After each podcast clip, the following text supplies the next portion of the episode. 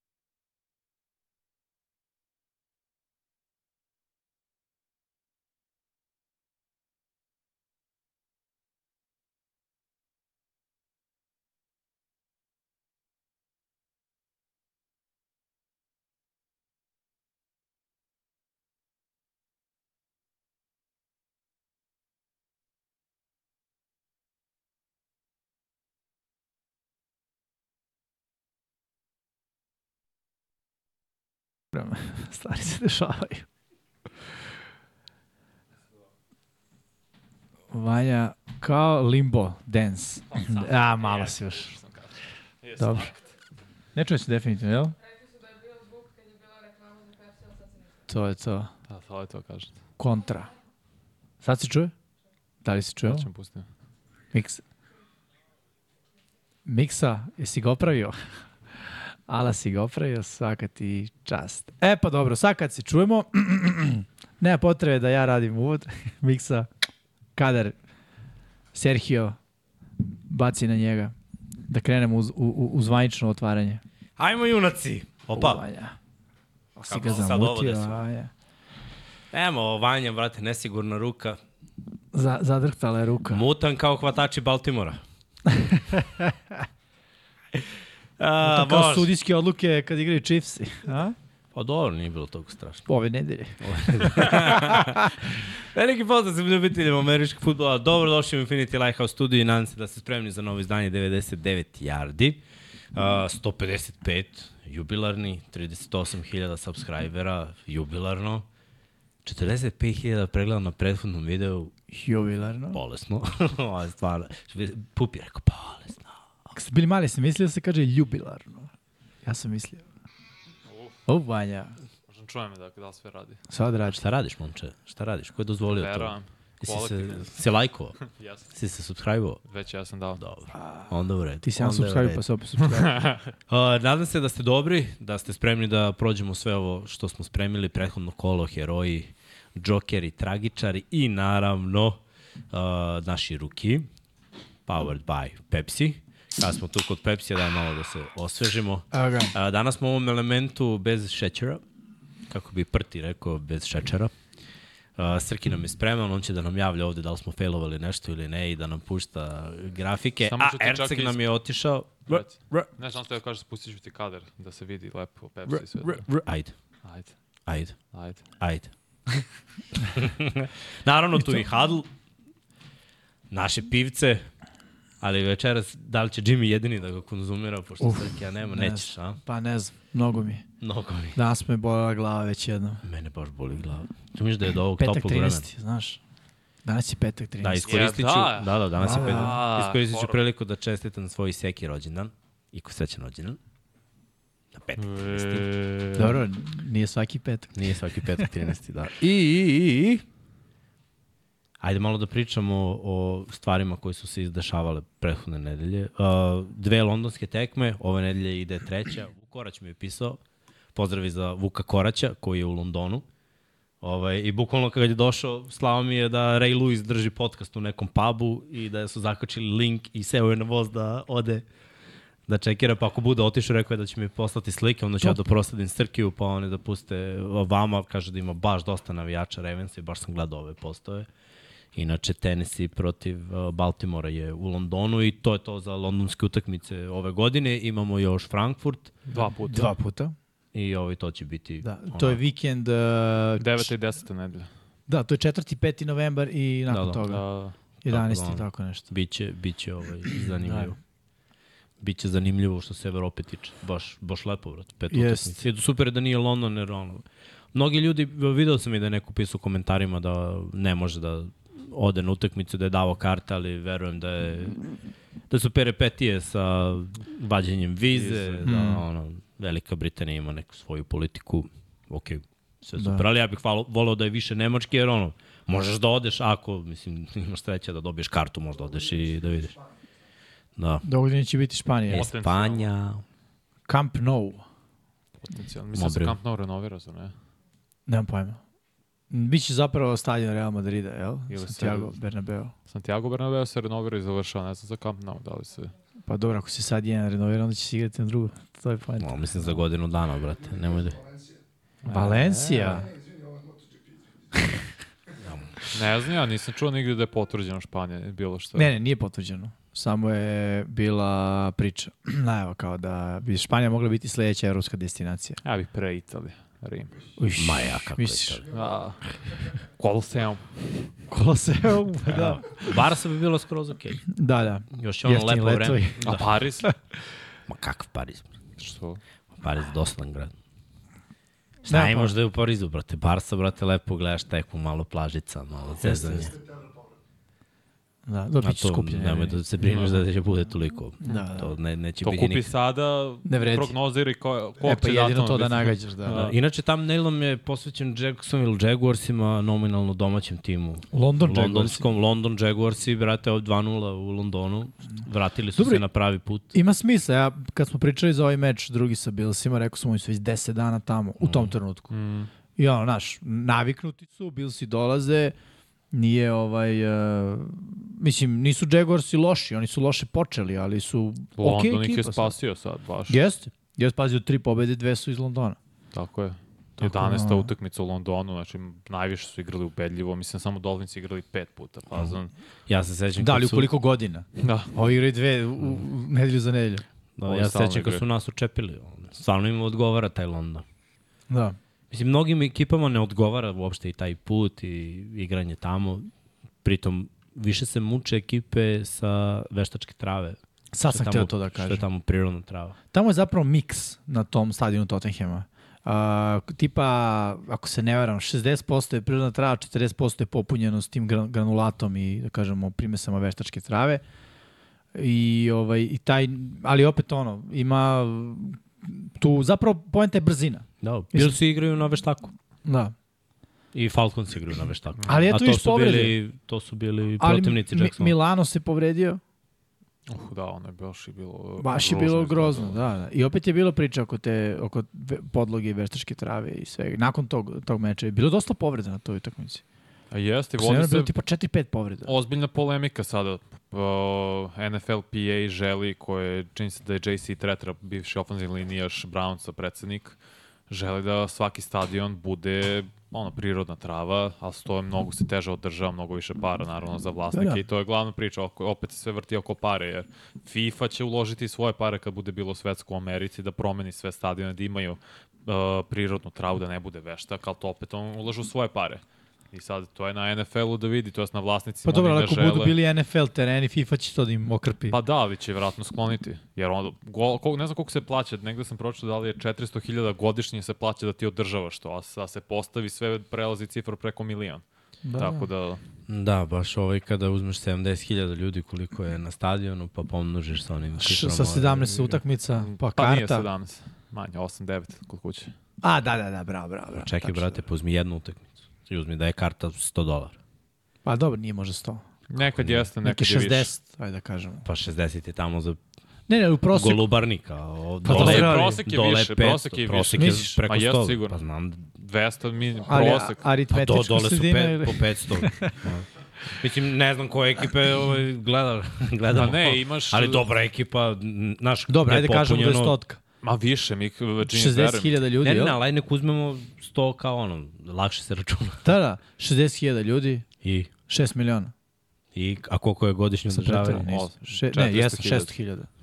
Čemu Ne, ne, pričam? 60.000, 6 miliona. Sa da. jednom utakmicom mogu to da reše. Dobro, ali ima troškova iz utakmicu. Ma ima, brate, ima koliko utakmica? Osam, Brate, računaj i sigurno parking domaćih. koji se plaća. Računaj koji oni daju pare na hranu tamo. Mislim, brate, lagano Mogu da ga 300 oprave ovako, nego, mislim, što bi. Pa, dobro, nije što bi, zato što svi ti igrači su njihove investicije. Da, su pre igrači, zar nije bila priča da su pre igrači hteli i veštak, pre koliko već godina, pre 15-20. Dok nisu počeli ligamenti da se kidaju sami. Pa to ti pričam. I sada žele travu, više, ali vlasnici su, ovo je mnogo lakše nama, Dobro, igrači uvijek žele travu. mislim. Da. u svakom Bolje manijeru. im je podloga. Da. Ima lep uh, tekst na ESPN-u, ne mogu sad ko je napisao, ali možete da pronađete, gde stvarno objašnjava razliku i statistiku u povredama na travi protiv veštaka. Koja je razlika, Ne, pa koliko je- je cena ko, koštanje da se sve to održi, da se zameni, tako da je to lepo. Šta je zaključak? Mislim da, Pa da je ima. trava malo bolja, ali nije sad prevelika razlika, što je najluđa stvar. Da. Razlika u A brzini finansijski, postoji. Pa mnogo je teže prirodnu travu održavati. Pa onda realno prihvatiš taj rizik. Naročito ove k- ekipe sa podneblja gde vreme nije baš, to je klima nije na, stabilnije. Da, da, da. Zato što i tu je Pa seti nemoguće. se Green Bay ono pre nekoliko sezona. Chicago, Green Bay. Da, Da, zamrznuto, gde pada čoveče. kiša i da je hladno, nemoguće je gotovo održavati Da. prirodnu travu. Mislim, tebi je, u principu krene sezona, tebi u oktobru već krenu mrazevi, jutarnji i, i večernji, pritom kiše padaju. A, mi, američki futbol, realno na liniji skrimidža se prirodna trava ore. Jer Jeste. linijaši nose sedam krampona uglavnom, velikih, i sad računaj svaku akciju u sredini. To ne bude izorana sa strane, ali u sredini terena baš bude I to je izorana. tona i po ljudi. Mislim na relativno malo prostora. Evo ti, uh, od 2 do 3 miliona timovima koji su u hladnim predelima košta na godišnjem nivou da održe prirodnu travu, dok je 400 dolara svaki put kad žele da je promene. 400.000, izvine.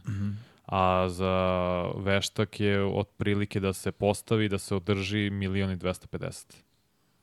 Znači razlika je eto, skoro tri puta veća. Čekaj, čekaj, 2 miliona i 400 hiljada. 2 do 3 miliona A ti si uzao 3, odmah. Pa piše da je tako je procena. Da, da. Od 2 do 3 plus 400 hiljada, a ovo je milion i 250.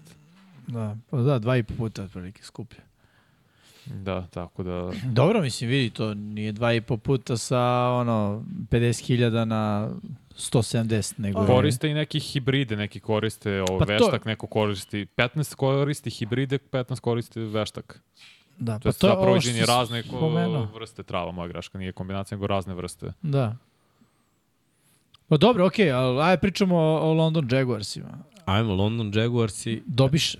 I, mislim, rezultat ovaj koji vidimo trenutno na, na ekranu ne govori o tome kako je tekla tekma, jer su Jaguarsi vodili i bili baš ubedljivi u prvom poluvremenu. Bilsi su jedno postigli touchdown. Ovo na kraju su votili mm. malo, malo. Mislim, ja se Da. da. sećam jer bukvalno posle poluvremena malo sam gledao treće četvrtine, već sam krenuo, tako da finiš utakmice nisam pogledao. Ali sam bio fazonu razbići ih Jaguars i onda dolazim i vidim 25-20, rekao čoveč, ovo Da. da. se i desilo nešto na kraju. Ali ne, nedovoljno, nedovoljno dobro i sad o Billsima opet imamo neku drugu sliku. Šta je najveći problem? Bilo za Billse, pričali smo o tom trčanju. Ovde nije postao, imali su i Ali imamo dva- grafiku, Srki. 29 E. yardi trčanja. 29 yardi, što je najmanje od 2014. za njih. Ali dobro, ali to je ono, ovaj, kako se zove, Josh Allen, živili sa njim ili na njemu. Pa da, jeste. Ali znaš šta, Pa ovaj, jeste. na kraju moralo da bude tako. Zato su i, i stigli ovde, mislim, vidiš postignute poene, nula u prvoj četvrtini, 7 u drugoj, nula u trećoj i onda 13 na kraju kad su već krenuli da dodaju, ali Pa je, jesu problemi u prvoj, drugoj i trećoj četvrtini protiv ekipe koja nije elitna u odbrani protiv Oni su touchdown dali u poslednjem drive-u dru, u drugoj Tako je. četvrtini. I u poslednjem drive u četvrtoj četvrtini, da je stvarno napad koliko iz 3 4 akcije su postigli brze poene. Da, da, ali mislim taj, taj problem, ono, imali su, mislim, niz, ako se ne varam, 29 utakmica da nisu imali, kad su poslednji put bili sa nulom na polovremenu. Ne, pamtim, iskreno. Da, uglavnom bio neki dobar niz, 19 ili 29, Pa, nešto sa- sa- Ali uglavnom, ono, bili Sa su... ovim napadom, sa ovom ekipom, iskreno sramno bi bilo da, Da. ima nula poena.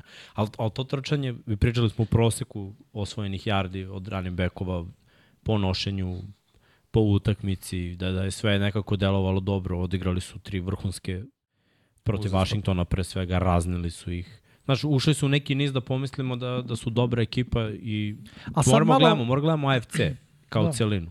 Toliko smo bili puni entuzijazma kad je bio AFC u pitanju pre početka sezone pričali o tome da AFC je mnogo bolji.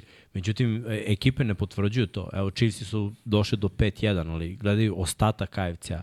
Ravensi gube od kolca, delovalo da bi mogli da budu bez poraza, pa onda gube od Pittsburgha u jednoj utakmici, oni imaju 3-2. Pittsburgh, koji se muče napadu, ne mogu daju ofanzivno 15 poena, imaju 3-2. Uh, odemo na istok, Miami radi posao, bilo si ih očepe, razbiju, i onda izgube od Jaguarsa. Jaguarsi razbiju ih Texansi. Na, ali unište ih Texansi. Texansi, Houston Texansi, Da. da. koji su vezali dve pobjede, krenuli 0-2, došli do divizija. 2-2. Uh, Tennessee Titans on, ne deluje dobro, ali eto i oni su došli on, do dve pobjede isto. Uh, Cleveland Brownsi jednu utakmicu razbiju nekog drugu utakmicu ne, pa imamo i povređenog Dešona Dešon, Watsona. Uh, Patriotsi su se ugasili, ja nisam vidio gore Patriotsi nikada. Uh, u dve utakmice tri poena ukupno. Pakao. Mm. Jetsi su krenuli da igraju, tamo smo ih otpisali, ono, nema ništa. Cincinnati O, Bengalsi proradili poslednje Da. kolo, a pre toga bedni. Su bili bedni, ali bukvalno bedni. Je 0-3 bilo. Ne, bilo je 1-3. Bilo je 1-3 i došli su do druge. I znaš, sad već ne znaš šta očekuješ od njih. I onda u takvom. AFC-u 3-2 Billsi, 3-2 Jaguarsi, izgleda da će biti do kraja sezone brda, uspona i padova i da će divizijski oni rešavati ko će u play-off ako neće. Jer će divizija na kraju da. odlučiti za sve, osim za Chiefse, koji toliko dominiraju u diviziji da im niko neće skinuti skap. Oni će biti prvaci zapad AFC-a. Ostale divizije, predstavu, nemam šta će se desiti na kraju. Ali definitivno NFC ima jasniju sliku i uh, izdvajaju se Jasna je ekipe. Philadelphia se izdvojila, San Francisco se izdvojio, Detroit se izdvojio. Jedino imamo eto jug gde se niko nije izdvojio, Tampa za sada deluje bolje ali ako ne izgube od Detroita, A pazi ovo, promenit će se nešto. te tri ekipe, Cisco, Fila, Detroit, šta možeš odmah da kažeš da rade, da, da je njihov ono trademark? Dominantna Pa ne, ne, linija scrimmage. Trčanje. Jeste trčanje, trčanje. jeste i trčanje, ali, U AFC-u se ne trči. ali i raš, ali i raš. Ok, ali se u AFC-u ne trči. Ali pazi, ti statistički Evo, gledano... Etienne je bio dobar. Ok, Etienne ali Etienne nije postojao tri nedelje. Da, da. Ne, oni nisu u Zadnje top dve 5. nedelje je igrao. Odličan je bio Etienne. Oni nisu u top 5 trčanja. To je, to, to je činjenica. Ali imaš ekipe u AFC-u koje ono, uspešno trče, ali se ne odražava Meni toliko sad ne na pada rezultat. niko na pamet. Baltimore. 180 yardi po utakmici. Izuzmi mi quarterback. Pa ne mogu, Ne, dizajnirano su Moraš, trčanje. zato što, ok, znam da su dizajnirana trčanja, ali ono, ja izbacio bih, iskreno izbacio bih to. Znaš ko, znaš ko treba? Pa To to je kao dizajnirano trčanje za, ko, za hvatača kao reverse. Mislim, ok, ali, brate, ne možeš da živiš od toga. Ne, znaš Realno, ko ne možeš da treba? živiš od trčanja quarterback. Trebaju Jetsi da uspostave tu igru. Iako nemaju nikakvu ofanzivnu liniju, Znači, Elijah Vera? Možda- je možda i hoće, u pravu si. To je Stahilovu tetivu, neće ga biti. Ko, izvini? A, A, Elijah da, da, Vera da, da. Ali moraju. Brice Hall, Cook imaju, hvala Bogu, dovoljno trkača. Brice Hall samo. Cook Brice Hall je je... izdominirao. Nema veze, nek bude opcija broj 2, da bude na trećem downu šta god, nevažno. Da, Pazi, ime. trčanjem Dolphins imaju 186 Okej, okej, yardi, oni su jest. prvi tim. A-Chain se povredio, propušta Eaglesi četvrtak. imaju 164, Cisco 156, Baltimore 146 i Cleveland 143. Znači, tri ekipe iz AFC-a su u top 5. Jeste, ali Cleveland će da pada, pošto se čap povredio, realno. Ta brojka A, neće da, da. raste. Mislim, I vidimo sledeći- pad u igri već.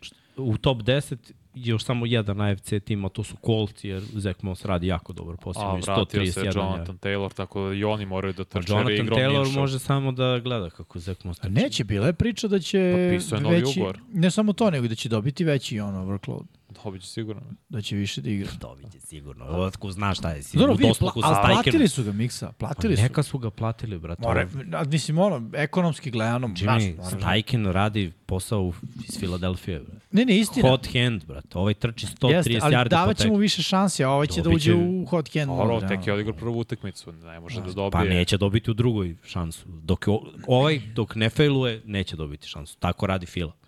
Ovo je, znači, bukvalno copy-paste. Sanders, dok je vuko dobre tekme, dobre tekme, Gainwell odigra jednu dobru ili Boston Scott, sedi Sanders, popi malo Gatorade na klupu i nema ga celu tekmu. Znam, ali šta je razlika File, što imaju, što su imali, imaju dalje vrhunskog quarterbacka, dok ovde je Minšo, brat quarterback, i ja bih gledao trči 35 puta, Minšo ako mora 20-25, mora Nije i to loš je to. Ovdje pričam, Minš ima 3-0, brate, ove sezone. Dobro, ne računalo se njemu prva pobjeda što je ušao s klupe.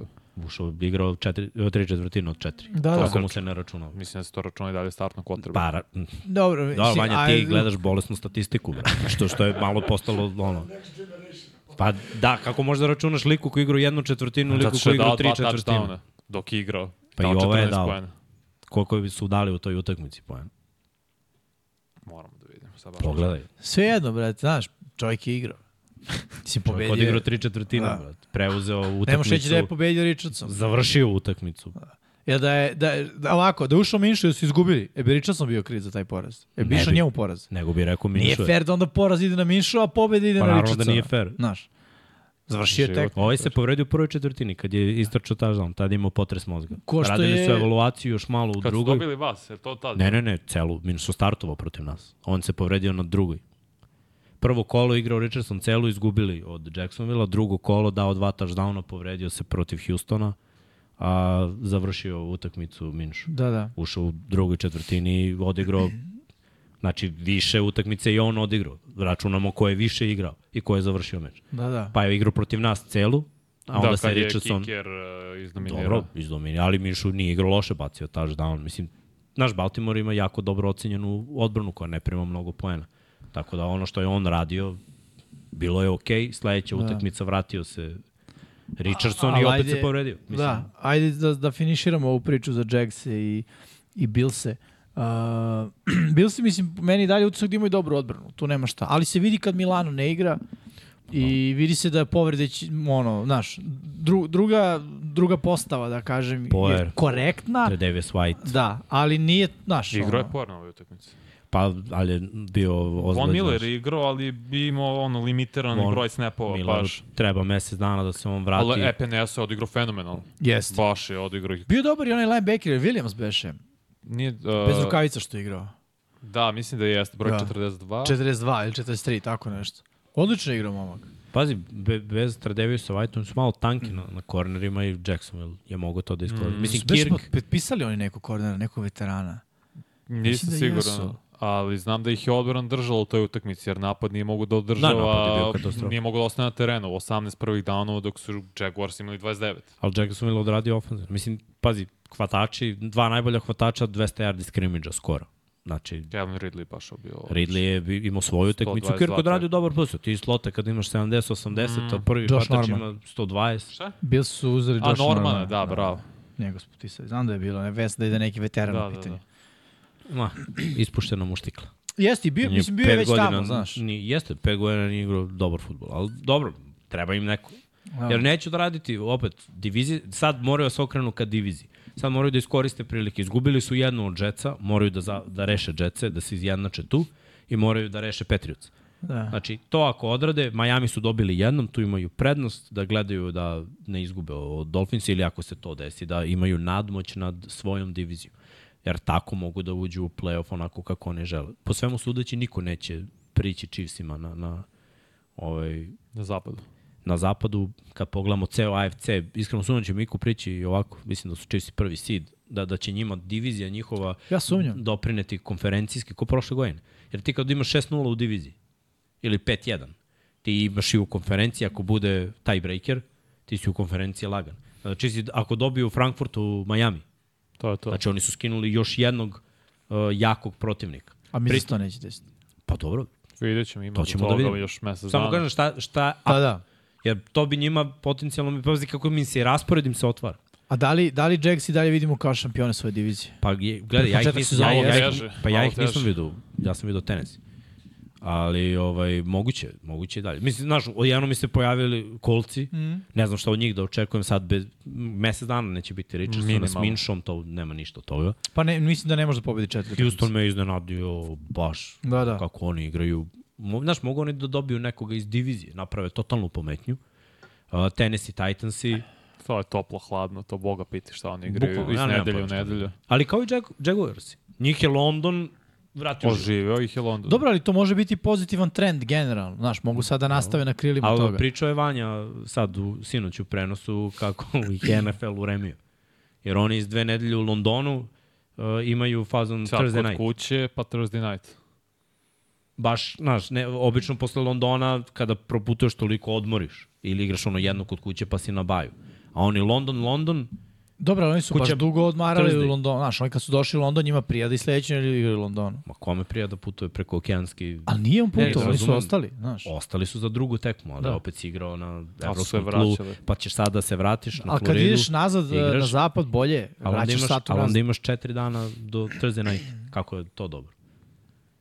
Znači sad će odigrati u 5 dana dve utakmice. Kako misliš? Pa lepo igraju Sunday, sada protiv Thursday. kolca kod A kuće dobro, i on... svi, igra, svi igraju Thursday night uh, u, u Ali ne iz dana. Evrope. Ali nema već, kažem ti, kad iz Evrope se vraćaš u Ameriku, ti produžavaš dan. Ti poletiš u 12, letiš u 1 popodne. Jimmy, sve bre, voziš se 8 sati noge, ti unište, bre. Maj, ja su bre bogati avioni. Da Spavaju u avionima. Jeste. Da. Ajmo, ajmo dalje, mislim da možemo zaključimo ovu utakmicu. Ili hoćete dodati još nešto? Ma nema šta se. Nema. Nema šta da se doda. Ajmo onda, idemo uh, na Ravens protiv Steelers mix. Žas. Ali ti ruku. si rekao, jesam ti lepo rekao. Da. Jimmy, čitam onu naprednu statistiku tamo na red zonu. Evo 90% Izašlo, šanse. izašlo, izašla karta, šta da kažem. Ne, to, to je ono pro, kako, komentatorsko preko. 89% je pisao u tom trenutku. 89 zarez nešto. Ali, Da, da, skoro 90. skoro 90%. Ja mu kažem, naći će Ravensi način da izgube. Pap, interception, odmah. Što sledeći malo, jebate, što si pesimista? Zato što sam siguran da Ravensi ne znaju da odrade neke stvari. A prva stvar koju Ravensi sigurno ne znaju da odrade je da dobiju najslabije Steelerse koje sam vidio u poslednjih 20 godina. Jer ovo su stvarno najslabiji Steelersi koje sam vidio.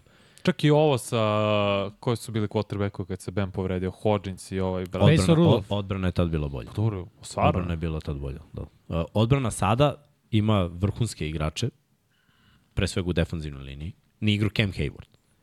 Ne, igra Znači, Baltimore je trebao da trči bez Cama Haywarda lagano kroz sredinu. Ali oni su se odlučili na dodavanje. Ja razumem da se odlučuju za dodavanja kad ima ko da uhvate loptu, ali, brate, danas sam gledao neku statistiku koliko bi yardi Lamar imao da su, da su se akcije završavale tamo gde su hvatači hvatali loptu. Gde su bili u 350. Gde momentu... su bili u momentu kada im je lo, lopta da. pogodila šake. Imao bi 463 jarda.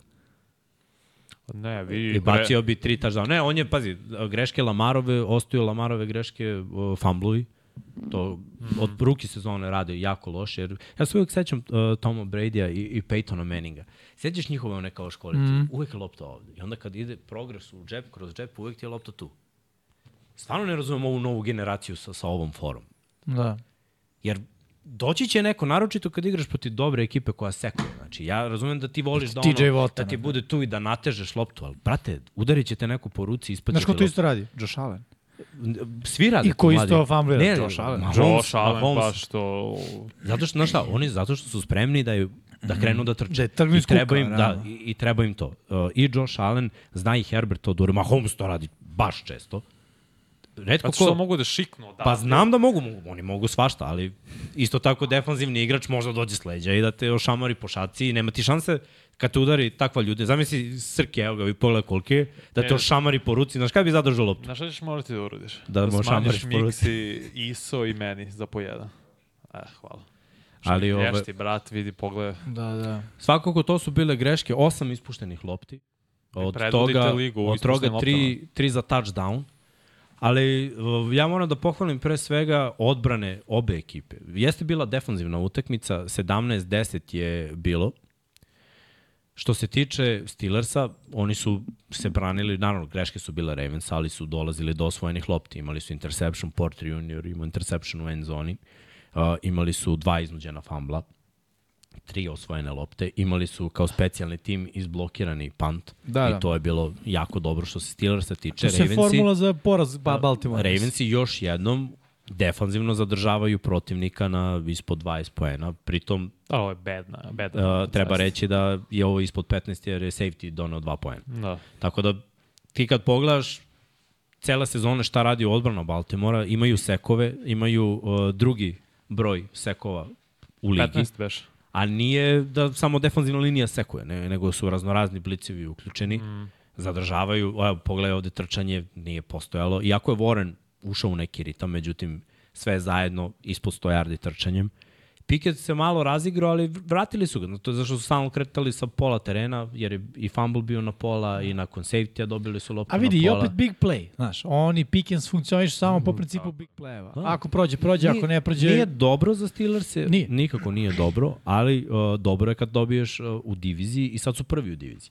Ravensi su imali 2-0, sad imaju 2-1, Steelersi su dobili, a pazi, obe utakmice su dobili neverovatno, znači povredili Čaba, uh, Brownsi su bili bolje, odradili su posao, dobili Cleveland. Cleveland bio mnogo bolji dok se Chubb nije povredio u toj utakmici. Međutim, oni rešiše dva touchdowna defanzivna, to je to. Ovde tri osvojene lopte i safety, jedan fumble je bio osvojen ono blizu crvene zone i rešiše i Baltimore. I ostaju Cincinnati Bengalsi. Znači, Steelersi No mogu comment. kroz diviziju, rešavanjem divizije, pre svega tom fizikalijom koju oni imaju, da dođu na prvo mesto. Ne deluju mi kao da mogu kao da je ovo održivo na duže staze. To mi ne deluje. Koga Mislim da- su, izviniš bre, koga su dobili Steelersi pored ove dve ekipe? Dobili su mučene Raiderse Raiderse, koji da. ofanzivno U San- nisu mogli sa Da, da. sastave. Monday night mislim da je bio. Moguće. Sun- Mislim da je Monday. Sunday ili Monday, nešto sad. Mislim da smo radili ti, ja mislim da je bio Ne, ne, Monday. Vuki ti ste radili. Vidi, sve Da. da. osrednje napade oni mogu da dobiju. Znači, ovo je- Realno mogu da dobiju. Ali dobre napade neće moći da dobiju. Znači, neće. dobar napad dati ovde 21 poen i CJ Stroud je dao 30 poena. Bez ofanzivne linije. Mislim, i to je, i to je osrednji napad. Da se ne Yes. lažemo. Mislim, ono. Samo on nije gubio lopte. I Nije problem gubio lopte. Baltimore Ravensa mi ih se zna ove godine. Osam izgubljenih Da. lopti, najviše ispuštenih lopti od strane hvatača. Ono Aguilar što je promašio, to je što mu is prošla kroz ruke. To Sa- bi rešilo što meni je što gore, bi meni stao na gore, Aguilaru. meni je gore Batemanovo, znaš, jer uh, kao hvatač neki imaju, naročito Aguilar, ti Aguilar znaš, mislim, to je cela zemlja se šalila na njegov račun, ali to je uh, dodavanje koje pada, znaš. I ovaj, ono se hvata ovako, ali lopta koja ti ide u face mask, ovako ti si pik prve runde, skačeš na loptu koja ti ide u, u glavu. To se ne skače, to samo pokupi. Čudno, čudno, baš. I eto, pogledaj dva poraza. Ne, ne znam šta da mislim, znaš, jer tako mi je blizu bilo 5-0, Da, da. ali onda vidiš e, moje, moje razmatranje je da, da Ravensi su choke ekipa i to traje od 2012. Čak i uvek kad su dobri, desi se neki choke moment i, i oni nađu način da izgube. Kako Nalaze ste izgubili način. od Coltsa? Beše O, i pa Justin gledaj. Tucker omašio šut i field goal. Taker je momentu. omaši, promašio šut, Kenyan Drake je fumblovo, okay. uh, Lamar je fumblovo isto. Znaš, i tu su bile Ne tri... možeš svališ na kikera. Ne, ne, ne, neću ne. svalni Koliko kikere, malo- ne, kažem, to su greške Baltimore Ravens, nisu I bili na sve nadigrani. to ti imaš uh, glavnog trenera koji je opčinjen, razumeš, da lik je istripovao da je ono mix Majka Vrabela i Dana Campbella. Pa, brate, mi smo, Staley je zapravo od Harba učio, viš, to, to je to. Ne, ne, ne ide on četvrti za 20 ko Staley. Staley je odlučio da On drugoj pomeri granice. On bi na svoj polovini išao, ali ovo je naš u produžetku protiv kolca da ideš na polovini terena, a šuter mi je pogodio već tri Sve. puta za preko 50 yardi, to je malo naivno. Pritom, mora budeš svestan kvaliteta svojih igrača. Znači, ti nemaš nekog hvatača uh, primarno koji može da napravi separaciju, uhvati loptu. Znaš, da imaš nekog ko je kao AJ Brown, DK Metcalf, neko da se zagradi i ti mu čušneš loptu 3 yardi i kroz leđa tog čoveka ne ide niko. Ajde, kažem, znači, Beckham ne igra. Ne, Da, da, igra, igrao igra, je. igra, ali Sad je- to je ono što Beckham je pričam, Beckham davno prošlo više vreme, to Ne, on je povređen bio, on se povredio u utakmici, zašto je? Vratio se. Vratio si. I protiv njega je Porter imao presečeno dodavanje. Ali loše bačeno. jeste, Ne, ne, ali, da. ali loše bačeno. Jeste. To je trebao bude back shoulder. Ali znaš šta, Beckham bi mogao da igra, uh, on je ovde napravio priču, ugovor za pare. Pare su vrhunske, 18 miliona za njega, pff, bombona. Ili 15. ali 15. 15. Sve u svemu, mnogo para za jednu godinu, lagano je došao u Baltimore. Nije on tip hvatača koji može da igra s Lamarom. On je tip hvatača gde mu treba Matthew Stafford koji prangija ono, back shoulder, zna da baci slant, meće uvek gde treba loptu i igra na kontra strani od prvog hvatača, od Coopera Cupa.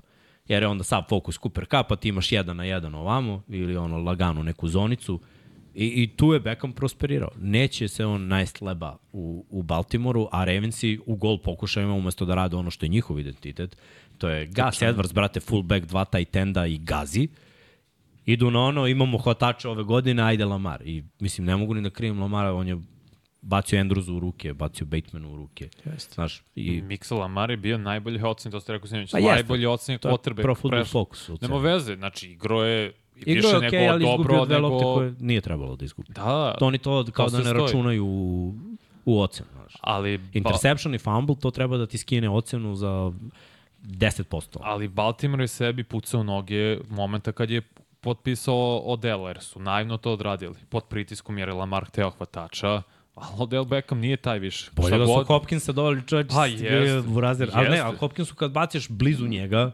Izborit će se. pričao sam manje juče. Brate, od 315 hvatanja Burazer ima 3 dropa.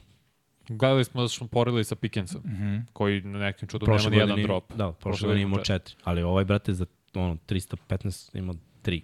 Ma nerealno. Imao je dve sezone bez dropa.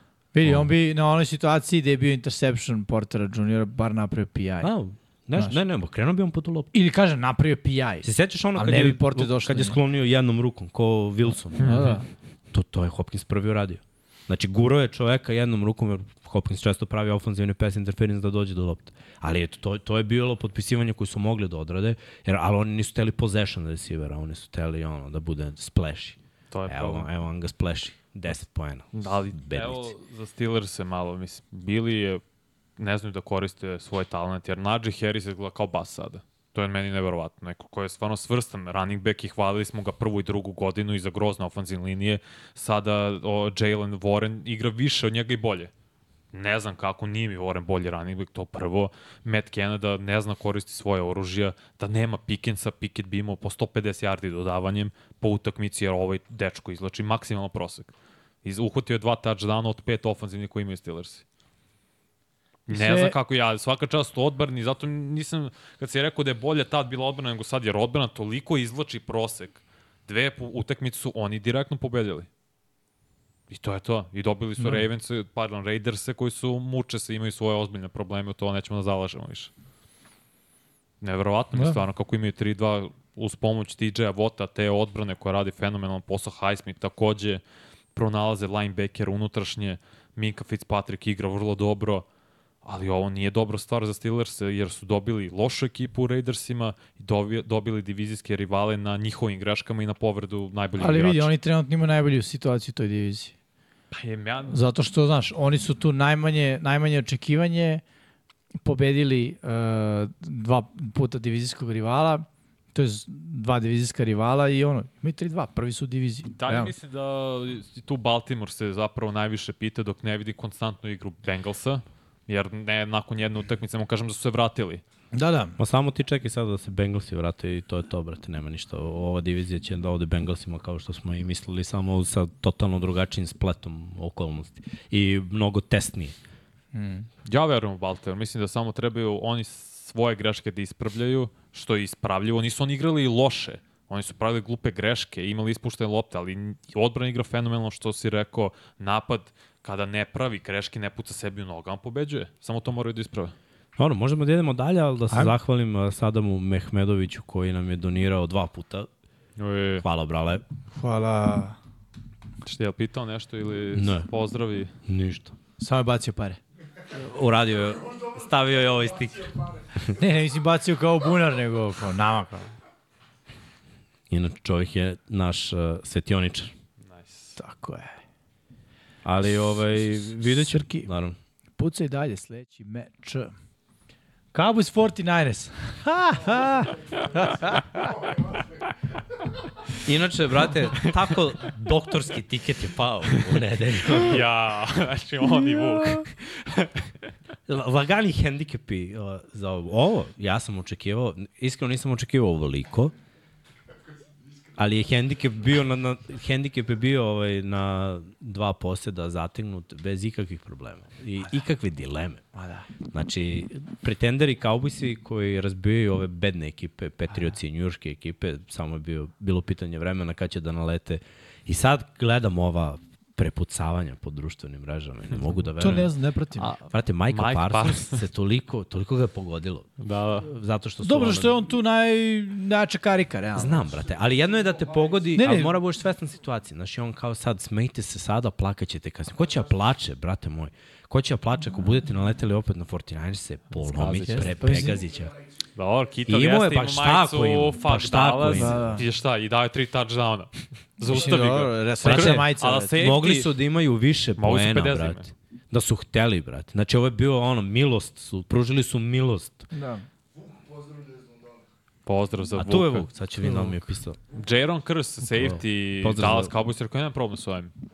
Trebali smo da ga zaustavimo, da ne uđu u end zone i pokazao majicu.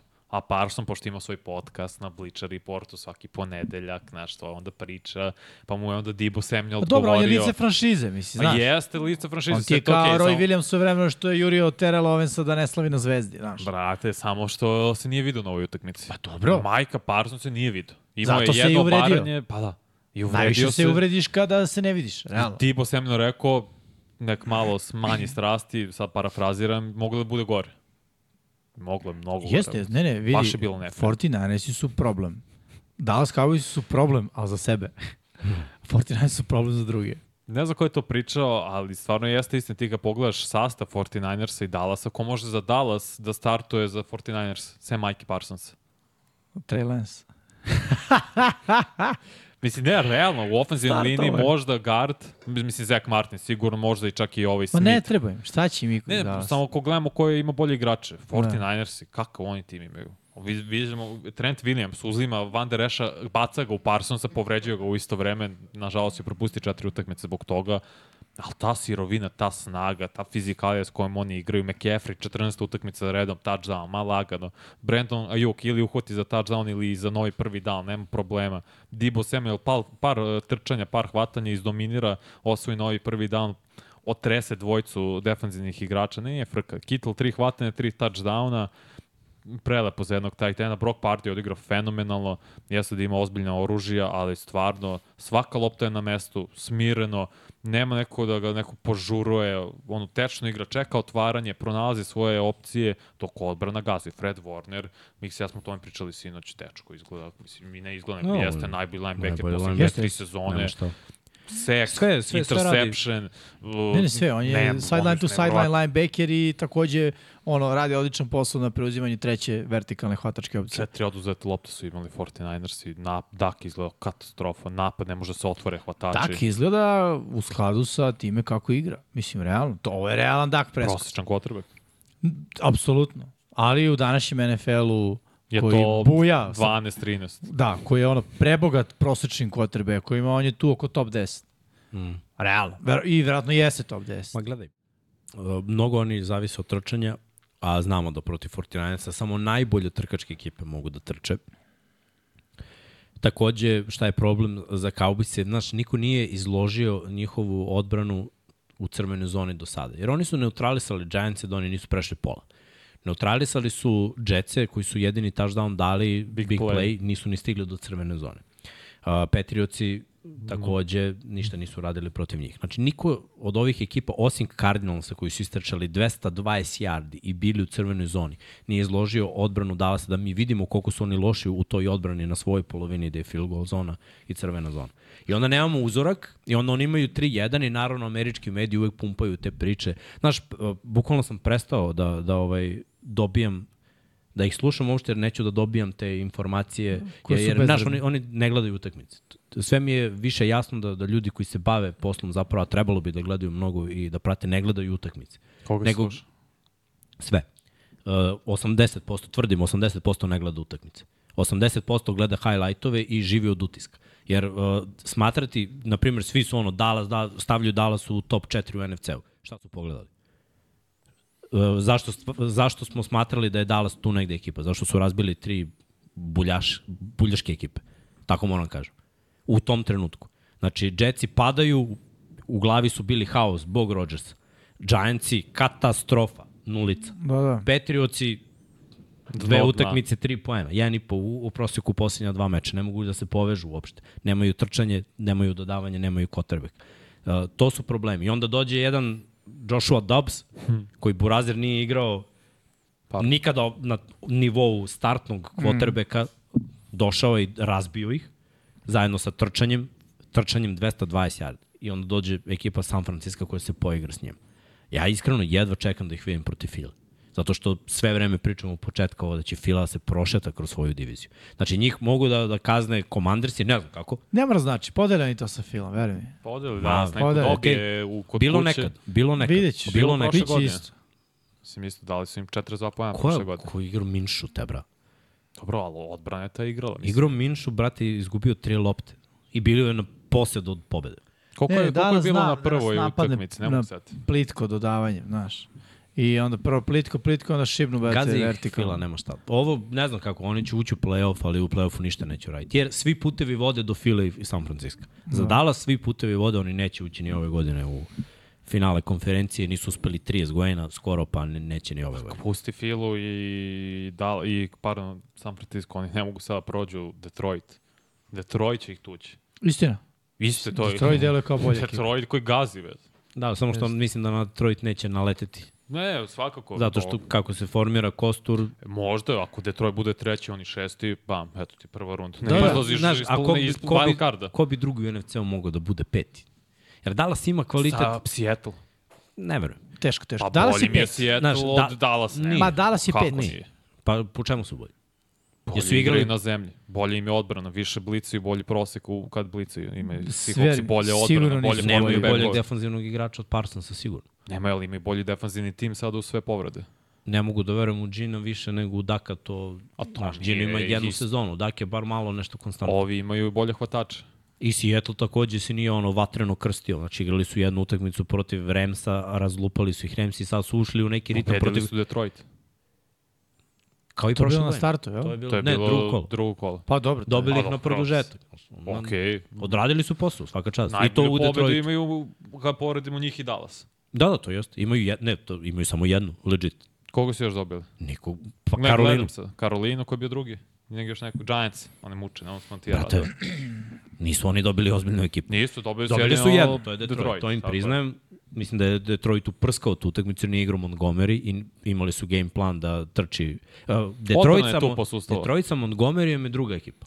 To, to, će, to ćemo vidjeti kako sezona bude odmica.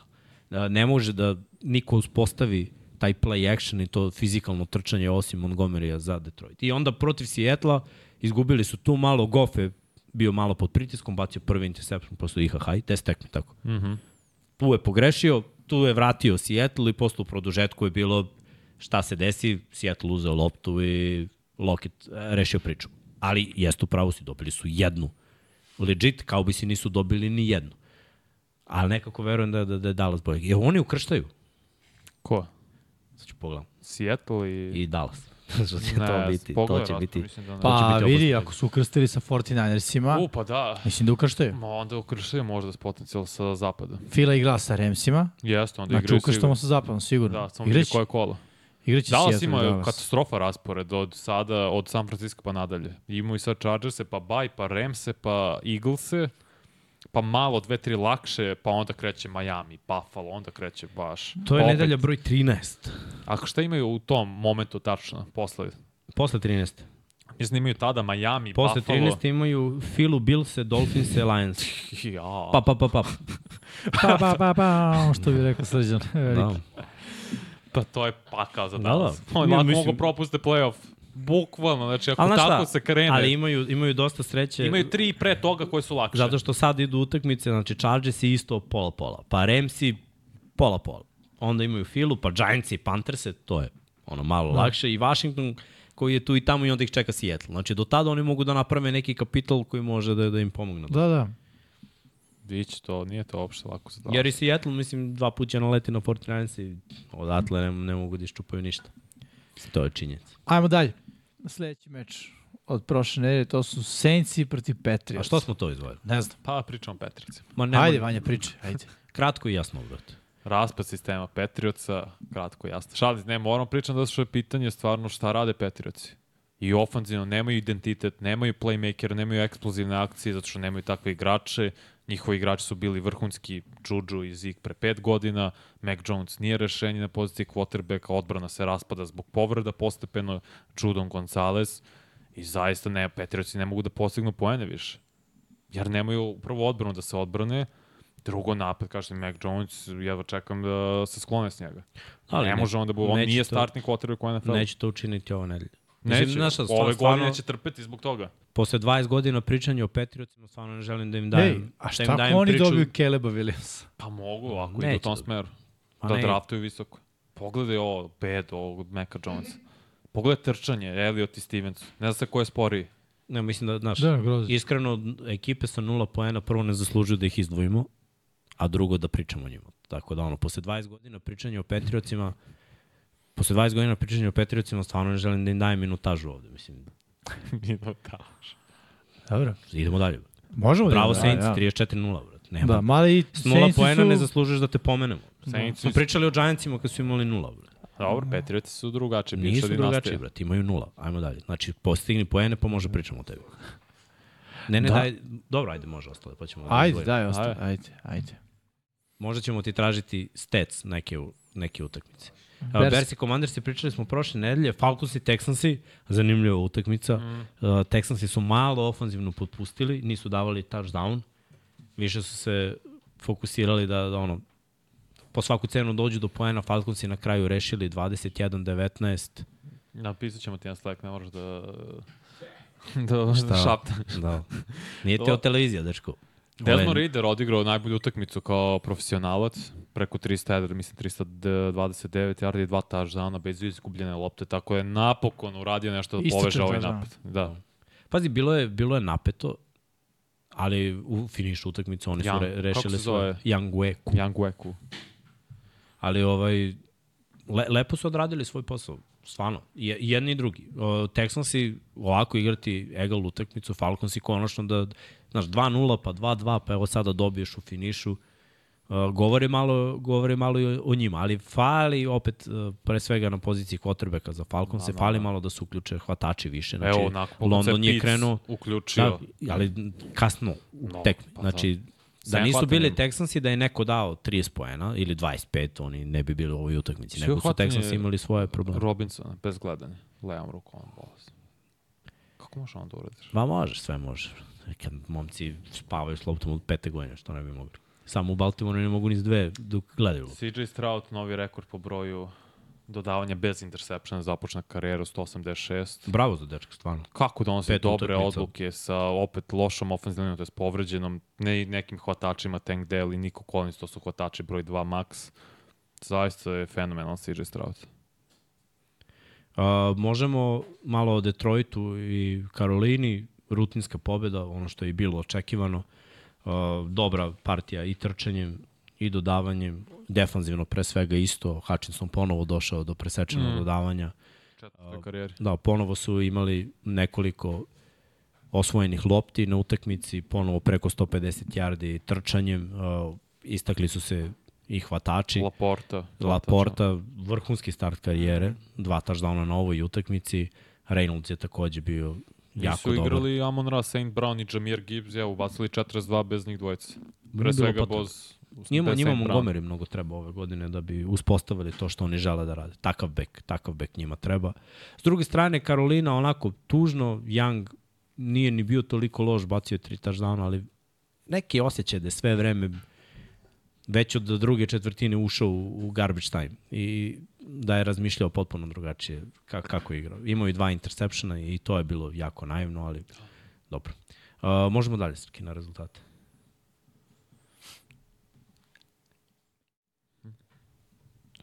Titans protiv Kolca, to je bila dobra utakmica. Ono što je problem za Kolce, ponovo je skremblovo Richardson, pao, povredio Da, rame, ozbiljnija je povreda, sigurno mesec dana, stavljen je na Pa, jar. Realno dva meseca, kako sam čuo neki. Jer Pa- oni posle mesec dana da se vrati, ne može, neće mu rame biti toliko Neće. dobro da dodaje. Biće još nepreciznije. A u pitanju je bacačka rame. Desno, Tako da. je, da, da. Vel, veliki problemi, ali eto, to je taj stil igranja quarterbackova koji žele po svaku cenu da, da skrembluju. Jedno je na koleđu jači si i brži si, ali u NFL-u gotovo svaki od ovih quarterbackova koji ne razmišlja o tome da, da beži, bude povređen. Minšu je ušao u igru i odradio jako dobar posao, ono što se tražilo od njega. Tennessee Titans i Hopkins imao vrhunski meč, ali O, da. uh, ostatak ekipe ne baš. Nije ovo sad strašno za Tennessee jer je poraz od 7 poena, ali je strašno što gube u diviziji. Ovo im je bila prva utakmica u diviziji. A, Coltsi su došli do 3-2 i oni su trenutno na deobi prvog mesta sa Jacksonvilleom. Jacksonville zapravo prvi jer ih je dobio u direktnom duelu.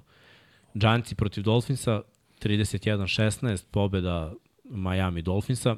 Jedini problem za Dolphins je ovde što se A-Chain povredio i neće ga biti naravne četiri nedelje koji dečko koji su tako dobro igrao da ono, koliko je 10-11 nošenja, 151 yard, prebrz leti on, leti Hill, sad najbrži igrač o, ove sezone, to je najbrži izmereno vreme sa loptom i on imao preko 22 milja, opet igrao bez čarapa, opet je bio kažnjen zbog toga što je nevjerojatno, a Giants je mučeni i Daniel Jones neće igrati ovo kolo, dobio je previše batina i zaista mi ga je žao, jer skoro 30 puta je sekovan za pet utakmica, ne može stvarno te batine niko da izdrži.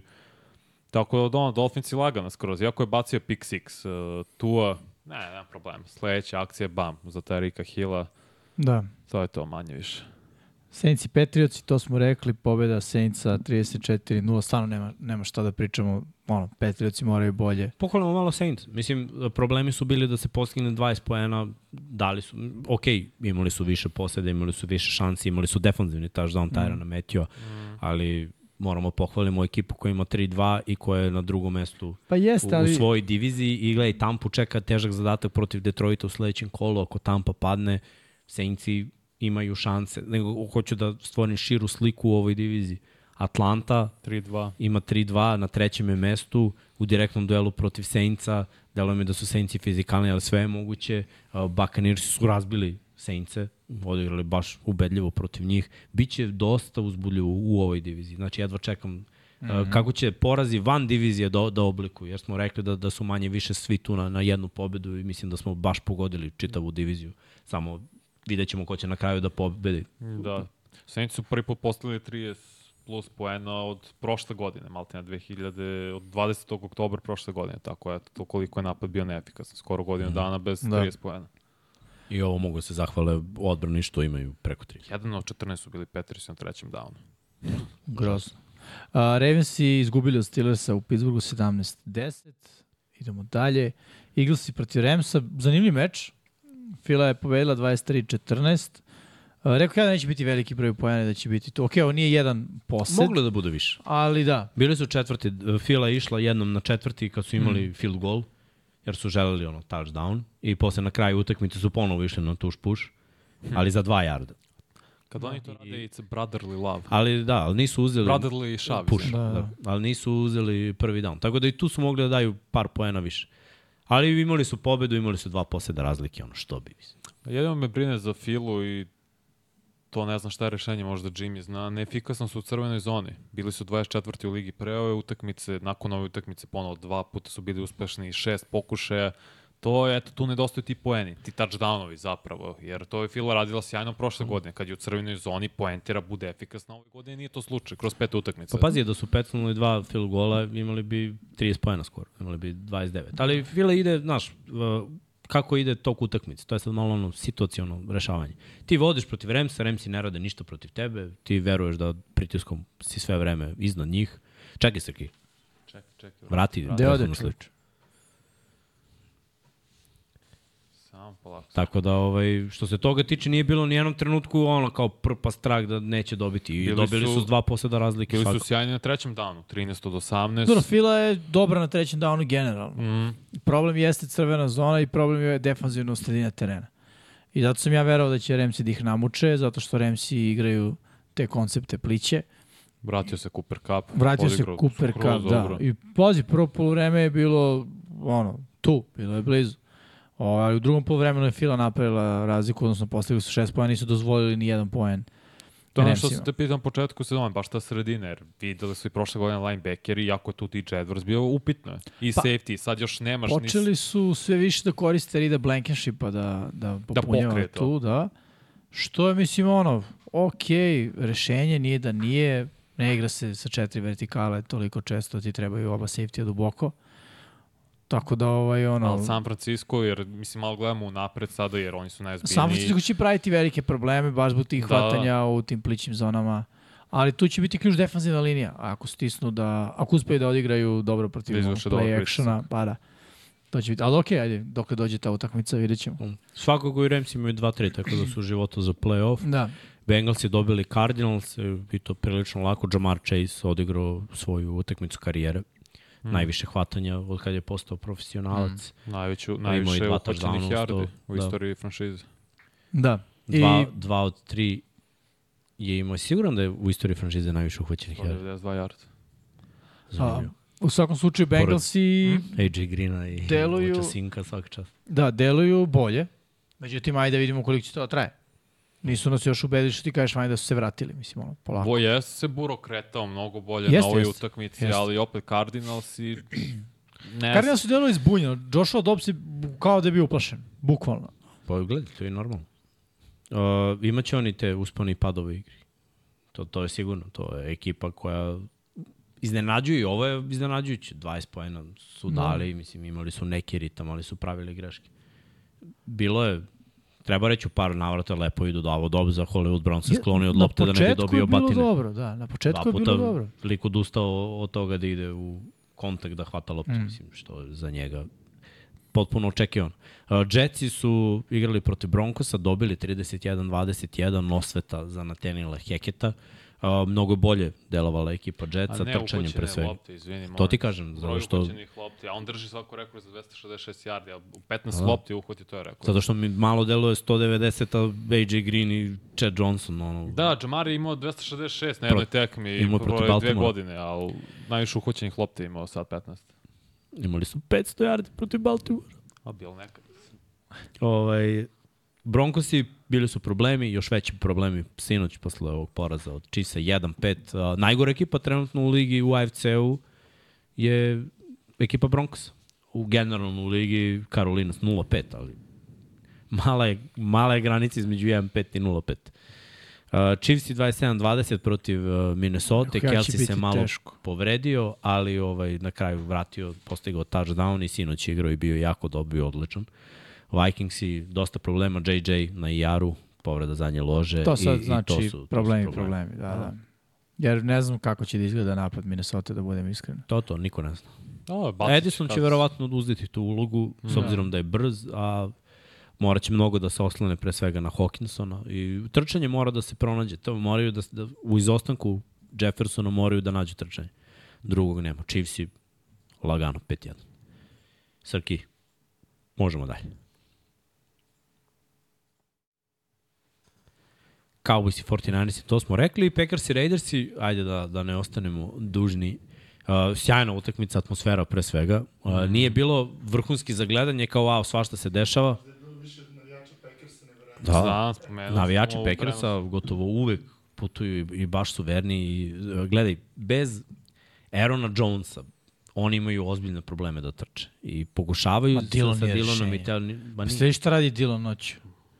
Igri igricu gde vozi kombajn i, Dobro, sad su na baju. i žanje pšenicu, bre. Sad su na baju, sad Možda- može. Znači ima da igra još više, bre. Ti si lud, bre. Možda se sprema za život u okolini. Znaš šta, Dylan ne, vidio sam, Green mim, video sam mim gde on valjda to twitchuje, nemam pojma. Da. Vidio sam mim gde kao stoji, kaže, uh, vlasnici kao fantaziju ovoga uh, Vidio sam, vidio Dilona, kao se nadaju da će odigrati dobro, a Baja kao 3 ujutru, i ja gledam, ja ga imam u fantaziju. Brat, pa dobro, ali vrati na baju, Packers možda što hoće sada kako sam baju. I Bates, J. Dillon nije problem. On, On to radi nos- kad nisu na Baju, čovječe. Ali on kad ima nošenje istoče dobro, igra je dobro protiv Raidersa, samo što konzervativno vodi Lefler trenutno napad. Jer Bilo je- sve na kašičice daje Jordanu Lavu, a nije da ofenzivna linija radi dobar posao, No, hvatači Max su Crosby tu. baš ima svoj dan i njega treba pohvaliti Max da, Crosby da, da, dominirao. dečko lomi. Stvarno je koristio sve svoje prilike, Mhm. odbrana Raidersa je delovala jako dobro, imali su i presečena dodavanja i to je malo promenilo Tri. moment utakmice. Garopolo je koristio svoje. Garopolo je liko ono, game manager, on će da iskoristi neke svoje stvari, oni imaju trčanje, Jacobs je bio solidan, Devont Adams se pojavio, nije ga bilo, jer je sve vreme bio u double timu i onda samo u jednom trenutku su krenuli da ga oslobađaju na drugačije načine i dečko je odradio posao onako kako samo Devon Adams može da odradi posao. Jacobi Myers je bio fenomenalan, toliko je puta uhvatio za novi prvi dan, zaista je bio baš sjajan. Najbolja utakmica ove sezone za njega, ali Jordan Love je, nisu greške sve njegove što se tiče Nisu. presečenih, dve su bile realno na Watsonu, to smo i pričali Da. u prenosu, ali Jordan Love mora da prosto igra bolje, jer ono, kao vidimo šta radi CJ Stroud, vidimo i neki drugi mladi quarterbackovi šta rade sa možda manje opcije nego on, igraju bolje. Mislim, Justin Fields realno igra bolje od... Uh, Pa, ako Jordan uzmemo, ako uzmemo uzorak, ove Uzmem- posljednje dve utakmice, Okej. pre toga je bio užasan. A, nije Jordan Love ništa nije bio bolji. a bio je bolje oslobađan. Igrao je protiv Chicaga bolje i poluvreme protiv Saintsa. Ali brže se oslobađa lopta, znaš. Nije, nije igrao bolje rezultatski da pogledaš, ali imao je bolje odluke. Ali Fields je sad počeo da baca loptu brže i odmah je razlika kad bacaš loptu brže. Uh, mislim da, da svi ti mladi kvotrbe koji treneri moraju da im pomognu trčanjem, treneri moraju da im pomognu quick game-om. Znaš, mnogo se oslanjaju na to da će sve da bude uh, trčanje i kratka dodavanja, onda je panika, nemamo poeni, onda mora big play po svaku cenu. Ne, onda kad ti baš očekuješ da će bude big play, kao onaj fade koji je bacio interception, znači odbrana očekuje da će da bude fade, jer mislim, treba ti, Znam, I ali onda videli odigraju bolje. onu naprednu statistiku. Dva i puta kompletirao dodavanje kad je išla lopta preko 5 yardi u Jeste. vazduhu. Zato što To je- odbrana očekuje da, znaš, ti bunjariš na trećem za 10-15, kada juriš rezultat, kada gubiš touchdown, dva razlike, a finiše utakmice, ti mora baciš dugačku rutu. I odbrana se povuče pozadi i ono, izvoli Borazeru, baci, mislim. Naravno ćeš baciš interception. Ne, nema mnogo dubokih ruta. Duboke rute imaš post corner, fade, sim. Dig eventualno na, na 15 yardi ka. To je to, to su duboke rute. I odbrana ako se postavi kako treba može da neutrališe svaku od tih ruta. To su problemi za, za sve quarterbackove. Zato mora budeš uh, konkurentan. To je ono što zanimljivo Texansi dobro rade. Jer su uvek u tekmi. I nije nužno, bili su u jednoj tekmi, da kažemo, da su morali da jure rezultat i u toj utakmici nije bilo dobro, ali ti vidiš kada postoji opasnost i od kratkih i od dugih dodavanja kad su ti stalno optimalni pokušaji, mnogo lepše se igra futbol. I odbrana je na većim mukama, jer odbrana ne zna. Dalje duboko, dalje kratko, dalje ovo, dalje ono. A kada juri, evo ti Baltimore, ti si rekao isto, ono, finiš minut i po do kraja ima vremena. Nema vremena, jer ti znaš da oni moraju napadaju duboko. I odbrana se samo povuče i nema od toga ništa. To su najveći problemi, pre svega za, za mlade quarterbackove, jer oni onda po svaku cenu hoće da uglave loptu da što pre stignu. I gotovo svi prave greške. Jordan Love ima šest interception poslednje No. tri utakmice. Jer Rodgers u svojoj karijeri nikad nije imao dve uvezane utakmice da imao dva ili više interception. Da su, da su, da su i Brett Favre, Aaron Rodgers i Jordan Love imaju isti start kao start. Nije isto, mnogo je olakšano sad quarterbackom nego što je bilo Favre i ovo. I skor, sličan broj Da. Ali, Pa dobro, da vas čeka super 10 godina, već. ma neće biti super. Nije Jordan Love rešenje, Srki. Koliko god si ti nadaš, Jordan Love je prosječan quarterback. Jer Jordan Love u sistemu koji je ofanzivni um stvorio Lefler, te je liga nastrojena quarterbackom i da njima bude lakši napad, on se muči. Ali očena zva akcije. Mislim, i pritom protekcija nula. Mislim, Max Crosby si igrao.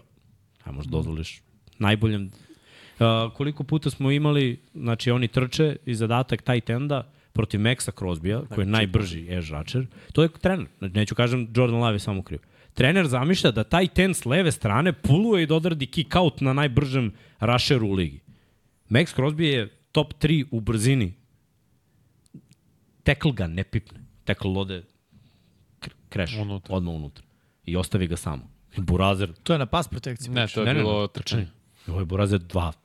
Tackle for loss, ovako. Odmah uđe u backfield, razumeš, samo Dobro, to je split zone, mislim, ako nije bilo nijedno drugo, to je ono, legit akcija, sad okej, Ma, Prate, pitanje je ne da radi li se zvati... ta akcija protiv Maxa Crosbya koji stoji sam. Znaš kako, koliko je brz. Znači, mora, ne možeš da imaš zamisao. Ali znam zašto bi mogla da se radi, jer split zone ide na stranu da ide ofanzivna linija, pa onda running back cut backu ako, ako je taj blok dobar, a ako blok nije dobar, ali mislim, da budem iskren, nisam pogledao, brate, Ne, znaš šta je tu problem bio? Problem je što su forsirali Taylora, iako je Dillon radio posao. Ne im jasno zašto Ma, drugi nema to running back running Taylor dobija toliko šanci, a Dillon kad god je dobio loptu ili ušao u sredinu i izdvojio, to jest uspeo da osvoji više yardi nego što se očekivalo, ali nije dobio dovoljno Brate, šanci, to je na Lefleru. Ladenian Tomlinson da je bio back, bio bi sekovan bio bi oboren za gubitak yardi. Zato što ima free release do running back. Znači, vodi ga quarterback do uručenja.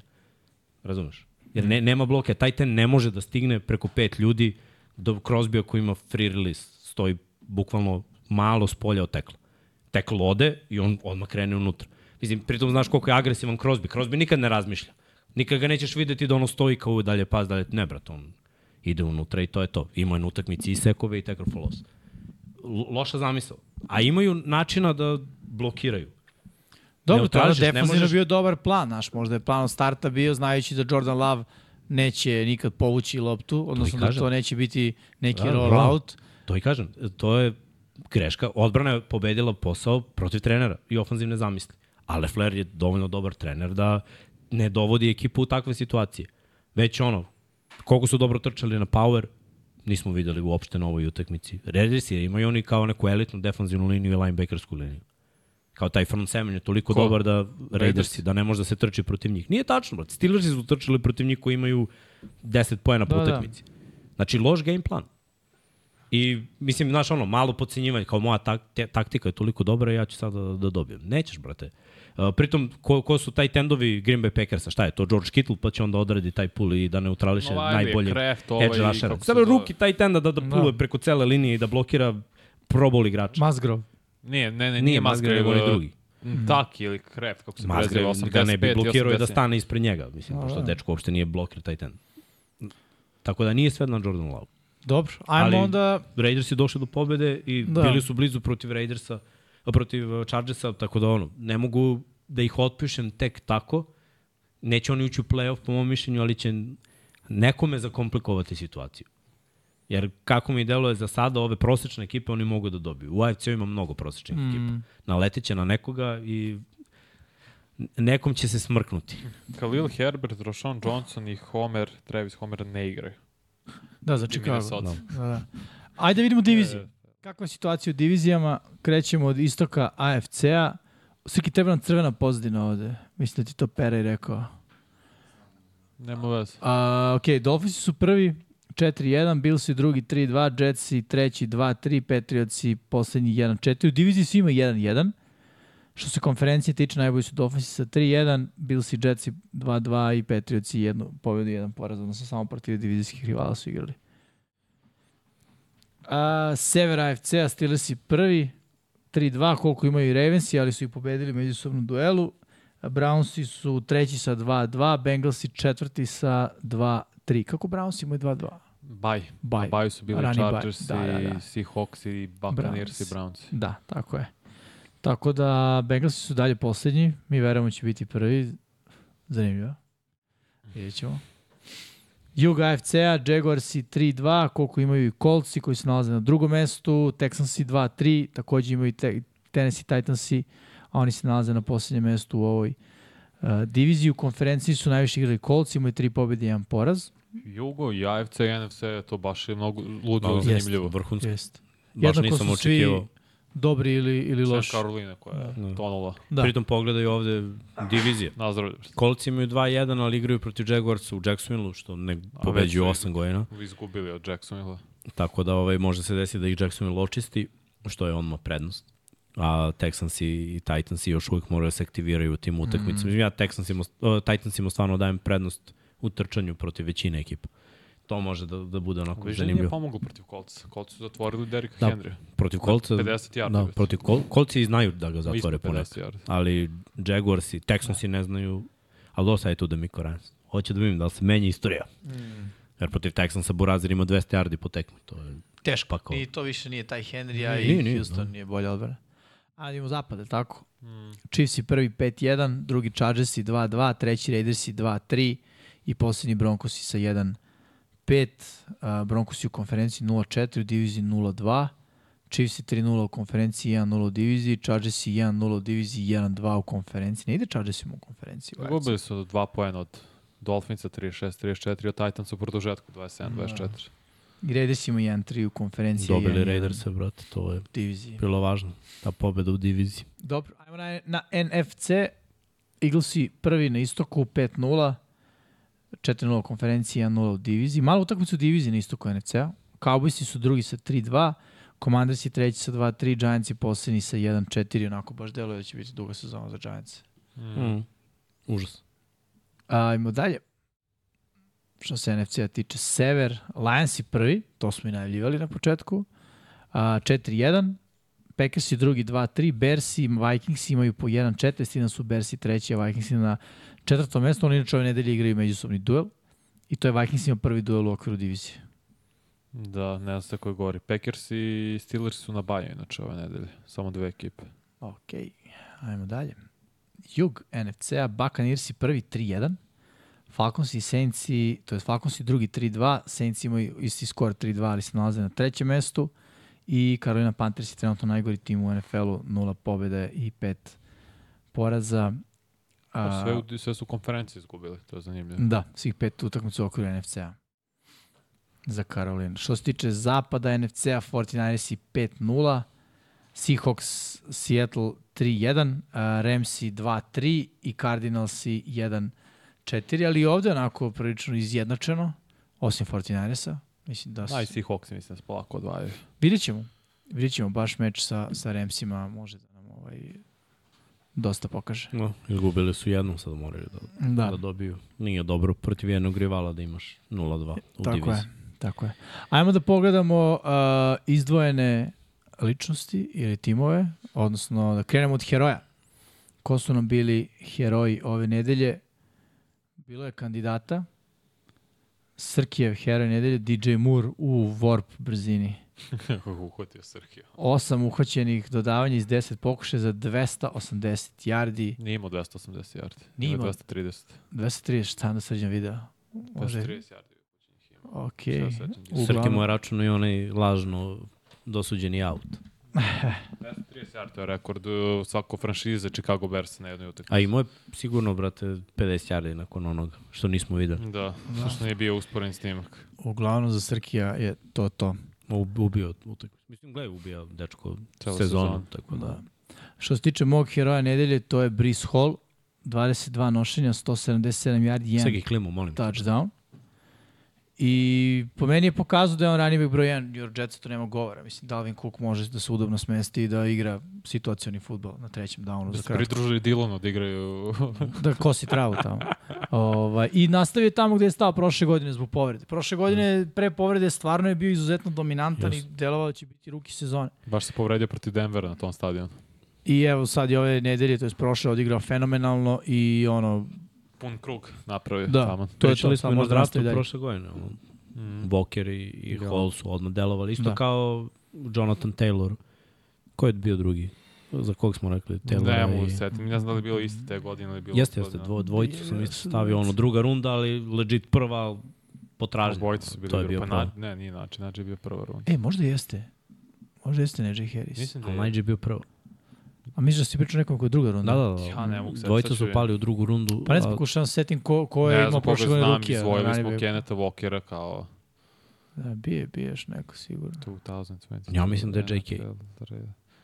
Koji JK? Koji JK? Dobbins. On je Dobbins. On je pre tri godine. On je pre tri. Tri ili četiri, Walker, da. je druga godina. Ma, brate, Jonathan Jonathan, Taylor, Taylor, a? znači, prati, Fabulu, A, pratite da, Fabulu. ja sam i dalje gledao. Ok, Walker i Ajmo- Hall. Ok, kao ne znam. ajmo dalje da vidimo ostale heroje. Jeste JK. Mixin.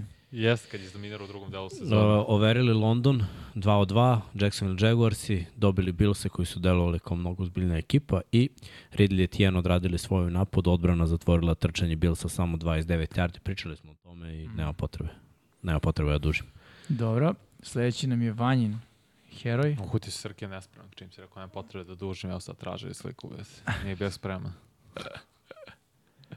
Veze. Jeste, Dobbins, je drugi, da. drugi deo sezone obojca te 2020. godine.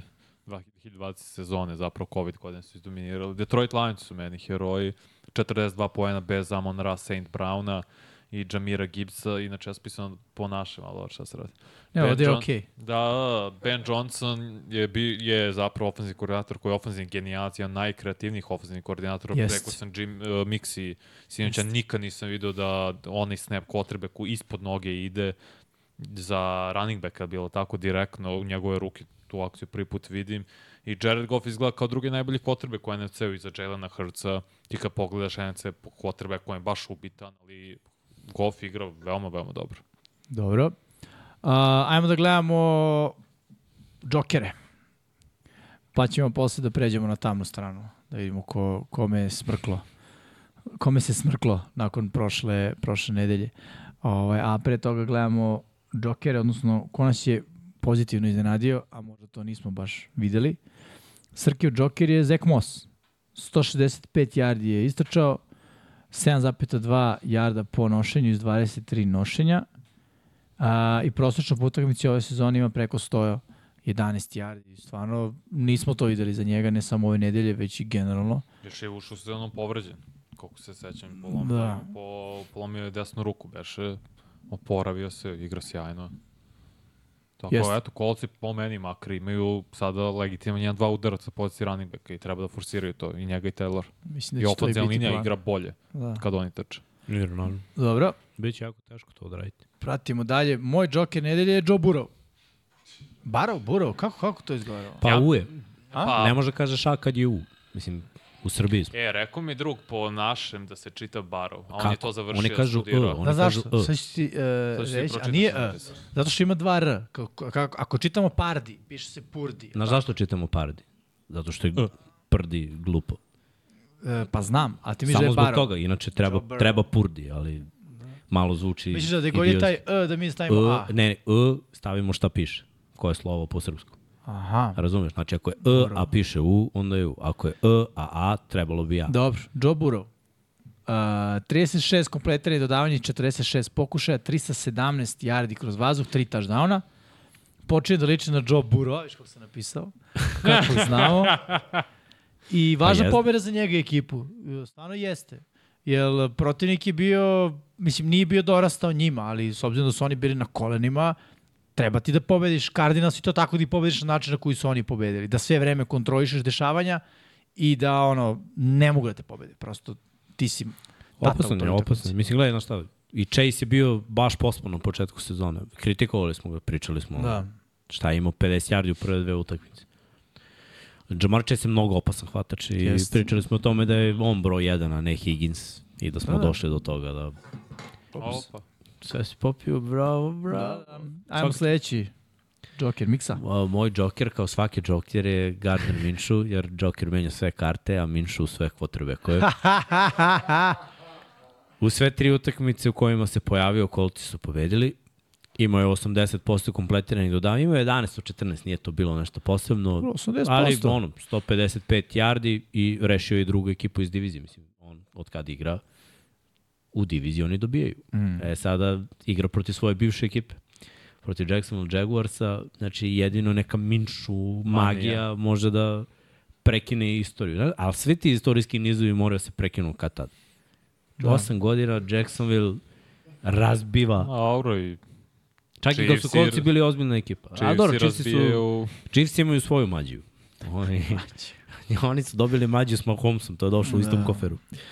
Ali, ovaj, mislim, gledaj, ne verujem, iskreno će Minšu da napravi neko čudo, ali za ovo Pa prethodno ne. kolo je uradio posao protiv Baltimora, protiv jedne, ono, da kažemo, Ozbiljne legit odbrane je odradio posao.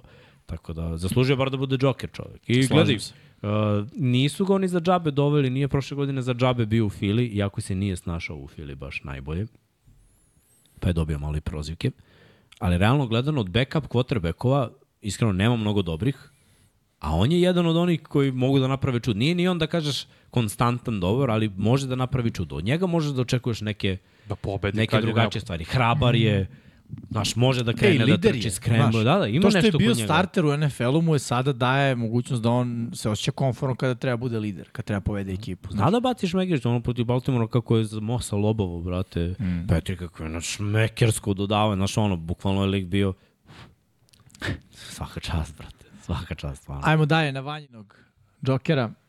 Chicago Bears, prva pobeda u sezoni, rekord franšize za DJ-a Mura po broju uhoćenih yardi i prvi put da su postigli 40 ili više pojena od 2020. godine. Tako da je to za, svaki, usp- za svaku pohvalu svako koji Fields izgleda mnogo bolje. Napokon, dve utakmice sjajno odigrao, vezao. Izgleda da ima više samopouzdanja. Hvala Bogu, Iberflu sačuvao svoju poziciju glavnog trenera za sada, možda to nije najbolje za, za Bears, ali svako igraju bolje i Ma mislim je da... dobio on otkaz na kraju sezone, nema brige. ja mislim. Ovo Da, je, dobro, ja sam rekao za sada. on, pa ne, do, i da izgubi ostupi. Neće Uf. ni nastavi interim coacha da vodi 10 utakmica. To je, čekali bi ga do sedme i onda bi bilo pa, Znaš, i sledeće nedelje bih ga čekao. pa, pa mislim ove i sledeće. Pa da.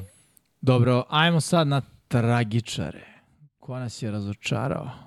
Srkijev tragičar nedelje je Bill Belichick. Pa, znaš šta, iskreno, veće tragedije nema od Petrioca za sada. Jer ove druge ekipe su toliko krš ekipe da se očekivalo. Petrioci rame uz rame tu sa Filom u jednom trenutku, znači pokaže, pokazuju da mogu. Ti sa Dolphinsima Sa takođe. Dolphinsima su isto bili ono na jedan posed. To su, da kažemo, dve ozbiljne ekipe.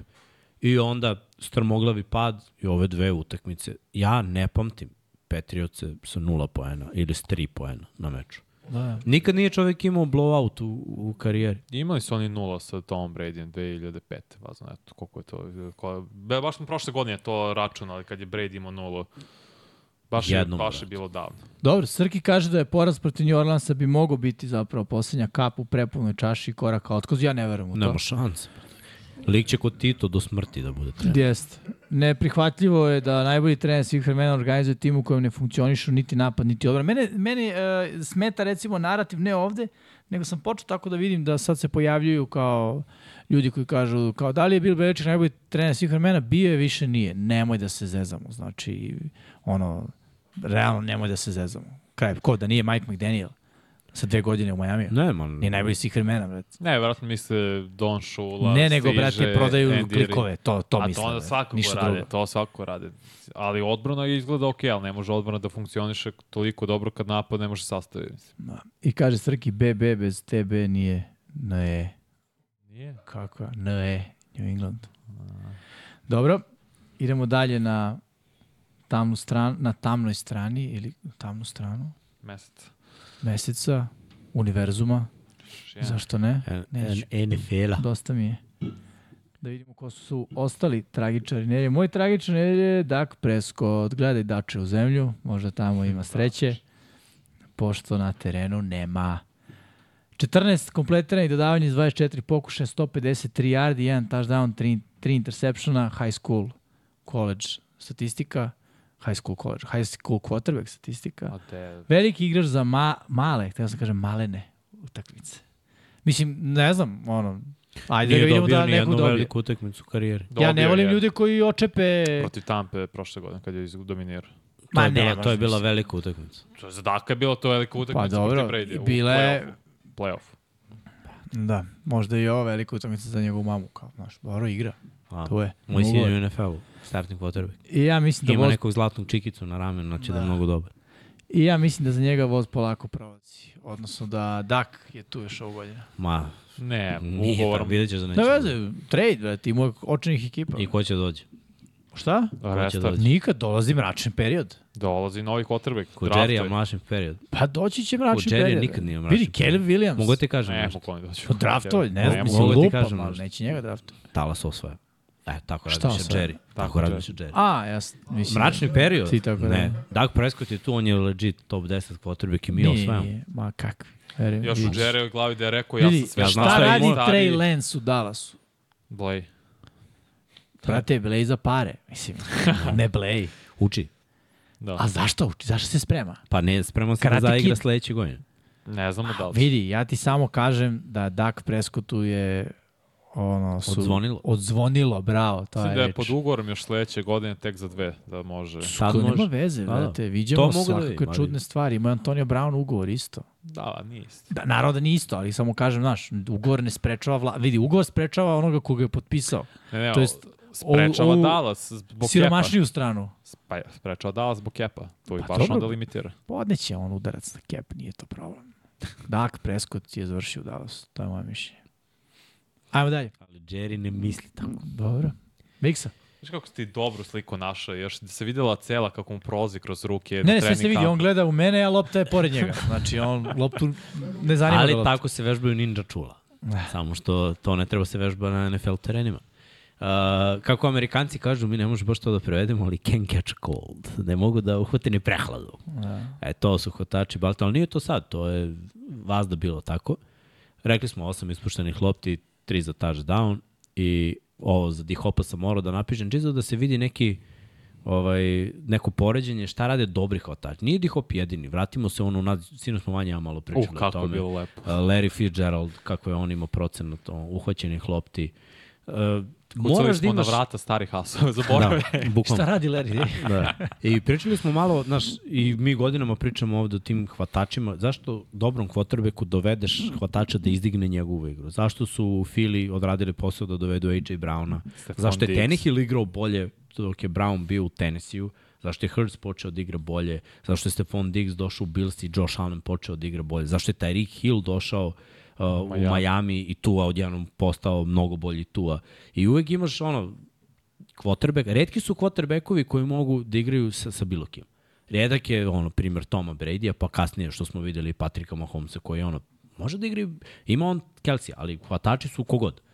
Isto ko što je Brady, znaš, stalno štancovo, imao je par godina Vrendija Mosa, ali on je napravio Velkera Edelmana, to su ono njegovi projekti, bukvalno realno gledano, malo je takvih quarterbackova. Ti ga pogledaš Peytona Manninga, Peyton Manning ima vrhunske hvatače. Imao Jeste, je jeste. Harrisona i Reggie Avena, pa je otišao ovamo, Wes da, Wells. Demariusa, T.Y. Hilton. to, Tomasa. Pa T.Y. Hilton imao u. Hiltona kas, kasnije, da. Da. Znaš, uvek imao nekog dobrog. Moraš dobrom kvot... Andrew Luck je pravio hvatače, brate. On imao ništa u kolcima. Čovjek neko izlačio. Pa imao je Reggie, nije da nije imao ništa. Imao je Reggie Avena koji ima 1000 yardi i T.Y. Hiltona koji je dva puta bio najbolji hvatač po broju uhvaćenih yardi. Nije ga on napravio. T.Y. Hilton predvodio ligu dva, dve godine To po je broju. 1600 yardi, ne, ne, samo fade. Deshaun Jackson. Nemoguće. Da, pogledaj. T.Y. Hilton predvodio Hilton. ligu u yardima. Je Hilton bio ozbiljan. T.Y. Hilton bio da, samo, a? Ne, ne, rekao sam, ma nema. A što si skratio Hopkins? Nisi dodao- Hopkins je, pa rekli, pričali smo. Ma ne bre, što mu nisi dodao Kins? Što si mu skratio to? Ti hop. Da znam da je D-Hop, nego što kad si mu to je na- nadimak. Pa znam. A šta sam napisao? Da, ne, hop. ali nadimak mu nije sa tačkom. Pa da. Složen. Pa do, D kao D samo da stavimo. Pa kao The hop. The hop. The hop. The hop. Ajmo dalje. Otišli u drugom smeru. Vanja, ne, ove strke, Novajlija, zar nismo tragičari? Jesmo, moji su bili Petrioci, ali kad si već spomenuli, neka srke, neka, samo ti. Šta imali smo dva puta pet? Ajmo smo bile. Pa, pa, pa, pa, pa, pa, pa, pa, pa, pa, pa, pa, pa, pa, pa, 3 poena od dve utakmice, ne mogu se povežu u napadu, Mac Jones je meni, nije quarterback za NFL, treba da ga benchuju, da, tre, da draftuju novog i to je to. A kad smo već prošli, nema veze sve, okej. Okay. Dobro. Samo ti udri Srki jako. Novajlija nedelje, došli smo već do uh, Pepsi Novajlija nedelje, segment koji nam sponzoriše naš sponsor, koji nas i poji. to je Downs, se zove Joshua. Joshua, uh, Josh Downs. Josh Downs. Josh Downs, hvatač uh, Indianapolis Coltsa. Burazer, odakle su ga iskupali sam. Da, Severna Karolina, brate. Igrao je dobro na koleđu, ne tako. 97 yardi iz šest hvatanja, uh, šest uhvaćenih lopti iz šest pokušaja i kaže Sređan najbolji hvatač ekipe. Dobro, dovoljno da bude ruki nedelje, zašto ne? Ajde, idemo dalje. Svakim čast. Jedne godine T.Y. Hilton predvodi 2016. Sledeći, Možda je AFC bio. Pa može. Izvini što te prekao. Da. Ima 1600, da. Ima 1448. 2016. moj Novajlija nedelje je Jalil McLaughlin. 9 trčanja, 68 yardi, ali i 3 hvatanja, 21 yard, 1 touchdown. I odradio će jedan posao kao vodeći bek, jer je bilo pitanje kad se Javonta Williams povredio sa Mađi Pirajn, međutim Pirajn nije mogao da, da klikne da se aktivira na ovom meču. Ovaj momak jeste, on ih je držao u igri, realno. Sim IJ sinoć failovao jako. Mm. Završio je utakmicu, ono, bukvalno. I što se tiče uh, McLaughlina, versatilan bek, uh, dobro trči, sasvim dobro trči između teklova, Brz je. brz je, tako je, može trči okolo i koriste ga u igri dodavanjem. Ono, ono hvatanje za touchdown je bilo jako dobro, on nije prvo uhvatio loptu, nego on jednom rukom pa, pa primirio. Touchdown. Dobar je momak. Mislim, Letimo, letimo.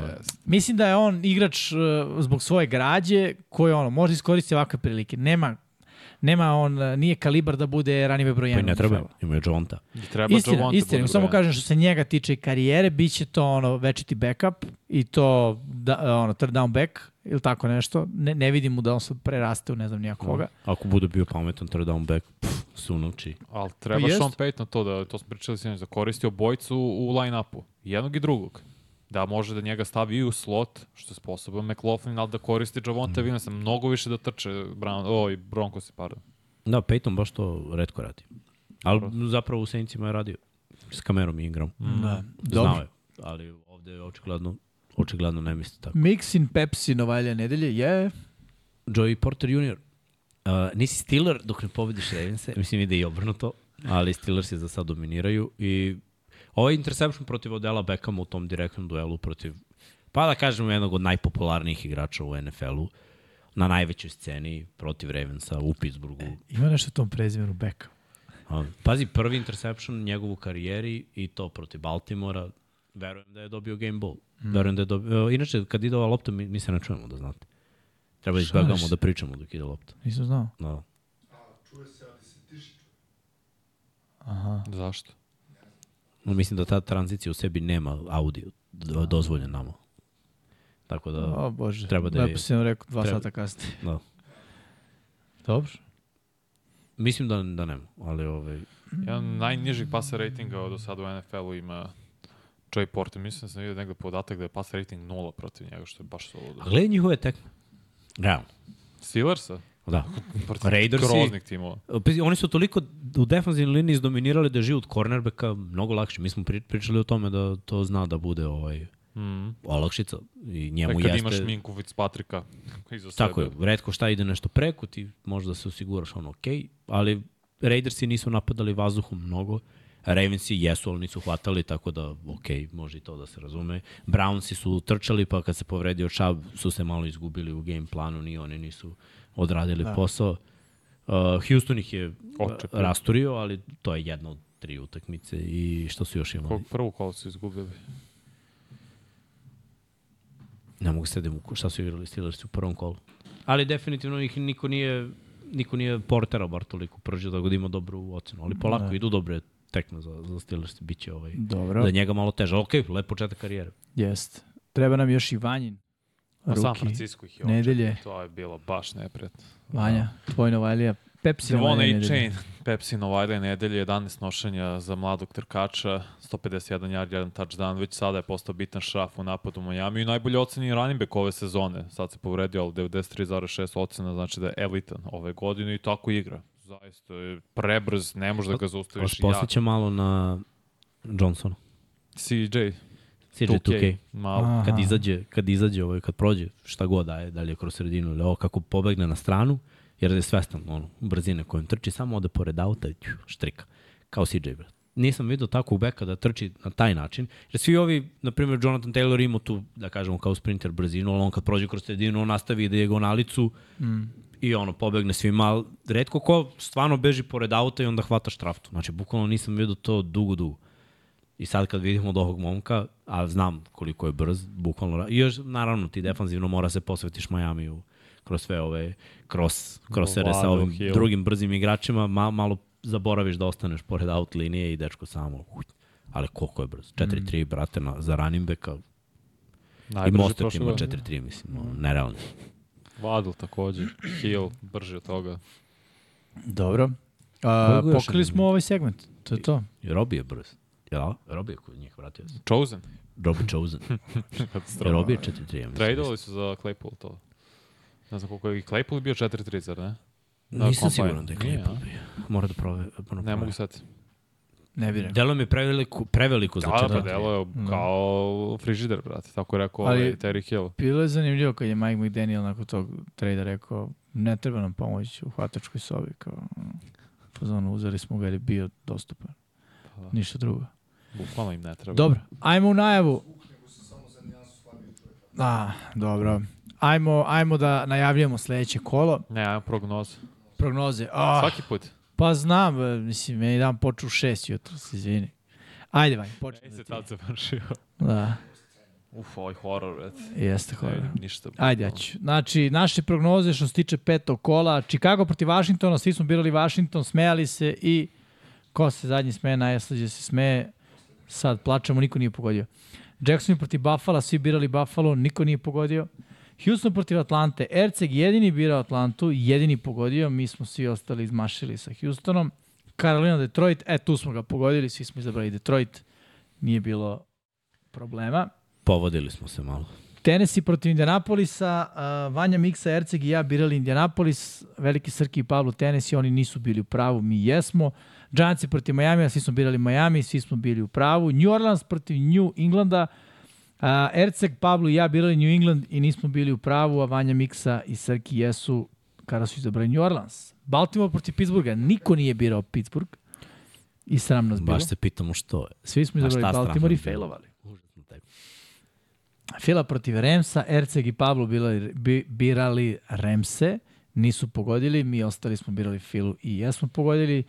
Arizona, Cincinnati, Erceg i ja birali Arizonu, nismo bili u pravu, vi ostali jeste izabraši Bengalse. Jetsi protiv Denvera, samo je Pablo birao Denver, nije bio u pravu, mi smo ostali izabrali Jetse i pogodili. Minnesota protiv Kansas City, ja sam birao Minnesota, nisam, nije bilo to tako strašno, Nije. ali sam Jedan promašio.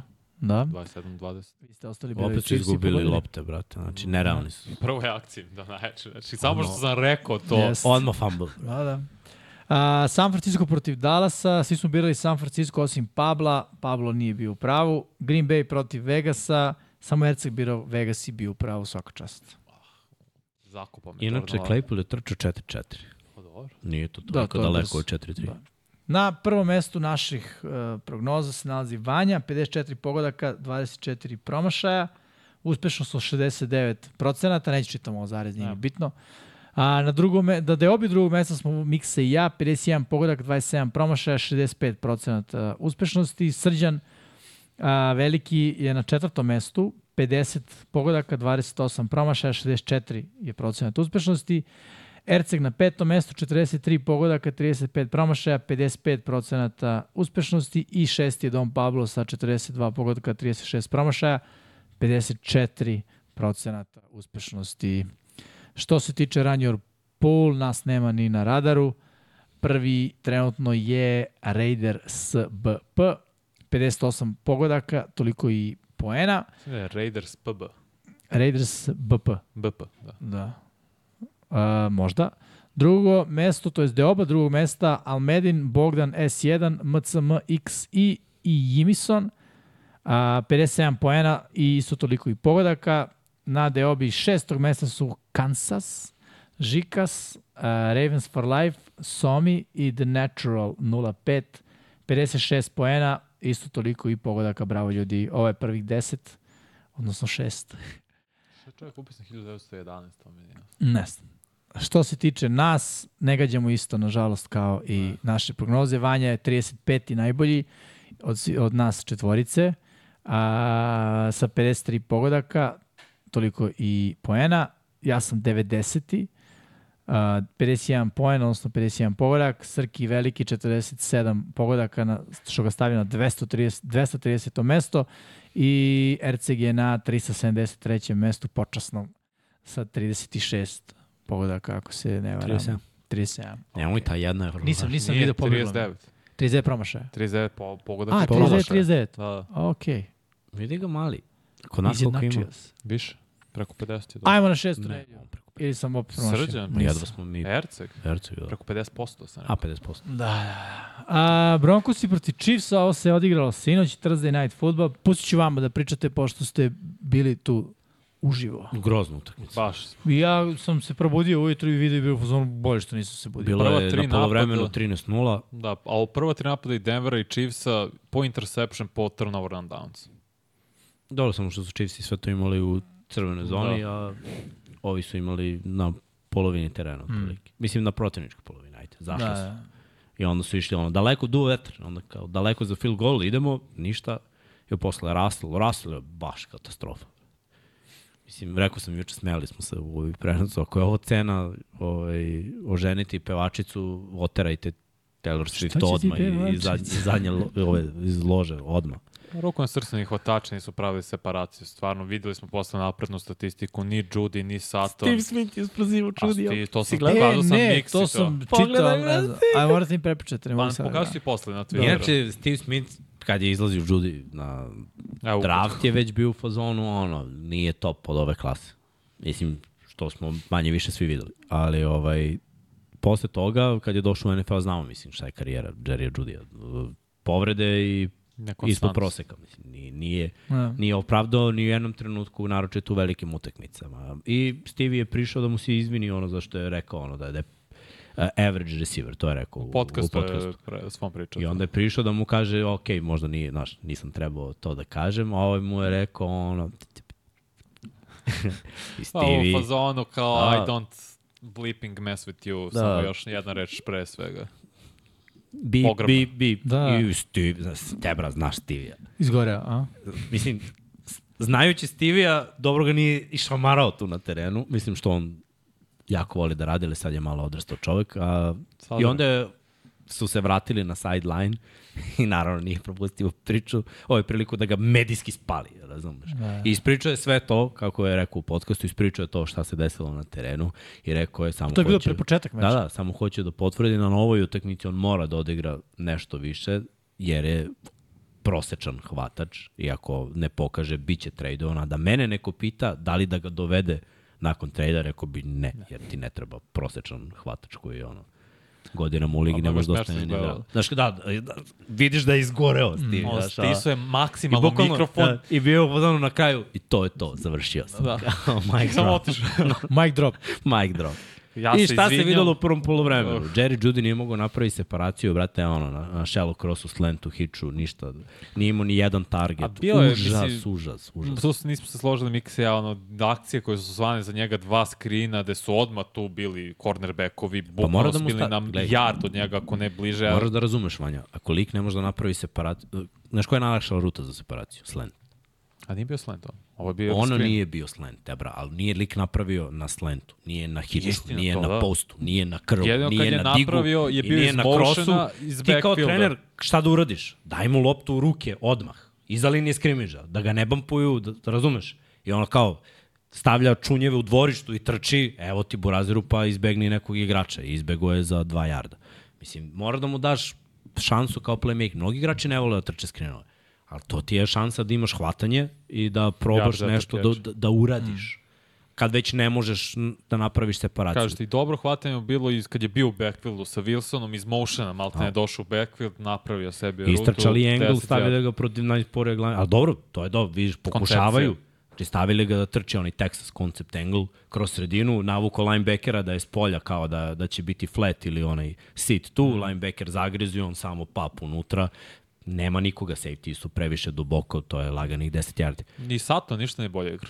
Baš se i on... Po, ko je, Sad Ja se bar da vratio je- na kraju, uhvatio onaj Da, da, on je Ali Da, da, ja da, mislim? Ja mislim da je problem Russell Wilson. To su bili korektni hvatači u jednom Ma trenutku. gde su bili korekt? Saturn Cortland Sutton jeste. Jeste, ali Ali povredio su. i nije se vratio u onom nivou gde Vidi, nije se vratio jer, brate, nema podršku quarterbacka. A Ral Russell Wilson ove godine pre ove utakmice, da se ogradim pre ove utakmice, to smo i pričali, A Mims 11 ga je- touchdownova je imao. Mims ga je izvukao dosta statistika. Jeste. Mims bre njima najviše Da. yardi. I, a Mims Jeste. nije imao nijedan target na utakmici. Da, I to je nula. problem Shona Paytona, jer Mims, dečko, pravi separaciju mm. i ima yards after catch, mnogo je brz, na Oklahoma je to pokazao, ali Sean Payton, ne znam koja je njegova filozofija ofenzivno, jeste da napad izgleda bolje, stvarno Russell uh, Wilson izgleda bolje, ovdje izgleda katastrofa. Katastrofa. Znači, ofenzija linija nije dobro, nije vršila protekciju kad je bio pas, kad je bilo trčanje, tu su stvorili neke jarde, igrao je dobro i Javonte Williams premalo nošenja za njega i McLaughlin takođe malo loše, bio je skroz okej. Baš, mislim da je više došao na Paytona za ovu utakmicu. A ja ću vam pročitam uh, statistiku karijere Jerrya Judija i Cooper Cup je ovo imao za jednu sezonu. 2300 yardi, nije ni celih 300, nego 295 uz 9 touchdownova. Ako računamo i playoff, Cooper Cup je imao za jednu godinu. Da, Koliko igra utakmica? 16 u prvoj, 15 u poslednjoj igrao i, znači, i 10 one go- godine. Znači, to je... 41. 41. Za 41 utakmicu 33 je startovo, 157 hvatanja i ovo što sam rekao. Znači, Cooper Cup ga je razbio u jednoj godini. Ko su, dve- ko, ko je bio potrebno u prve godine? U prvoj godini, Baš pro, prošle je bio Wilson, Da, pa Hackettом pre toga su grozno. menjali, bio je Jimmyjev, Drew Lock, Drew bravo. Lock. ali nije bio sam, brat, još nije, neko nije je bio. bilo, menjali su. Menjali su se. Baš je bilo loše. Mislim, a Flako mislim da je krenuo jednu od ovih. Denveru? Da, da. Pre nego što je bio u Jetsima, bio je kratko u Denveru, pa se povredio.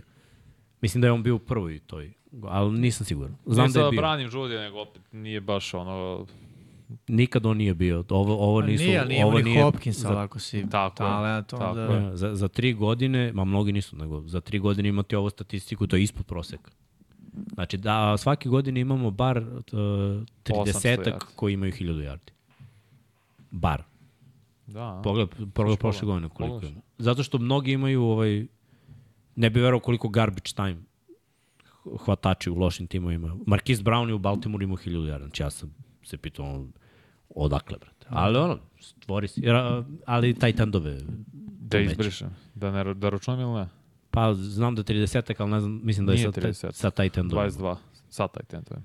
Sa Titanom 22. Mislim, 22 sa 1000 yardi Ali dobro, samo jedan tight end imao preko 1000 yard prošle, prošle godine. Da, Znači, pre dve 21. je imao i Andrews i Sad Kelsey. ćemo vidimo predve koliko je bilo, ali to lako ćemo da radimo. Mislim da je, da je, imao, da je bilo malo više pred. Mislim da možemo završiti s ovom Da, da, utakmicu. nema šta, nema šta se Nema gleda. šta. Čisto 5-1. Čim se nismo pričali A, ni koliko? o Ovo je od... uh, Peta uzastopna, a od 2015. drugog kola su, tad su poslednji put Broncos dobili Chiefs. Mahomes nijednom nije izgubio od Broncosa. 16-0 imaju poslednjih 16. Bolesno, brate. Peyton Baš. Manning bio Jeste. quarterback, gore. Mm.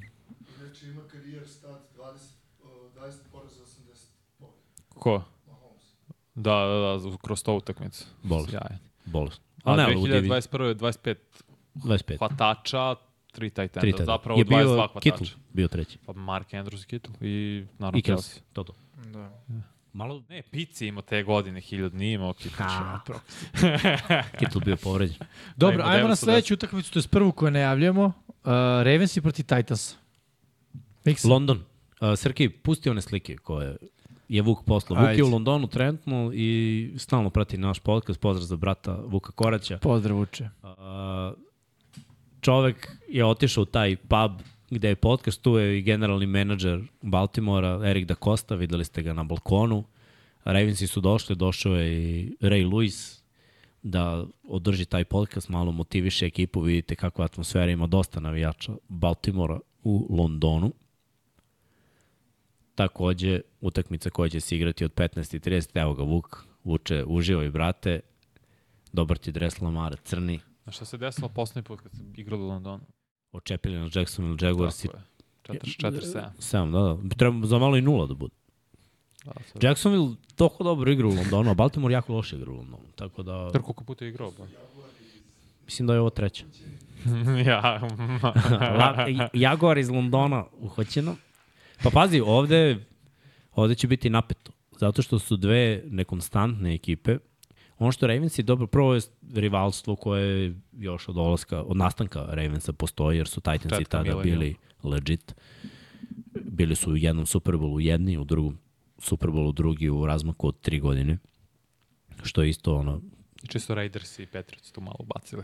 Pa, ali ne, ali bilo je, mržnja je postojala. Drugačiji futbol su igrali. Patrioti su, za razliku od ovaj, totalno drugačiji futbol je bio jer su imali power backove jedni i drugi, i Ravens mm. i Titans. Ovamo je bio Jamal Lewis, ovamo je bio Eddie George, znači dve strvine. Imali su jake odbrane i jedni i drugi i nisu imali hvatače elitne ni jedni ni drugi. A, imali ste vi ovog prošle... Masona, ali da. Više je bio Shannon dobar kod nas nego, nego što je bio Mason, a oni su imali Dysona koji je bio okej. Ali realno gledano, nije to, to je bilo defanzivno. Znači, Tuci i running backovi što rade. Obojca bekova su imala 2000 yardi i tu je nastalo to neko rivalstvo. I nije se vratilo do pre nekoliko godina, kada su Ravensi bili prvi seed, Titans ih dobili, otišli u finale, pa onda sledeće godine Baltimore dobio njih u play-offu, iako su oni dobili Baltimore u regularnom delu, ali mnogo tuče, mnogo trash toka, može to da bude jako zanimljivo. Sad igra se na strani i za jedne i za druge, pa navijači ne mogu baš da se uključuju u priču. Mislim da Ravens imaju više navijača van Sjedinjenih američkih država. Ovaj, ali bit će napeto, bit će napeto. I za jedne i za druge je jako važno. Titansi, ako dobiju, vraćaju se u svoju diviziju. Ravensi, ako izgube, padaju u svoju diviziju i vezuju dva poraza. A opet igraju protiv protivnika koji im ne leži baš. Najviše. Dobro, znaš kako, ja ne znam da li iskreno odbrana Titansa protiv trčanja je malo ove godine prenapupana jer su igrali protiv Chargersa bez Ekelera, mm. ni igrao Nick Chubb, ni igrao Kamara takođe. Znači, to meni njihova odbrana trčanja ništa ne znači. Njima Lamar obično predstavlja velike I zato probleme. kažem. A Ravensi, pazi, iz, uh, pojedinim utakmicama znaju da zatvore skroz. Imali su oni taktiku gde su zatvarali Ravens su Derek- sjajni, Dereka Henrya. od sjajna odbrana u crvenoj zoni, odlična jedna od najboljih ove godine, dok je jedna od najgorih napad Tennessee Ali Titans nisu u crvenoj ni zoni. Ravensi imali pravu ekipu, znaš, jer uh, dok su igrali s Bengalsima, Bengalsi su bili krš ofenziv na početku sezone. Uh, igrali su protiv Pittsburgha, igrali su protiv? Kolca koji su većinu poena postigli field Meta golovima, nisu bukvalno ulazili u, u crvenu zonu. Kad pogledaš utakmice Baltimora, ni oni nisu igrali protiv takve ekipe. Uh, a dobri bekovi, na primjer, Zach Moss je imao preko 100 yardi trčanjem protiv Ravensa u, u toj utakmici. Uh, Derrick Henry je jedno veliko trčanje daleko protiv Baltimora, da li će da ima 100 yardi ili ne. Ravens je obično stave mnogo ljudi, vidjet ćemo, Roquan Smith ima zadatak koji nije imao do sada, on nije igrao protiv Tennessee.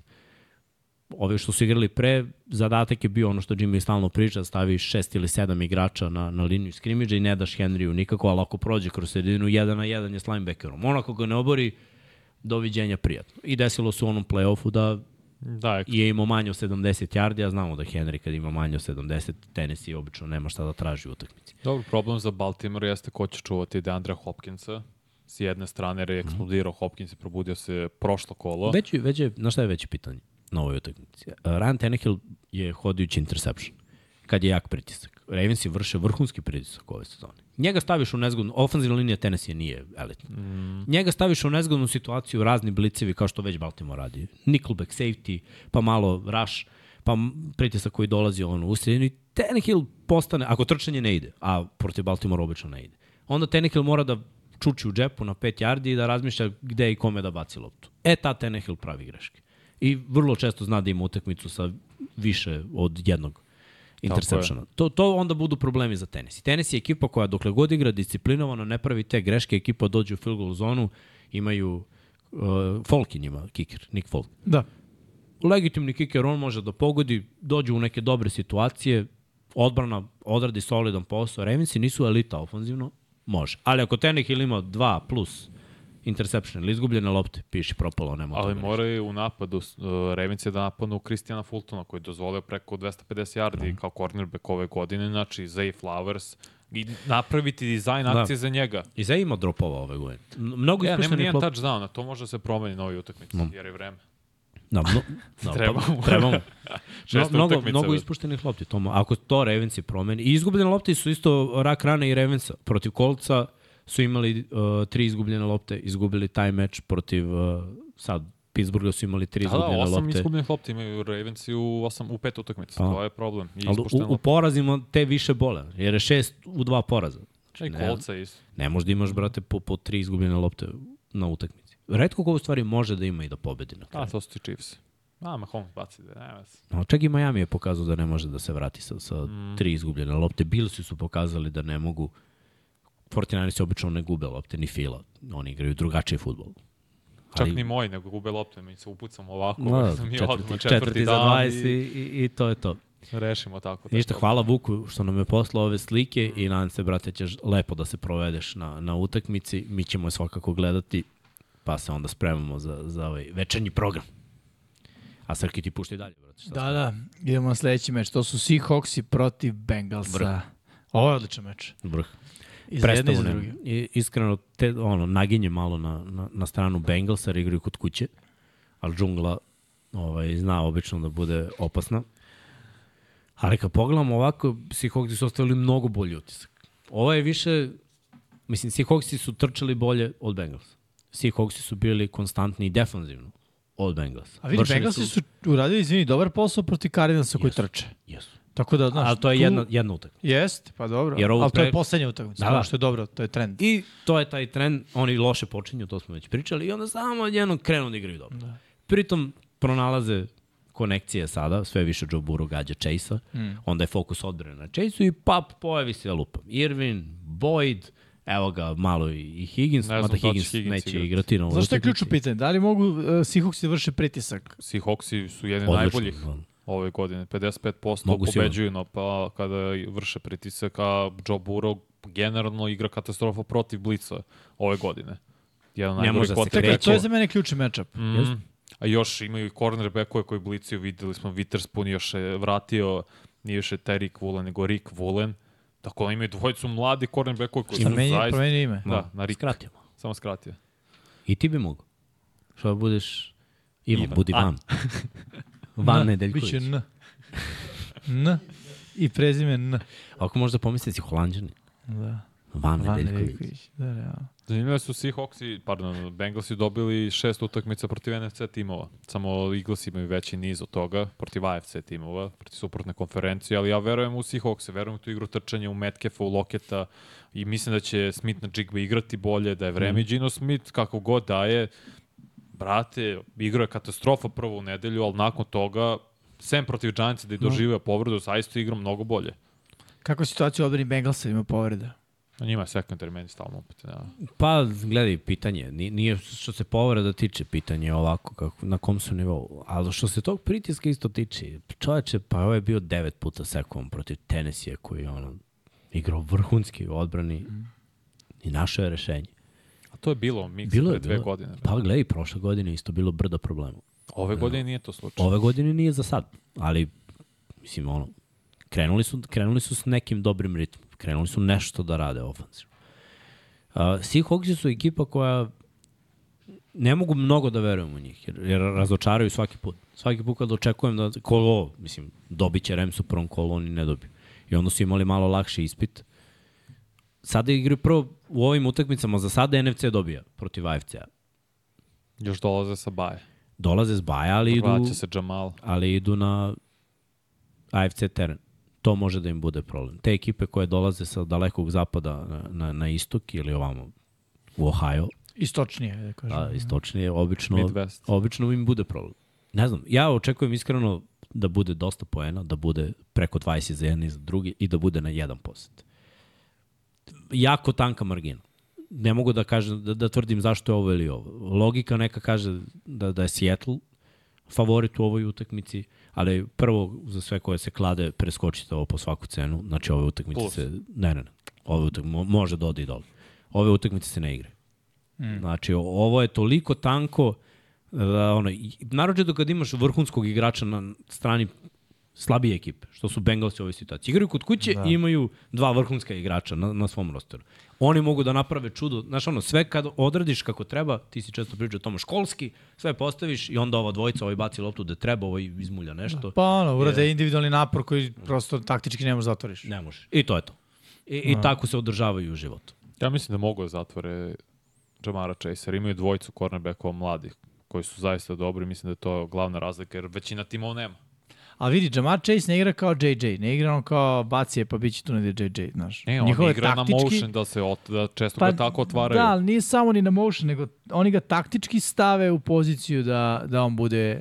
Često je ovaj, u slotu, često je blizu ofanzivne linije. Da, Ali pazi, često ima i vertikale. Znači, baš je, baš je težak hvatač za, za prognozirati. I, I na sve to imaju Bojda koji je ono slotić koji može da, da ono, pomera lanca. On je taj. To je njegov uloga u, u Sinsiju. Prvi down pomera lanca. Imao je prošle godine najviše konverzija na, na trećem downu. I imao je jednu ispuštenu loptu u play-off. Mislim, o, oslanjaju se oni dosta na to. Koliko Buru može da beži iz džepa? Da, u stvari ne da beži, nego malo da se, Se mrda u džepu, da, da manipuliše Pa ne sad povređen, ja mislim. Pa krenuo je prošle nedelje, znaš, sad je već prošlo dosta vremena. Mora to, a jer ako bude bio statičan i bacu iz, Da, da, da. iz globa, nema ništa od Bengalsa. To je tačno. Ali krenuo je malo da, da šeta.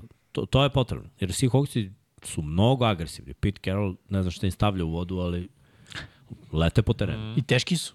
Mm. Pričam zbog potencijalnih padova na Boroa, što može da povredi dodatno. Ti je sekao svijesta da to Daniel Jones i ta ofenzivna linija Giants je 11 puta. Ja. I znaš šta, i niko nije Seahawks izložio toliko kroz sredinu, jer Bobby Wagner je spor, on nije coverage. I ti možeš, Boyd može da dobije, i- ili taj tend mogu da dobiju te matchupove Mm. na, na ovoj utakmici. Brooks je upitan na ovoj utakmici, drugi linebacker. Da. Bobby uopšte nije na, na nivou na kom je bio. I mislim da nema znalaca koji znaju to da iskoriste. A Stafford je znao.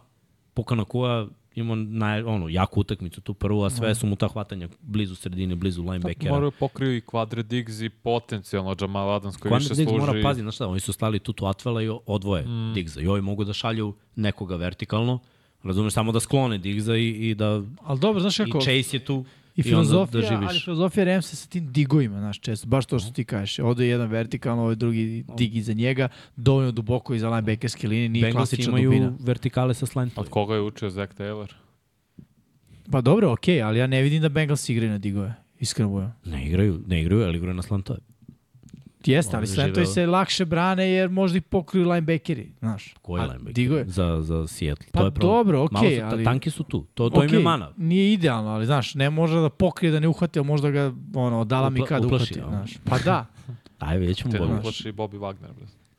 Pa, brate, iskreno, Bobby Wagner mi nije top 10 linebacker sada. U po, o, ove Sad godine i po, poslednje. pa u ovoj eri on sve više ispada Mator iz... Da, da. Prošlo je, nema tu brzinu, koriste ga često i, i na blicu, znaš, ostavlja, ostavljaju često, žive sa tim, on je tu na ime.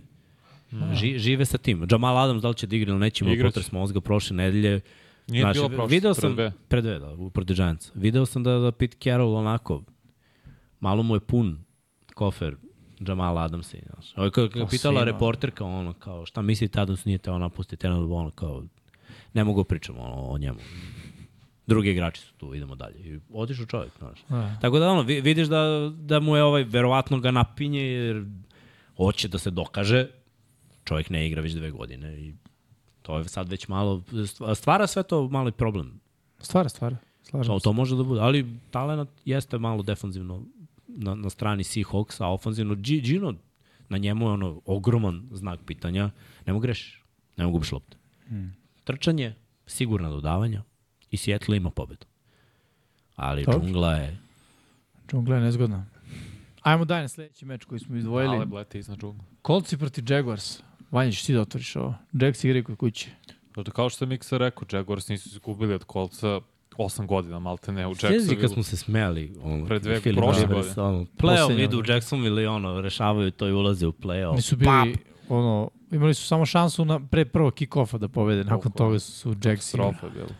I Jackson bez od dve pobede sada izgleda mnogo bolje na terenu, proradio je Tijen, 136 yardi imao trčanje, počeli su i hvatači da ne ispuštaju lopte za Trevora, Trevora ofenzivna linija i dalje je upitna, možda će to biti problem protiv ove defensivne linije Kolca, s druge strane Kolci sada novi identitet, kako, mislim, igraju sa Minšom, vi ste u pravu, evo ovo će biti četvrta utakmica, sada startuje, moraju da forsiraju što više trčanja. Jer koliko god da je dobra odbrana Jackson i Jaguars, su i dalje mladi. Trayvon Walker koji je bio pik broj 1, meni nije nikakav defensivni end, iskreno.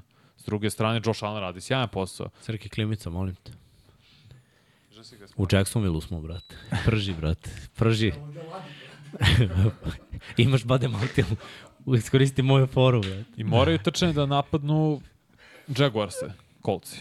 Moss Taylor, da imaju nekako 150 yardi, ako ne više trčanje, da mnogo tako A lakše... Jacks čini mi se dobro brane trčanje. Ne znam koji su rangirani protiv Mislim trčanja. da- ako mislim da su pogledaš, dobri, da. Nisam, nisam Sve ni su to top izdvojio. 10. Ali gledaj, znaš šta, oni su, oni su uništili Bills. Znači, ovih 30 yardi im je pomoglo, pa i da su drugi ekipi dozvolili Mhm. 130, prosek je 80, što je top 5. Jack, Jackson i dalje slab na teklu. Igrali su protiv Texansa koji su ih razbili, Colts im nisu mnogo trčali u prvoj nedelji, nisu Jacksonville Jaguars imali, uh, Chiefs im nisu mnogo trčali jer su dali samo 17, ne ruši, samo 17 poena.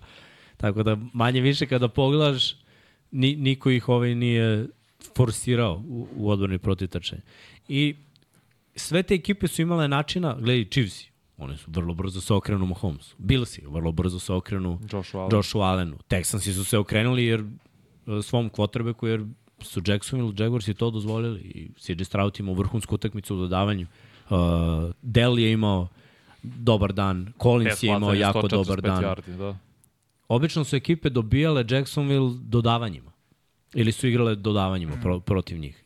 Ali kolci, ja ne vidim da će Stajken da kaže, ok, oni brane dobro trčanje, Minšu bacit ćeš 40 puta. Neće. Igraće na sve načine da pokušaju. Da, minus potencijalni, vrlo jak. Jonathan Taylor, inače, prot pet utakmica protiv Jaguarsa, preko 500 yardi, nekoliko touchdownova, znaš, to je super prosek, ali vraća se. Opet, Zach Moss igra mnogo bolje. Kolci poslednjih četiri utakmice 148 yardi u proseku. To treba da... Mogu lako da vidim da 35 nošenja podele Mosi i Taylor. 82 jada dozvoljavaju po utakmici ove sezone Jacksi i dozvolili su samo 3 touchdowna trčanja. 8 dodavanja. Da, mislim da mislim da je mali uzorak i da im protivnici nisu nisu ih napadali protivnici. Da, pa terenu. Čeku tad još nije proradio za Chiefs, to je bilo 17-9 utakmica. I Chiefsi su bili slabi u, na početku i posle su malo dodavali. A bilo si, mislim, 30 yardi be, mm. bez istečanog touchdowna. Kolci će dobiti ovde priliku statistiku. ako Lawrence bude pravio greške i ako hvatači budu ispuštali lopte. Ako ofanzivno Jaguars izgledaju dobro kao što su izgledali u Londonu, mislim da nemaju šanse kolci da svoj napad stave u poziciju da, da postignu 20, 25 poena. I Jacksonville ima dosta ispuštenih lopti ove godine. Mm. Zay Jones je uhvatio touchdown protiv uh, Bills, ali je ispuštao dosta lopti o, ove sezone. Da, da. Uh, Ridley je okej, Kirk se pojavi pa nestane. Mislim, Ridley ispušta lopte isto, ali kad uhvati napravi big Da. play, napravi dobru stvar, tako da mu se to kao kompenzuje, ali ispuštaju lopte. Ispuštao realno. je. Evan Ingram je možda naj, či, ovako na oko, naj, uh, Najčistiji. ono, da, pa najmanje ispušta lopte, čini mi se. Možda I- greši. Isto je pitanje za znaš, koliko može da, da održi ovih 100 yardi Da, da. u igrama protiv dobre odbrane kolca. Ravensi su se isto je mučili da trče. Mada, ok, povredio se Milano. Čini mi se da nakon te povrede je on krenuo da igra po zemlji. Imao, imao, i big play, imao je dva, tri, ono, bi- big run, ajde, sve, Mm. preko 20, 20 yardi. Znaš šta, napeto, napeto, ali ja dajem prednost Jaguarsima, jer ne verujem, M je, M je Minšu, M dolazi, te Taylor će poremeti tu, tu hemiju u backfieldu. Misliš? Da, da. Ti Pa- si baš njegov hejter. Ne, ja sam njegov najveći fan, ja sam njega stavio u prvu rundu i obožavam momka. Samo znaš šta, nije igrao, sada. nije igrao, nije bio na trening kampu, a Moss igra jako dobro i sad moraju da ih dele. Sjeti se Derika Henrya kada mora da deli. I deli sada sa ovim, taj James Pierce. Ne može da bude uspešan. To su bekovi kojima, a, njih dvojica ne koegzistiraju. Njih dvojica, jedan može, može biti samo jedan. Uh, jednom i drugom treba 25 nošenja. Neće kolci trčati, pe, moraju da uđu u ritam. Ne, njima treba mnogo, ne, neće im dati 50 nošenja stajke. Sigurno. I, I to će biti najveći problem. Bara sam išao na quarterbacku. To sam Biće- rekao odmah, mora 30 do 35 nošenja. Ali da šta je ima. 35? Ne, jedan će imati 20, drugi će imati 15. Okej. Neće biti na onom nivou, jer jedan uh, Taylor je bio, imao vrhunske sezone kad je imao 25 nošenja po utakmici. Takav je bek. On Ne, je ono... znam, ali sam se rekao, mora da uđe u ritam. Nije Mora. igrao. Znači, i nije igrao i krajem prošle Ali to godine. poremeti, znaš, sve to. Neće ovaj da, da drži Mosa na, na klupi, onda kao, evo ti majstore, ti uđi, uzmi 15. Nego će biti ti prvi down, drugi, pa ti uđi jedan i onda tri and out i onda obojica sede na klupi i jedan Jesu se nije obojica sposobni da hvataju iz backfielda i da uđu u slot. Pa Moss- Bolji, bolji je je- malo. Ok, od- od kao Taylora. isti problem što ima Denver. Koristi oba running backa. Stajkin je i ne da je kreativan, nego je stvarno ofenzivno nadaren. Brate, koristi obojicu kad možeš. A možeš, ne, nema, nije više NFL pre 15 godina, možeš oba running backa koristiš na drugačije načine. Možeš, ali oni su old school bekovi, obojica. I jedan i drugi. Tako da njima treba ono, sam, sam na tronu. U svakom slučaju, za mene ovo je jedan posled razlike u bilo kom smeru. ajde da vas pitam, šta mislite što se vratio Taylor? Šta mislite da mu agent nije rekao, ok, vidi ga Moss kako je igrao, brate, nemoj da blejiš godinu dana, vrati se malo da, da, da te vide. Ali to je Znaš, dobar ugovor. A tri dobio, godine 42 miliona, to je 14 u proseku za running backa, to je jedan najplaćenijih na poziciji. Jeste, sve stoji. Samo je malo sebi oštetio s time što je iskulirao. Treba će mu sigurno dve, tri utakmice. A idu na loš teren za njih. Znaš, i, idu u nekošeno. Ni, ni, Treba nisu- im AJ Dillon Da. da pokosi travu, da, nisu- požanje nivo. Da, požanje. Zove ga. Zove ga, neka im reši ovo. Baš me zanima šta igra čovjek, brate. Znaš kako to niče, brate, na Floridi? Vlaga, brate, vode ima svuda. ono. Močvare su. Močvarno, brate, plodno tlo. Draftovao sam ga. Ovo, koga? Dilana? Pa Bajo je, brate, ne, on play. Katovanje on pre dve nedelje, brate. Pa dobro, to, on sad je odigrao dobro protiv Raidersa. Neki sa srećom. Da. Jel dao to? Nije Da. za njega, ne mogu sad. Jer Aj. harvestovao je svoj opportunity. da. Ajmo Ajmo to dalje, je Dola Sergij. Flera. Ajmo dalje. Ajde, ne. Ajmo, može. Sledeći meč je... Derbi. Derbi. Lions protiv Buccaneersa. Meni je ovo baš dobar meč. Uh, što je dobra. Ja dajem prednost ovde Lionsima, jer mislim da su kompletnija ekipa i mislim da imaju uh, zaokruženiji sistem, ali su Buccaneersi nezgodni. Neozgodno. Baš su Buccaneersi u nezgodni. crvenoj zoni su druga najbolja odbrana. Odbrana, Pazi. odbrana Mm. pršti ove meni. To sam htio da kažem. Odbrana stvarno može da Ali oni su napakosti imali uvijek Lionsima. dobar front seven. Mislim, da. ništa nije promenilo. Izgubili su ono, sada. jednog igrača. Da. Kalijđu Kenci su draftovali u prvoj rundi, defensivni tackle, on Vita Vea, totalno to drugačiji tip defensivnog tekla, jedan i drugi. Ali Anton Winfield Jr., on je... Sazreo je, baš je Da, bio da. dobar. Mislim, on je meni bio dobar od prve sezone. Realno. Malo ispod u coverage, ali dobar. je. Ima agresivnost, bre. Da, Znaš. on je rođen Nickelback. Znaš. I linebackeri su im jako dobri. I, I rade posao, oni vrše pritisak. Ne mogu protiv vrhunske ofenzivne linije, videlo se protiv file, da im je ovaj, falilo im nešto. Ali su izgubili solidno tesno, Ja, ja, da, znaš, nisu Znaš bili očepljeni. Koliko? 25 odbrana 11? može da, Bilo 25-11. Da, da. A, o- Mislim bi s origami. Bez. odbrana, da, Da, jeste. odbrana jeste. može da uspori takve napade. Ali napad njihov mora onda da održi korak. E, tu je dobro pitanje, jer Lions u poslednje dve utakmice imaju i sekove, 14 i osvojene lopte, i pritisak, obaranja za gubitak yardi i sve to ono znak pitanja za Buccaneers. Da li ti možeš ofanzivnom linijom da prođeš to, da uspostaviš trčanje sa Whiteom, da White drži loptu, pošto je fumble Delo je već, teško. da Baker uh, Evans bio po znakom pitanja, isto ga uzeli lož. Da li E, će da mislim da igra? je on out. Je out za... za Ja mislim da je out za ovaj meč. A, Sad ću pazi, ofenzivna linija Tampe dozvola samo 4 seka u četiri utakmice, Da. što je najmanje od 2008. Ali Znači, štite. štite da Virf, Virf si igrao fenomenalno. igra. Na poziciji levog, desnog tekla i koga staviš na teklu, on igra sjajan. No. Samo nisu naleteli na, osim File, nisu naleteli na ovakvu na ovakvu Da, ligu. da. Da, Igrali su su protiv? Saints, ali Saints su bili baš tihi. Izgubili su lopte ofenzivno. je bukvalno je krajem prvog poluvremena kad su Saints izgubili u, na svojih 5 yardi, to je prelomilo Baš su, de, no, odbrana Saints je bila toliko ono, tiha, deprimirana. O, o, uopšte nisu bili na, na svom Minnesota je nivou. blicala dosta, ali opet nije sada odradila neki fenomenalan posao. Ako Evans ne igra, bit će baš dosta problema. Znaš. Ne, nema, nemaš kako da napadneš i onda Lions, Lions i ovako onako imaju dobru situaciju. Šta može da bude dobro za Bakanirce, pa i oni igraju na Floridi, vlaga, drugačije. Mike Evans full go. Da, Full da. goal, Odlično. Odlično. Onda ima šanse. Onda ima šanse. Još su na domaćem terenu, kažem ja, uvek je teško tim ekipama koje sa severa dođu na jug. Da, da. Razlika ono, narođe do sada. Sad je već hladno dosta gore na severu, a ovamo dole Blaga. leto, brate. Da. Šta znam, ja se samo radujem ovom meču. Mislim da će biti dobar i kažem, mislim da Lions imaju prednost, ali neće biti lako. Mm. Ne Kako znam, neće ni jedan biti running back Lionsa od Barry Sandersa istračao tri utakmice za redom stoju ili više Da. yardi. Pa nisu imali ni mnogo Ko? hiljadu jardi. Pitanje je ko bi bio to. Možda po, mislim prošle godine nekim čudom Swift je vezu. No, no, no.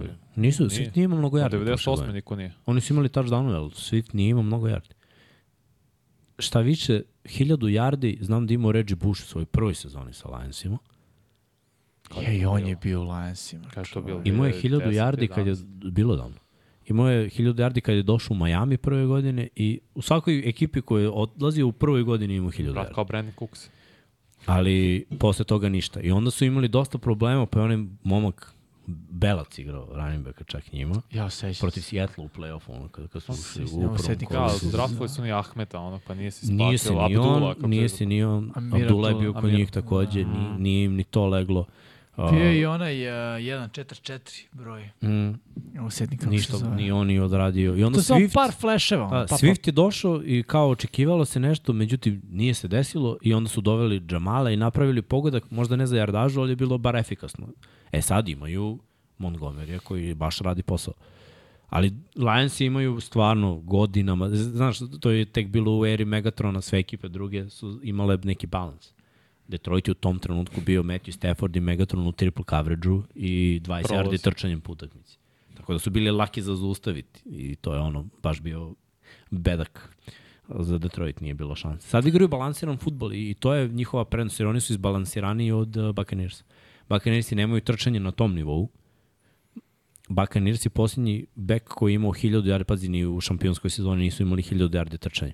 Mislim da je ovaj njihov Ronald Jones imao Prve godine. 1000 yardi, a pre toga LeGarrette Blount.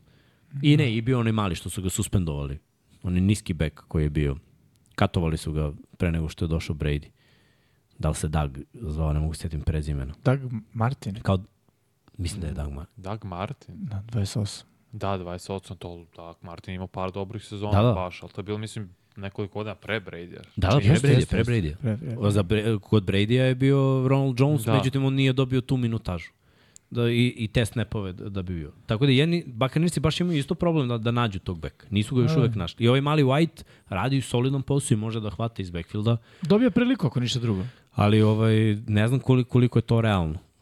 Što se balansa tiče, Lions imaju i hvatače i taj tendove koje koriste Laporta. i Sve, dva, sve. dva trkača. Sve imaju Lionsi, stvarno. Bolji su tim na papiru. I Hutchinson, brate, kako igra. Igra- kako igra je podigo nivo igre. Isto do sekova dolazi, Pazi, cijela vrši odbrana je, pritisak. naš, uklopljena jako dobro. Znaš, ono lepo, ne znam, na najbeker imaš ovog Anzalonea koji Radi posao. nije brutalan najbeker. u prvoj rundi. Ok, ali znaš, ovaj nije brutalan najbeker, ali radi posao, ima ga, brate. Svuda je. Znaš. Stvarno, Da. Naučio. Hoćemo dalje? Možemo dalje. Ajmo, Srki, šta nam je još ostalo? Ha, Vanja, ovo je poslastica. Monday Night Football. Ovo je stavljeno, zato- zato ovo, ovo je stavljeno, pazi, važno je. I za jedni i za drugi. Treba im. Treba. Treba im. Ali Vanja ima novu, novu statistiku. Ne, sledeće generacije. Pa, Ne, Buduće generacije. Ovo je... Timovi da, koji su igrali protiv San Francisco poslednjih 15 utakmica su sledeće kolo izgubili. Svih 15 timova. Znači, gube dva, dva San Francisco te prebije da morališ i Da. onda ti izgubiš još, Još jedno. jedno. Da. Dobro, imate to. prednost. Čitava priča. Još smo sa Baja, Herbert se oporavio od povrede palca što mu je bio slomljen. Mislim da Ekeler takođe igra, napokon se vraća posle prvog kola u suštini. Vratio, vratit će se i Joy Bossa, i Dervin James bi trebao, znači svi su zdravi, ne znam za Linsleya, jer je opet on ima probleme sa srcem, ne znam koja je to situacija, da li će igrati ili ne. Ako bude i on igrao, Chargersi su zdravi. I Kellen Moore, opet, poznaje Dana Quina, poznaje zapravo tendenciju njegovih igrača, to je ključna stvar. Jer, ok, Dan Quinn poznaje Kellena Moore, ali ne zna tendenciju igrača Chargersa, do koji zna tačno šta odgovara Parsonsu, šta odgovara Blendu, šta odgovara, ne znam, kome god, sem Stefona Gilmora, kog nije trenirao, koji, to jest nije video na trening kampu u prethodnih 2-3 godine. Ja ipak mislim Dallas. Chargersi samo da se nadaju da mogu da odrade protekciju. Da, zašto mislim Dallas? Dovoljno dobro A, rade da sjajnu Herbert može protekciju. da... A zašto da, mislim Dallas? Evo glavno pitanje. Da li mogu Chargersi da ih prebiju? Kao se.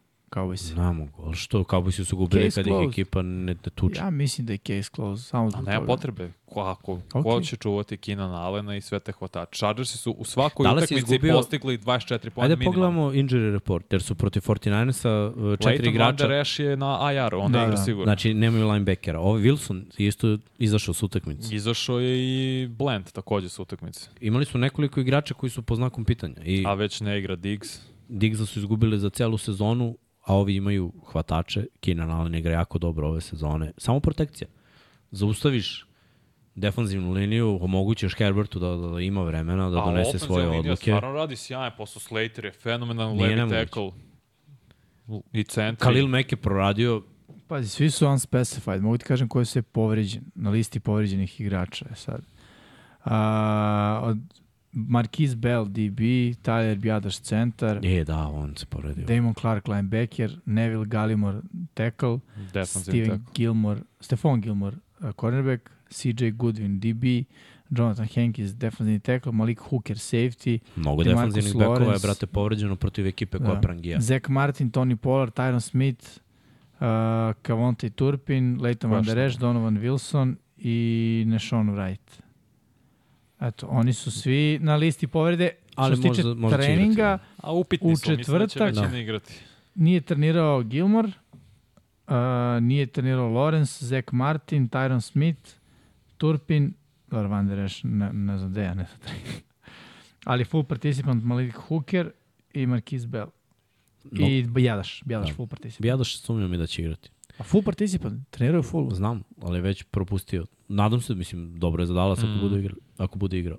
Da. Već je on bio ono trening, pa samo ne skine se. Za Ja, utakmicu. samo zato što, Ali ofenzivnu liniju, to meni ne brine toliko. Oni imaju ofenzivnu liniju, znaju oni to da, Da. da istumbaju i da odrade posao. Uh, defanziva, jel može se trči proti Chargers? Protiv Chargers se, se najviše dodaje zapravo. ne, Znači, čak da- ni ne trčiš, za stavljaš, najluđe ali, stavljaš loptu u ruke Daka Znači, Preskota i Protiv stavljaš... dodavanja smo drugi najgori. Ali otišao CJ Jackson. JC. JC, CJ. Ovo je, ovo je, Sante brate, Samuel mali igra baš dobro. Igra, igra. quarterbackovi, pa ko je bolji? Jeste, ali, znaš, e, e, e, ono što ulazi u jednačini kod jednog i drugog, to je odbrana proti koje igra. Odbrana Dallasa sa pritiskom će da pravi veće probleme Kojim Herbertu. pritisku? Kojim pritiskom? Protiv Osim kojih timova? Parsons. Se vi šalite. Protiv- Parsons, kraj. Dobro, Parsons Nešto. i... Ok, jedan Samo igrač. Parsons. Ali protiv loših ekipa pravi Može- pritisak. Brate, može da bude brate. Teško. Jer, gledaj, uh, u situaciji da gube Chargersi, oni, po mom mišljenju, lakše mogu se vrati u utakmicu nego Cowboysi ako gube. Pošto Cowboysi kad gube, nikad se ne vrate. Jer ja u Daka ne verujem uopšte. Gubili su od Arizone, čovjek došao do crvene zone, baci najgluplji interception koji je mogao da baci igra više od 5 godina u ligi. Osam. Pa čim igraš, pet. pet godina, čim, igraš, čim igraš više od 5 godina, ne bi trebalo da bacaš neke gluposti. Znači, tad već mora u glavi da ti bude video si sve, sve si prošao, bio pro bowler, igru, igru play-offu, ide pritisak, gužva u sredini preko svih.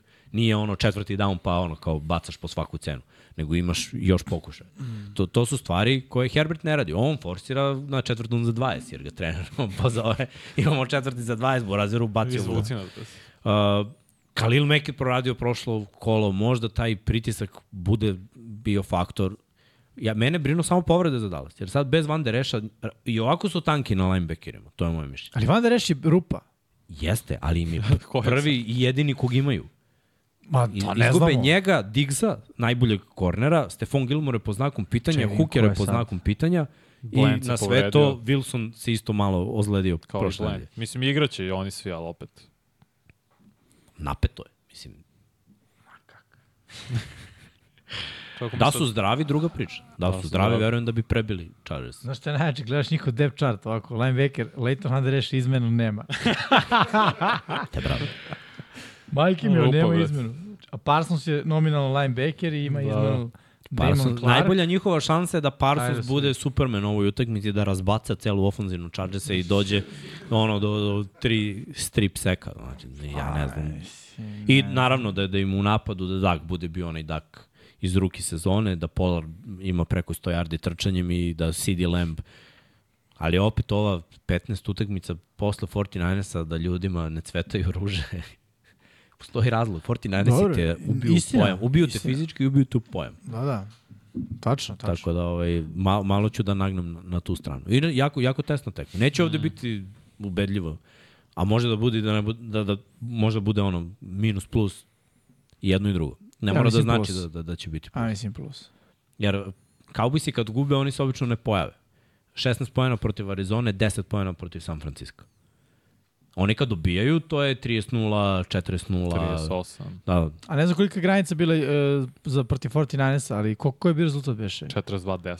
Proti 50 poena, to je bila granica. zahvaljujući 49ersima. Ali, ali Chargersi Okej, mogu da daju 42. ali eto ti, to može granicu isto da A pomeri. šta ako Chargersi, šta veruješ da će oni to Ne, dobiti? ne verujem, ali mislim da neće biti tolika razlika. Šta ako bude 22-18 ovde grana sigurno preko 45.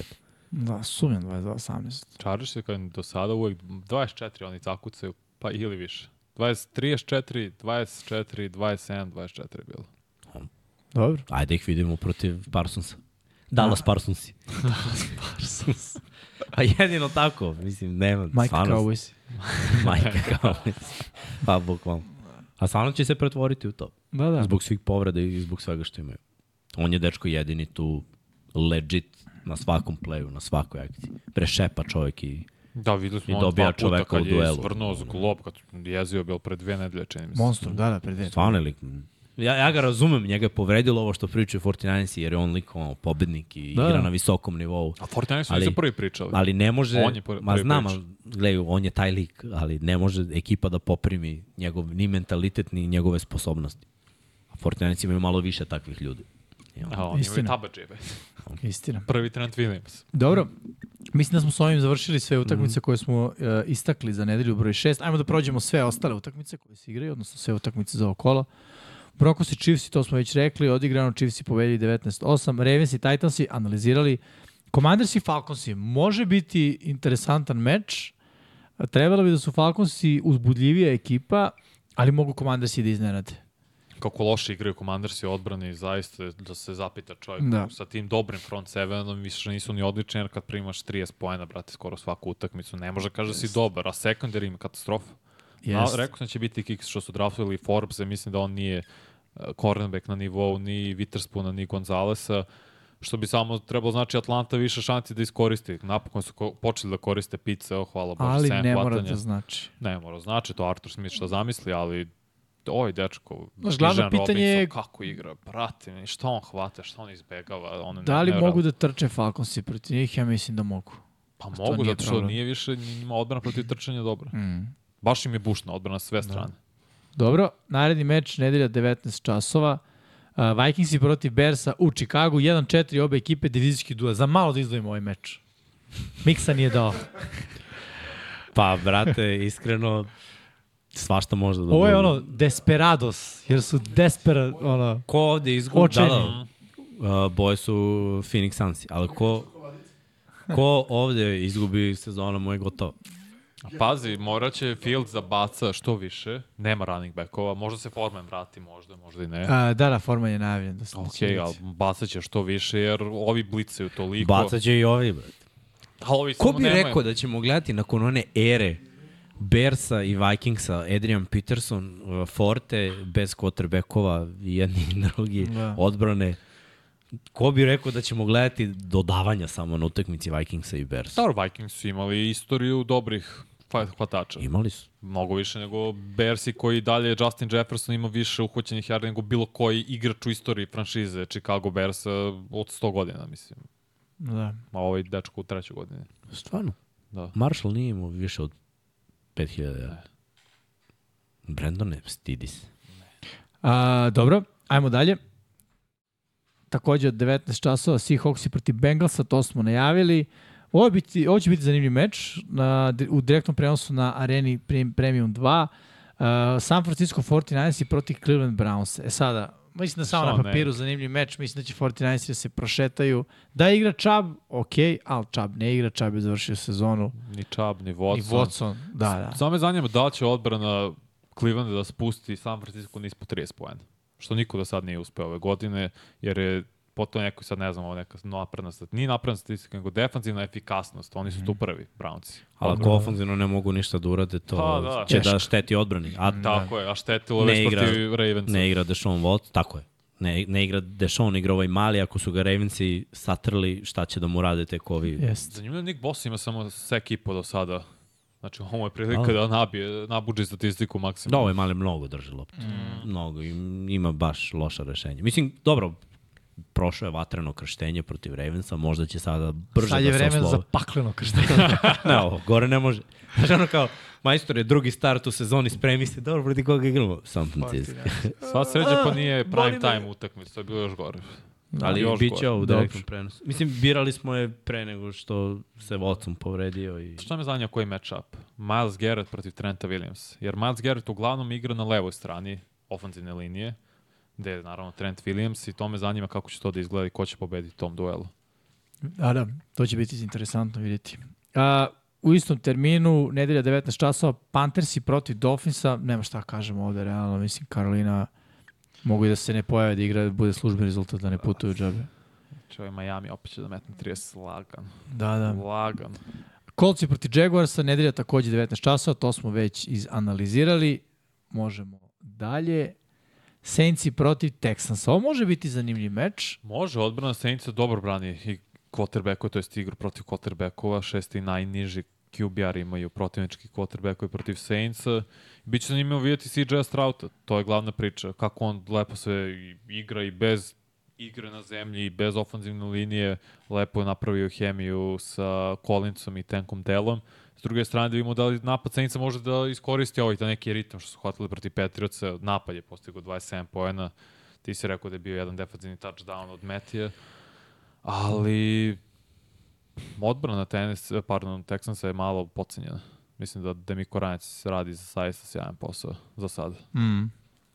Biće dobro, ja dajem prednost ovde Texansima. A, nedelja 22.05, Patriotsi protiv Raidersa, Josh McDaniels ima priliku da nadigra svog, a, kako da kažem, futbolskog Mentora. tatu. A ako ga sad ne nadigra, nikad neće. I ja to mislim. Da. Nikad niže nisu pali Patriotsi. A Raidersi makar imaju nešto. Krenulo im. Da se uhvate, Da. slažem se. I defanzivno i ofanzivno. Mm. Defanzivno pritisak, ofanzivno Yes. Davonte Adams i Jacobs. Ajmo. Dobro. 22 Gledaj, prošle godine je bio jako dobar meč ovamo u Las Vegasu. Patriotsi samo dva puta Sa ove ovim godine. dodavanjem kad je Mac Jones kad je Jaco- bacio... A, Nije Mac, Myers. Jacoby Myers je bacio pasu Chandler nazad Jones. za Meka Jones, ali ga je Chandler Jones. A, I vratio, da, da, da, da, bilo, da. bio, išli su u produžetak i onda su išli na taj play i na kraju su Jest. Raiders je dobili. Yes. Da, Dobro, čudno. znači McDaniel se već nadigrao bila prošle godine. To sam zaboravio, ali... 2-0 Ma, ima realno nije, Mac Jones ga preko protiv Bila, inače. Da. Mislim ga dobio čak i u danima Denvera. Bi, Bill ima tendenciju da pušta svoje pomoćnike. Da, sad, sad bi mog, mogli oni njega da puste. Ovo je baš... Ma, brat. Da, Kritično. na, odbrana Patriot samo dve oduzete lopte do sada. Bio, Znači, ma je neće, neće. Pa da. Jimmy G baca, nemoj tako. Jimmy, G Jimmy voli G da baci poklanja, po ali, jednu vrati. pazi, to. nije tu pritisak ništa, cornerbackovi isto ono, tiho tiše, ko padanje kiše. Nema, te teška priča stvarno. Dobro, Inače, 22. gledam statistiku Olšona Jeffrija Sramnik je u ruki godini imao 367. Ja ti kažem, nije. Ali pazi, imao je 1400, 1150 i 2 po 800. Dobro, ok, on je bio legit. I u Fili je nastavio sa mm. tim po 800. A brzo je završio karijeru, čovječ. 8, 8 godina. Velik. 9 sezona. A ova da. poslednja je bila povređen je bio. Pa, šteta.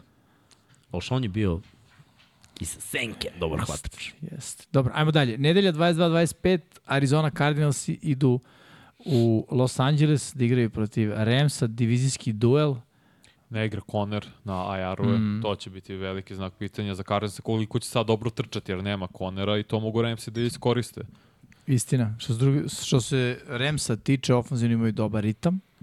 Ovo je bi dobar da- problem za McVay da ima i na Q i ovaj, Coopera Kapa na terenu. Provalit će on neki način da obojcu dovoljno uposle. Pazi, Remsi su izgubili od dve najbolje ekipe u ligi. To su dva poraza Remsa. Dobijaju oni ovo.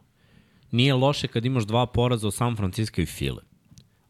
Obe utakmice, Rem, uh, 49 jedan posljed Fila dva posljed. Ali ono, Bengals su devet razlika. Monday night, ono ružno. Da. 16, 16-19. to su pokradeni. Dobro. Pa jes, pa jes, sad dva touchdowna su im skinuli, radili Da. smo to. U istom terminu, nedelja 22-25, Eaglesi idu u posjetu Jetsima, eto matchup između Ercega, Ercegove ekipe i moje ekipe. Dobro. Biće zanimljivo. Pa, Kome? brate, Meni. nisam smeo, nisam imao hrabrosti da biram Jets ovde, iskreno. Koja hrabro, treba ti ludost. Pa Mada vidi, ne, ne pa igra Jalen Carter i ne igra Darius Slay. Da. Uh, je. Malo je Samo sredina. kažem, ne igra. Možda trčanje proje, možda stvarno Brice Hall proje. Gde će trčanje protiv ovih, brate, nema šanse. Ne mora znači. Ne mora u sredinu da ide. I ne trči Brice Hall generalno kroz sredinu toliko. Pa, protiv Fila slabo, slabo. Dobro. Ne, Ostaje ne, znaš šta, ja ne vidim prvo defanzivno koliko god da su dobri Jetsi, kako će oni da reše ove situacije. E, to bi me zanima. Jetsi žive od toga, znaš, da na trećem downu nekog neutrališu Fila pomera mm. lanca. Umaraju tebe. I onda, do, ako bude Fila poveli, onda pritisak za Wilsona, to nije dobro isto za njega, taj pritisak. Istina. I još ekipa, a sa svih strane, ono, M ekipa 5-0, M su bili u Superbolu, M i NFC ekipa, to je, to sve više sad ubacujemo u jednačinu.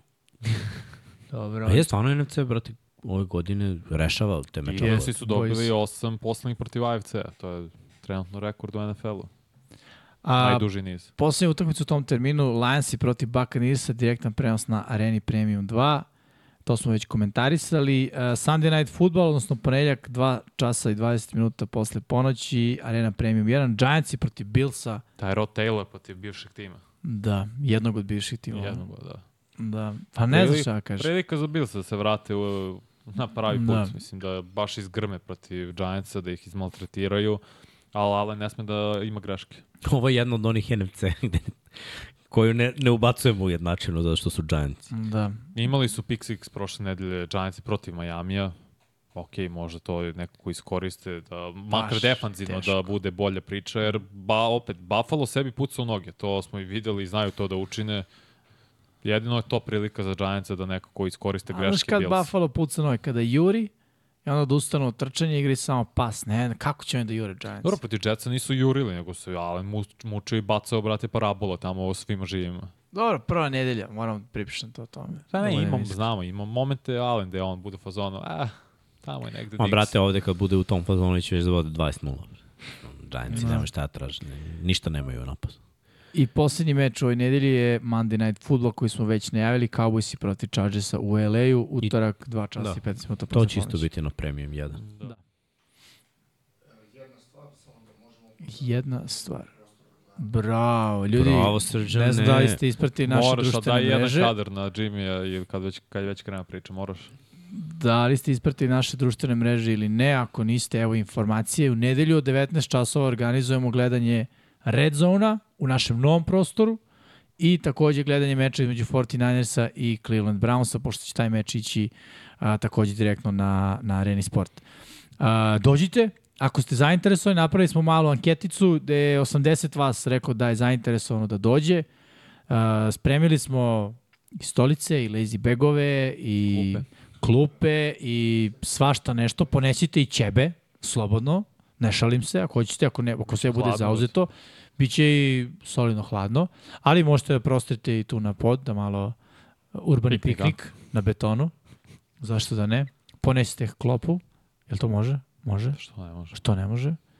Biće tamo pića, mislim, to kupite. pa mislim, ne, biće Huddle, biće Pepsi. A, tako da, eto, još jednom vas pozivamo da dođete. Ako ne znate gde je naš novi prostor, sad će Srđan da proba da izbaci jednu mapu, sa, ali eto, pratite na našim uh, društvenim mrežama, konkretno na Instagramu, pretpostavljam na Twitteru da je izašao post o, o tome i da organizujemo takvo zajedničko gledanje, ali i kako da se da stignete do našeg novog prostora. Da, evo, Srđan se Imaš još 20 zakleo.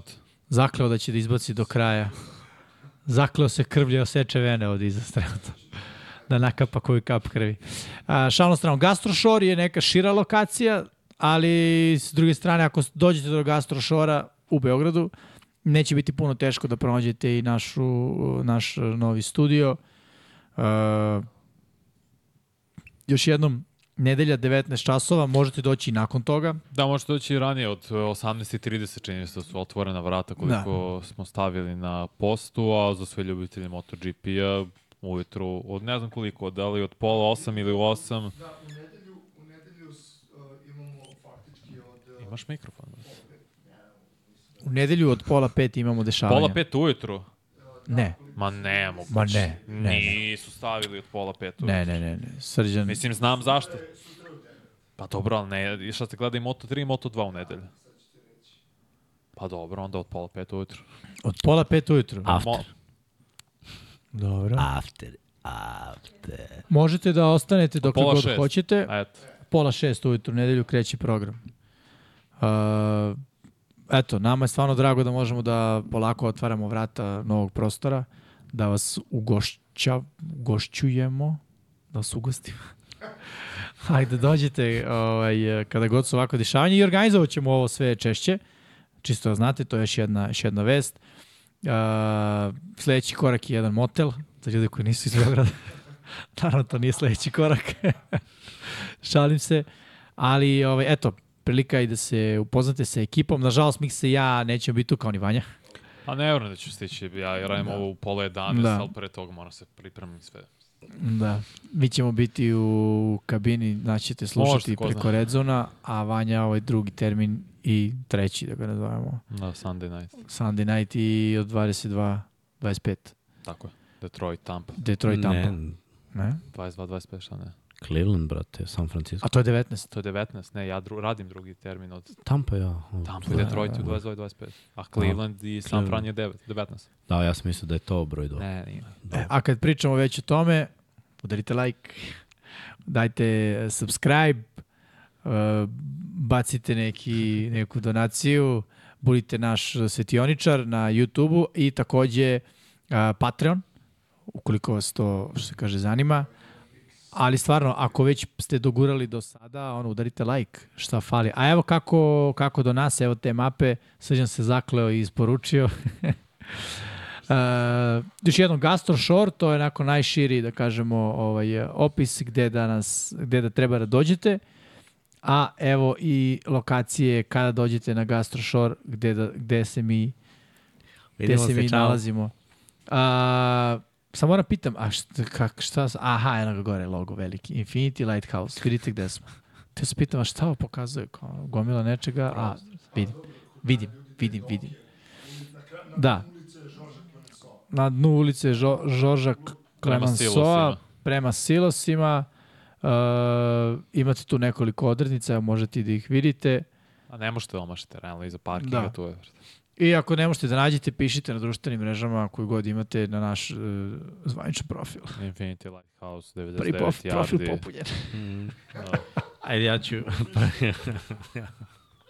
Šta je iskopao lik? Ajde, ja ću da uđem malo da... Pitanja? Ajmo malo pitanje. Proroke? Prognoze naše. Ja, Da, da, da. prognoze. Svaki put, brate. To... Ne, ljudi, petak mi je stvarno ne, počeo u zezam 6 ujutro, prostite, ali evo, budan sam 18 sati. Znam. 19. Evo zato, nećemo 20. dugo. 22. Denver, Kansas City. Svi smo birali Kansas City, svi smo pogodili, bravo. Baltimore protiv Tennessee, u Tennessee veruje samo Don Pablo. Dobro, Sad će nas Saša. ok, nije nemoguće, prošle nedelje smo se obrukali kad smo verovali Baltimoru. Washington, Atlanta. U Washington verujemo Miksa i ja. Opa, vi Malo ostali verujete u. Atlantu. Pa, Ti si iznenađen. Iskreno, Ti, ne, mislim Ja da sam ti- iznenađen. Nisam iznenađen. Gađao sam papirićem u kantu i bilo je ono... Što baš u kantu? Bilo je ono, Kobi, pogodim Washington, izgubim Atlanta. Nego bude. Ej, nije, nije nemoguće. Bravo. Bravo. Nije nemoguće da dođe Washington. Ma nije, ne mogu. Mislim, gledaj, jedan i drugi tim, znamo već, pričali Imaju svoje smo, sve probleme. moguće. Da, i probleme i vrline. Da, da. I, I za jedne i za drugi. Pritom Washington je posljednju utakmicu igra u četvrtak, tako? Prošli. Im da, Thursday night, da, dosta, 10 dana. 10 odmah. dana. Pa, ima vreme da se odmori. A ovi su, ovaj... e, Pobedili Houston prethodnom kolu. Da. Dobro, vidjet ćemo. Minnesota protiv Chicaga. U Chicago veruju Vanja i Pablo. Mi svi ostali biramo Minnesota. Ma kako, verujem u sad u Fields više, jer opet Dobro. napad Minnesota ne znam kako izgleda bez Justina Jeffersona. Trčanje mi nije nešto pokazalo puno. Odbrana, dosta blica, ali dosta tu ima i a, falinke i prave greške kada idu u blic toliko često, jer cornerbackovi ne igraju na toliko visokom nivou i DJ Moore može da ima svoj dan. To je glavna stvar. Dobro, veruješ u mečke. Da. Seattle protiv Bengalsa. U Seattle veruje samo Vanja. idemo pre Seattle i Gino. Dobro, Dobit će Seattle, vidjet ćete. veruješ u Ginoa. Zapravo verujem u igru trčanja, pre svega i u odbranu, nego u Gino Smith, ali mislim da Gino Smith neće grešiti, to je ključna stvar. Okej. Nisam još ubeđen da se Cincinnati vratio onako do kraja. Dobro, vidjet ćemo. San Francisco protiv Clevelanda, svi verujemo u Cisco, niko ne daje šanse Clevelandu sa rezervnim quarterbackom bez Nika Čaba. Carolina Fix. protiv Majamija, svi biramo Miami, I ne znam šta je bih rekao. No su 0-5. dva, dva, dva lagana Lagano. hendikepa. Da, ono, Razmislite o jedan. tome. Mislite o tome. Indianapolis protiv Jacksonville, u Indianapolis veruje samo Erceg. Dobro, nije to... To da, to je potencijalno greška svih nas, ali dobro. New Orleans protiv Houston Texansa, u New Orleans veruju Miksa i Srki Veliki, mi svi ostali biramo Houston. Ok. New England protiv Las Vegasa, a, Pite zašto sam u New England veruje Vanja i Pablo. Pablo veruje u, pro, u kontra svoje. Dobro. Ne znam da iskreno, ne znam ko ostane sve. Baš, ni u Raidersi su mi isto. Možda Mi smo- divizije, pa ne volim. Da, mi smo ostali birali Vegas, aj to da kažem. Arizona protiv Ramsa, niko ne vidi pobedu Arizone. Svi verujemo u Ramse. Fila protiv Jetsa, samo Erceg veruje u Jetsa. Dobro, ovo je navijački. Ajmo dalje. Detroit protiv Tampe, svi verujemo u Detroit, osim Ercega koji veruje u Tampa Bay. Giantsi protiv Buffalo, svi verujemo u Buffalo, niko ne veruje u Giantse i Dallas protiv Chargersa nas je podelio. U Dallas veruje Erceg, Pablo i ja verujem, a u Chargers je Miksa Vanja i Srki Veliki. Uvijek u Herbert. Dobro. 50-50. In Herbert you trust. Naravno. Miksa, ćemo pitanja? Ajmo. Ajmo, Srki, razvuci traku. Razvuci. Pitanja i odgovori. Motaj kablove. Čestituju nam na 38.000 subscribera. Boško, hvala. Hvala ljudi. Hvala što doprinosite tome. A ako ne doprinosite, klik. Zar nije lakše da se da adresa pa neka kucaju ljudi na mapi? Pa adresom ćete doći do rampe, a posle Da. ste prepušteni sami sebi. Da. Jer su sve hangari. Evo je adresa. Uh, Yes. Gastroshore. Mislim, to je najbolja adresa. To ukucate na Google mapi i to je to. Ne, mislim, ja mislim da nema to sa neka adresa. Mislim kao, da je Žorža Clemenceau da se vodi tako. Ali koji broj, mislim, šta sa... Nema A broja. nema tu broja, mislim. Morate doći da biste poverovali u ovo To je kraj, žor, mislim, sigurno ima broj, ali To je dođeš Žoržov kraj. Žoržov kraj i dođete tu ima, Nje, njegov hud, brat. ima ovaj hangara koliko vam duša hoće. Žoržov hud.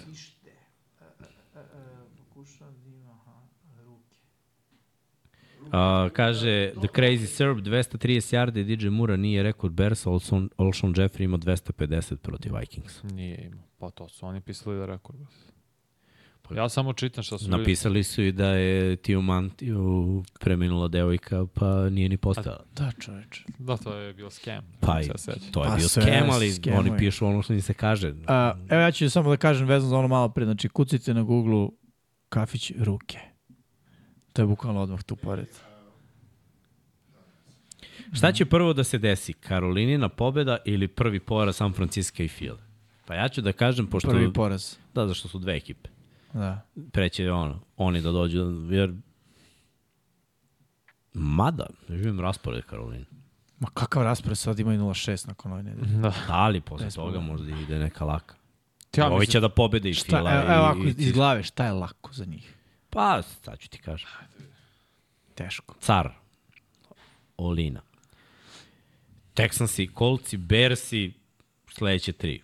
Pa znam, Mogu Bears da su pobede. poslednji tu. Mogu Ne da mogu, pobede mislim, ne mogu te. da Idu na baj posle Dolphinsa, tamo malo da se resetuju i onda protiv Texansa, Kolce ili Bears. Mislim, bazi, Minšu igra za Kolce, rekao si. Koga si rekao da ima utakmica Minšu u sebi? Dve. Ovo mu je druga kao starter. Posle toga magija nestaje i Dobro, to je tačno. nije nemoguće. Bersi, mislim, mene E, Bersi ništa nisu Nije mislio dve ubedili. uzastopne. Nego dve ovako, pa kad se to desi, znaš, to je sve zavisi. Pa i nije kad god. Postoje šanse, to su tri. Posle idu Cowboys i Titans i Buccaneers i Saints i Falcons i Packers i Jaguars i Buccaneers i u ove znači, tri do im- novembra pobeđuju. U ove tri im vidim prvu pobedu. Ti da ćutiš, ti si rekao osvajaju diviziju. Jes, ja sam tu umano, ja sam baš tu umano, iskreno. Baš sam umano to. Jedna od redkih velikih grešaka. Pišite, pamtite. U ove tri Pamtite. dobijaju jedno. znači, to je osmo, deveto ili deseto kolo. Znači, do 10, do, dobro, a šta ima 49ers? Šta, šta imaju 49ers i Fila u, u tim nedeljama? Fila ima Dallas, to znam. I to je, Cisco, ovako. Cisco ima, mislim, yes. brate, što Cisco ima lak raspored. Brownsi pa Vikingsi, odčepit će Minnesota, pa idu Bengalsi koji ne mogu da se povežu i ovako. Znači sad kreću se povezuju, ali će ove da ih restartuju, pa onda imaju baj u devetoj i onda Jaguars i Buccaneers. Mislim za San Francisco ovo lako, za većinu ligi nije. I onda Seahawks i to je dobra u 12. Da. nedelji. Znači, ali ovo pre toga sumnjam da neko može da... da A, Da im sruši Sneška.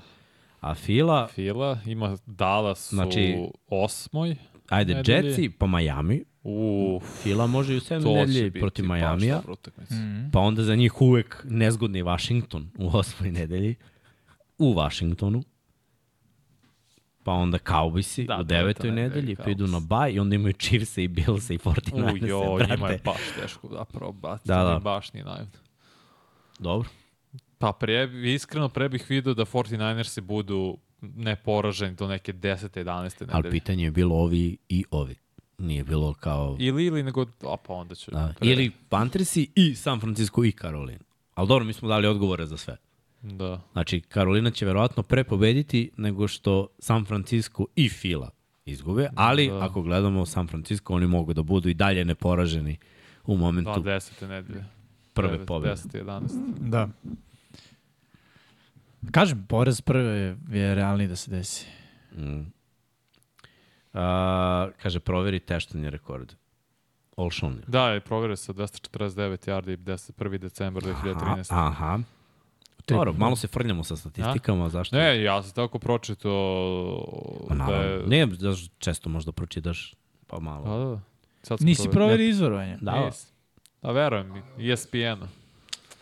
Verujem ESPN-u. Šalim se. Ne veruj nikome. A, šta će prvo da se desi? A ne, to sam pročitao. Najjača statistika ikada na onoj košarkaškoj, dobro, to nije pitanje. U, znaš ko je, ne, to sam Mixi rekao. Ko osvaja AFC? Kansas City Chiefs. Nema šanse. Miami Dolphins. Mixa, Šta? ti. Pa ne razmišljam. Chiefs. Znaš ti, ne znam da li to s Pevaljka tebi nije dobar znak. Pe- pevaljka. Šta će ti pevačica? Chargersi 2010. godine su bili prvi tim ofanzivno i prvi tim defanzivno. Rankirani.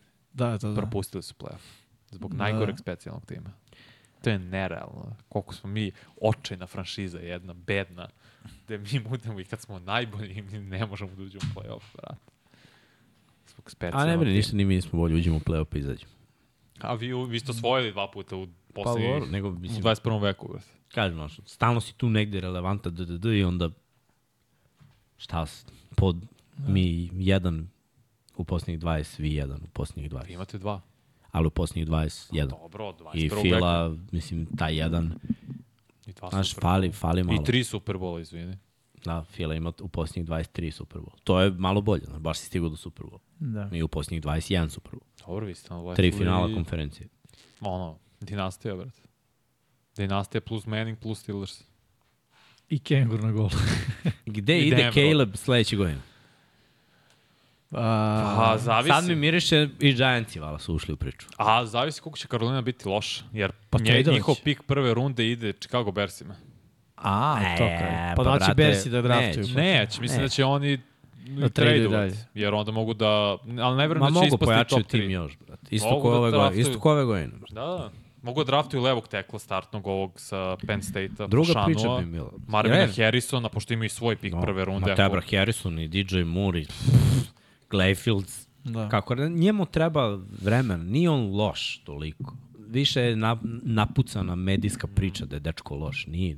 Vidiš ti, verovatno jeste do tog coachinga što ga smaraju da radi stvari na određen način. Ja, ono, ove, posljednje dve utakmice su pokazatelji da on može. Mm. Znači, s dobrim trčanjem, sa, sa dobrim opcijama i sa više zvanja za DJ-a Mura. To, je- to je rešenje. I zamisli da ima još jednog mađioničara na drugoj strani, brate. Pš, Kaže ti, uzmu startnog levog tekla, Olu Fašanu, brat, lepo.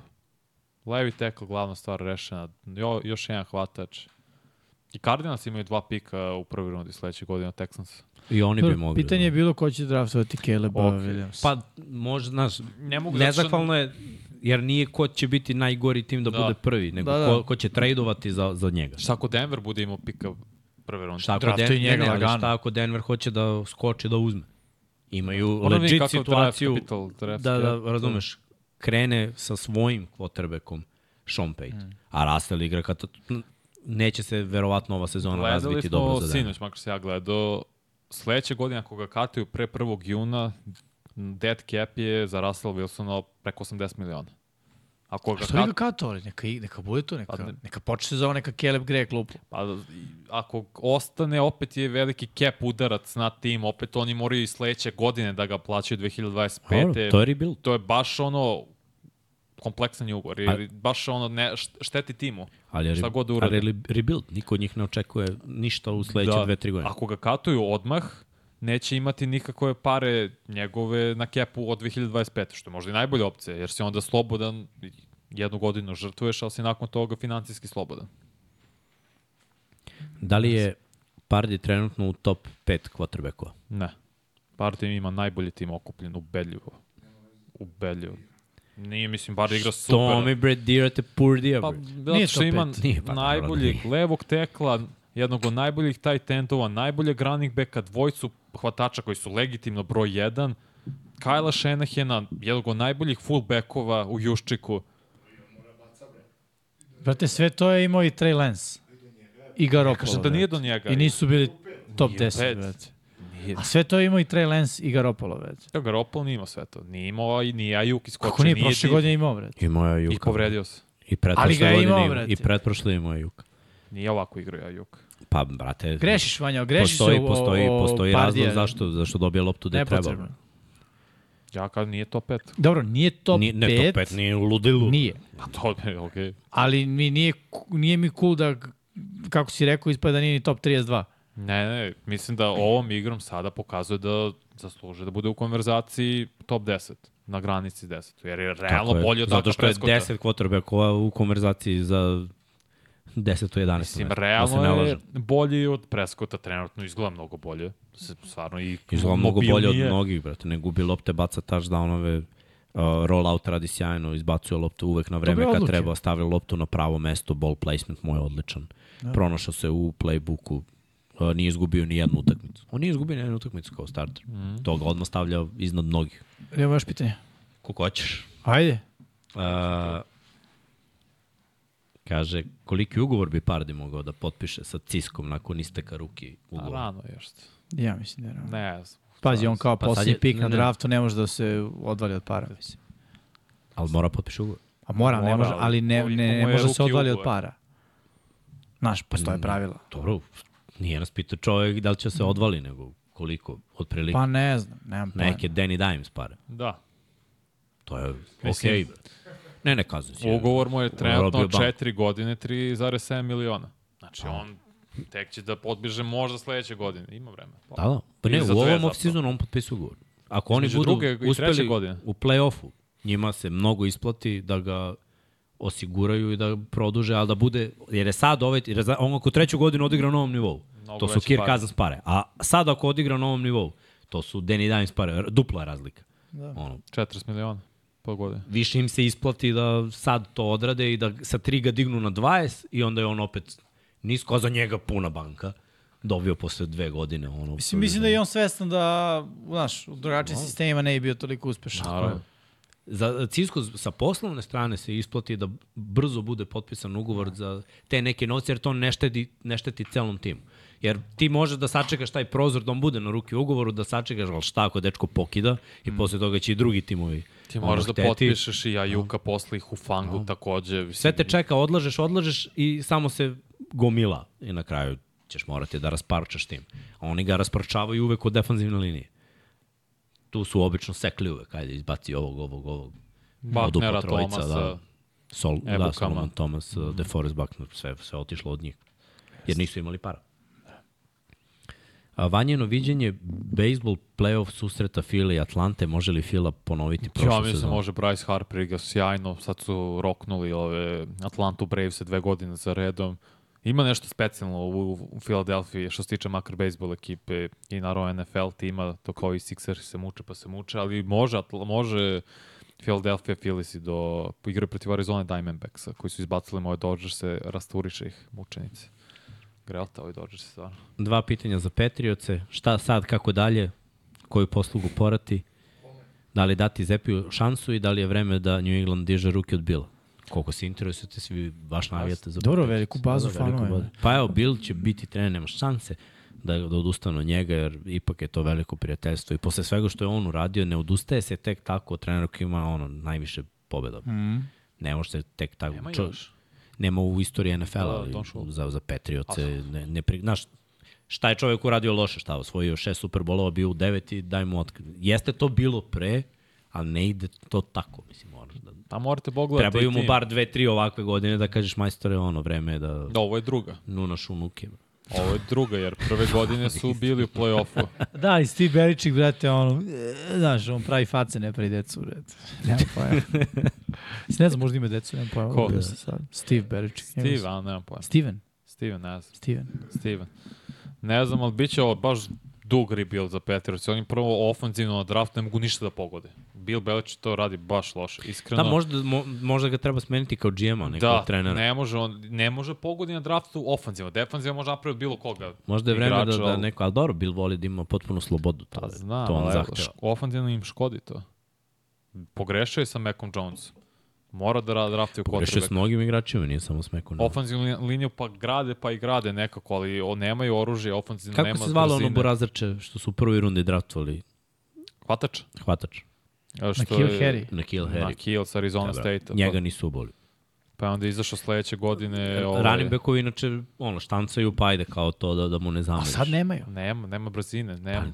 Znaš, nije ništa birao, nije pogodio, nije, znači ništa bukvalno što je draftu, ajde Call sad. Strange. Šta On, pa tome? do- dobar je online poga- ali online pogađaju. To je mnogo visoko draftao Strange koji mogu pokupi u trećoj rundi, bukvalno. Baš nepotrebno. Skill igrač, naroče. Strange To pick. ništa, ništa nije pogodio. Ništa, ništa. To su problemi. Od Dobro, Gonzalesa ništa. je pogodio. Koliko? Pa dobro. Gonzalez. A da, ali to je defanzivno. Lonely. Defanzivno pravo. Lonely, lonely pick. Defanzivno pogađa. Oni Edge prave. rushera nije pogodio. Barimora Nijednog. defanzivno tekla je drugoj rundi pogodio. Oni prave odbranu. On pravi. Linebackera nije pogodio. Nijednog. Od Donte. Znači već dve, tri godine. Ima godina.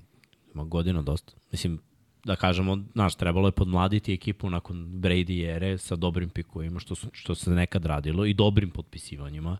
Sve su bili promašaji od ovih igrača. Tako da, ono, kao GM Bill ne radi dobar posao, to je činjenica, a kao trener, mislim, to je Bill. ne želim da, da ovo što spekulišem, ili ja mislim da on, taj posao je tu dokle god ga on želi. Posle svega što je uradio za Sigurno, ja franšizu, mislim. mislim da je ta priča. To bi bilo kao da pitam kad će Jerry Jones da on prepusti Cowboys dok je živ, on je tu, brate, Bukvalno. nema. On je sve, brate. Posle možemo pričamo ono, koji šta. Alfa i omega čovjek. A, može li u prenosu da se smanji ton američkih komentatora? Pa pitali smo, rekli smo, pa vidjet ćemo. Da, to zavisi. Ako smo na streamu, onda oni se trude da utišaju i to im ispomenemo zato što se javljaju ljudi jer ne može se sluša i mi, oni ne slušljivo je skoro, a kad je satelit onda ih nema. Ali na... Čekaj, se čuju i kada radite obične utakmice? Kako, ka, ka, Ka, kakav ka, signal? sad sam objasnio, kad je na streamu, Ne, ja sam mislio to važi samo za red zone. Uh, ne, važi, ak- ako je prenos na streamu, onda se čuju, ako je na satelitu, onda se ne čuje. Jer na streamu je kao bezbednije ako je neko loše vreme i taj faz, tako su nam makar objasnili. Mhm. Tako da, ali on svaki put kažemo, utišajte koliko je god moguće po sistemu da se utišaju. Da li Jimmy ide na svadbu sutra? Koju svadbu ideš? Ne. Što mora da razmisli o tome. Ne, ne, sutra idem negde, ali ne idem na svadbu. Moram sam da se setim gde sam pošao. Koliko svadba? San Čija Francisco... svadba? Ne znam. Eto ja pitam. Ako trebaju gosti, možemo pojesti. Kaže, koliko San Francisco ima još vremena da juri Super Bowl sa ovakvim rosterom? Pa ima. Dve, tri godine. Jer moramo da uzmemo u obzir polako, oni su stariji polako. Mislim na Kitla, mislim na... Ali to lepo da. menjaju, znaš, Dve, lepo godine, obnavljaju ekipu. Ti ja mislim, barem tri godine. To je to. Odbrambeno su odradili manje Jer više. pazi, i oni kao i Miami radi dobar posao na draftu. Realno. Biraju igrače koji su uklapaju njihove šeme. Znaš, Da. ko je Hufanga, nismo imali pojma dokle nije Bukvalno. zaigrao kod njih. Bukvalno. Realno. Kao i To za je John ovoga. Lynch. John Lynch to radi odlično, odličan draft. Odlično radi draft, stvarno. Slažem se.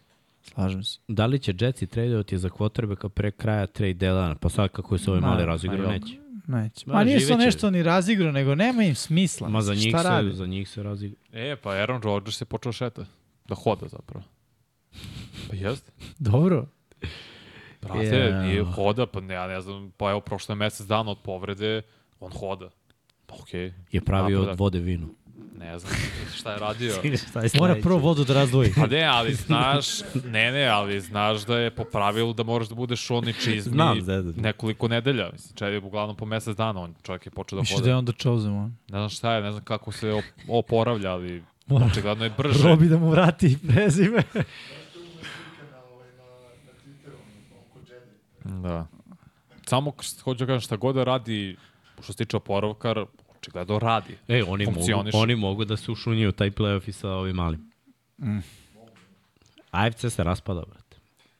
AFC se toliko raspada da ja zato kažem Chiefs kao vidim ovde neke komentar nisu na nivou, niko nije. Ko je drugi na nivou u AFC? Miami jedino, Miami sam. ali Miami je kicks. na ok nivou, ali Miami ćemo videti protiv ozbiljnih ekipa. Miami će naleti na filu, na, naleteće, znaš, igraće protiv, baš protiv Chiefsa. Tu, tu, Miami Teško je se protiv- brani, ono što je Zašto? Zašto? Miksa, treba i Stoji. dobiti linebacker, fila nema. Sve stoji. A znam, ali evo, ni, ne, Miami, ni gledaj, to, Patriotsi, to čaukuje. pa su im dali 24 sam. To zbog grešaka Patriots na kraju krajeva. Ma je Miami greši. Krenu oni da se zazuju, da forsiraju previše. I ovaj tu, a, obično, samo se isključuje na trenutku krene da prebacuje sve preko. Izbaciš ga iz ritma, on... Klasičan to tuica. Halle Berry ili Eva Mendes? Halle Berry. Čekaj, nije još witching hour. Neće ni biti, neće. Eva Mendes, realno. A, Miksa, ti ga Halle, pravo. Halle uvek.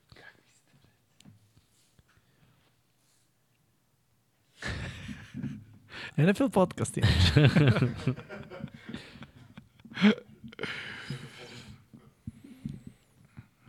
Mm, dobro.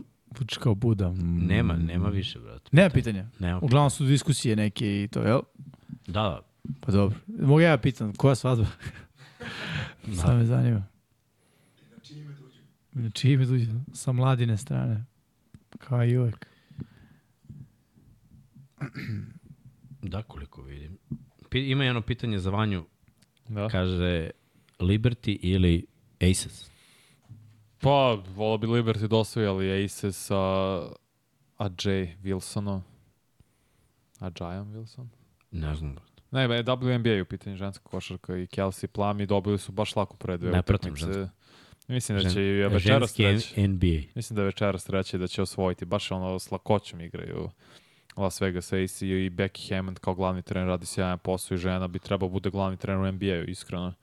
Stvarno radi odličan posao, a za Liberty sjajna sezona, ponovo su u finalu i neće opet osvojiti titul, neće doći do prstena. Šteta jer gotivim Sabrinu izuzetno i njene ove patike Šulani Snajka bi ih uzao čim se pojave ovde.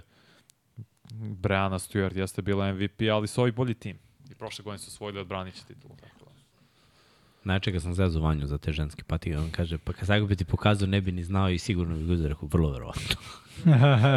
Brate, male, toliko je tanka granica danas da ono, bukvalno, ne znam, ove muške su, Ma nisu to ženske patike. to je samo njen model. To je model. Nije, to je uni, sve je to unisex danas. Bro. A Maja Bridges će nositi njene patike cele sezone. Ma dobro. to je rekao. Dobro, to je marketing.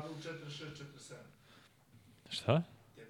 Prave ako hoćeš, brate. Prave u kom god hoćeš broju. Mislim, kad si poznat.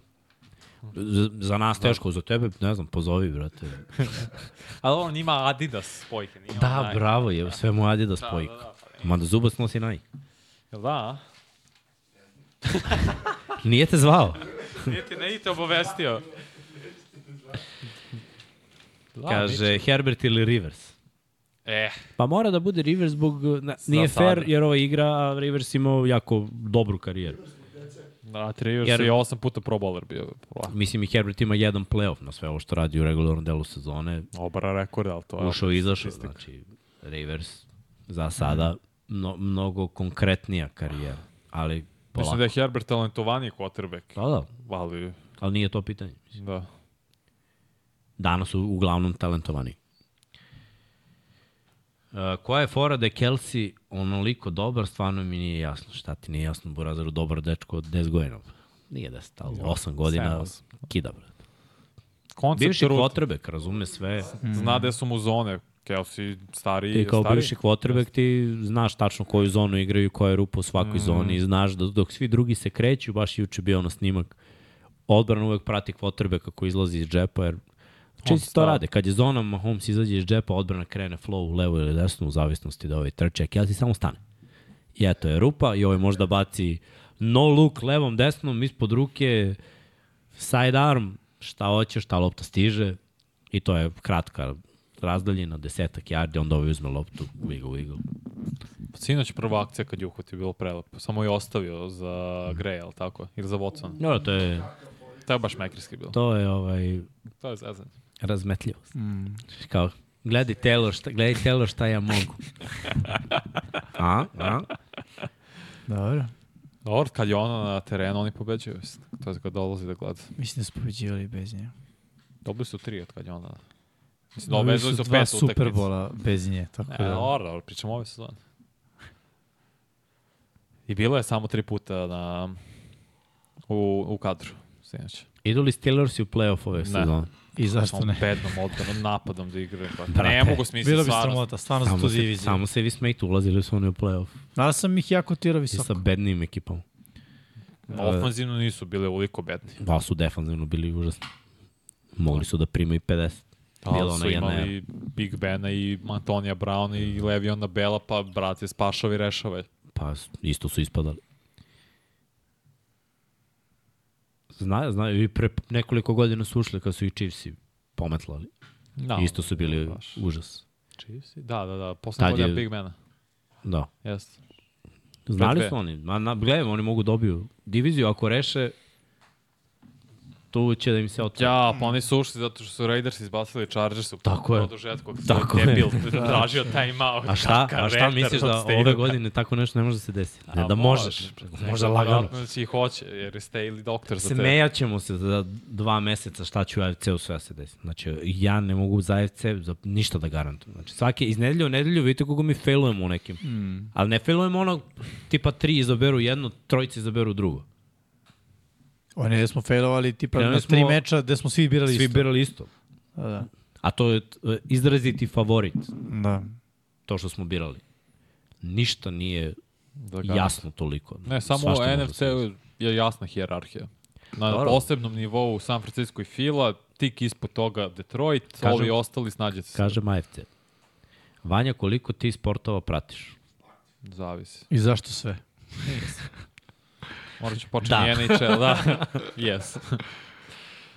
Ne znam, mnogo, pratim. Moram i NHL sad počnem pratim detaljnije. Kaže, Pa moram. prošle godine je Vanja isto ovako decidan bio da nema šanse da budu pozitivni. Dobro, i ove godine se nastavlja taj tempo. Sa Vanjino ovim- ne je brže od Titovog ne Staljinu. Sa, o, da. sa ovim napadom ja zaista ne. U prošle godine makar sam videli i Harrisa i Pickensa sam pogodio i skakao, imao ispošten lopta, ali igro je dobro. Napad izgledao bolje, ovako Kaže, napad, napad je ovako loš već pet godina. Ovoliko loše nije. Steelersa su Javljaju, ušli, da. da. Ovoliko I šta loše nam fali, nije znaš kao? Ovoliko loše Fire baš nije Canada. bilo, brate. Pa nije, ne, ne znam da li je sve na metu uh, Kennedy. Na nešto što je Kanada i da je dobro. bre. Raptorsi. Reprezentacija košarkaška. Yes. Nije Da, loš. Izgubili u polufinalu. Pa dobro, Dobro. osvojili su bronzu u- posle Polufinal. ikada, brate. A vi ste ti ljudi. Bronza, brate. Pa Kako nije uspeh bronza, brate. Mislim, pr, znaš, ovo su novi igrači, neki mladi, nemaju iskustva toliko. Claypool. A misliš, A, dobro, to, Claypool, brat. Kanadski futbol sa end zonom od 20 yardi, bre. Stvarno? Da, u Ne kanadskom futbolu end to ne, zone to ne prati. 20 yardi igri 12 na 12. Kaže, vanjena statistika ne radi, Steelersi su pobedili Cleveland nakon poraza od San Francisco. Ja sam to, ja ljudi, ja to sam čuo sad. Ja sam to čuo Richarda, še, uh, Richarda Ja, a Shermana. ja prognozu birao na kontu vanjine dojave. Ništa, Jimmy, mora proveravam izvore. Kaže, zašto je Vanja tvrdio da će Revenci odčepiti Steelers? Ulaze li Ja. Chargersi u playoff? Krenulo je sad i lično. da li će Baš. Herbert biti GOAT i da mo? Ja, nikad nećem završiti. Ja sam to čuo od Richarda Shermana. Tako da. U jednom telefonskom razgovoru. Da. Prejako. Sherman? Ne znam. Ne, pojma. Ma ko je? Dobro, to je sad postalo normalno. Sherman sad, ono... On je malo i sa, sa, skipom sa sada skipom, krene, pa, da. Sad je više u, u žiži javnosti. Da. Kaže, Miksa, koliko si se smorio prošle nedelje zbog Steelersa? Pa od 1 do 10, 10. 14, ja bih rekao. Ne, ne, stvarno je bilo užas. Ali znao sam, znaš da sam znao. Kad gledam u Jimmy ja na red za ono je bukvalno, mislim, i rekao sam u etru, nije kao da... Da, da. Nije da možemo se isključimo sve vreme smo u live-u. Mirisalo mi je da to nije to. Znači, ispuštene lopte, propuštene šanse i onda onaj interception i onda safety i džabi svi ti procenti kad znam ja ove moje u, u, u kost. A, po, po, poznajem ih, brate, znam kakvi su. To da Baltimore u posljednji minut to nešto reši protiv drugih ekipa i možda, ali u diviziji protiv Steelersa, jok. Kaže, može li Houston da osvoji diviziju? Dobro pitanje, nije isključeno. Trebalo bi čudo da se desi. Mislim da je isključeno. Trebalo bi da oz- ozdrave op ofenzivno nije pre svega. Pa gledaj, ako dobijaju u diviziji, dobili su Jacksonville, šta ima Houston u diviziji? Izgubili 1:0. su, Titans i Colts. A misliš šta imaju do sada? Izgubili Izgubili sad. su od kolca. Zar ne?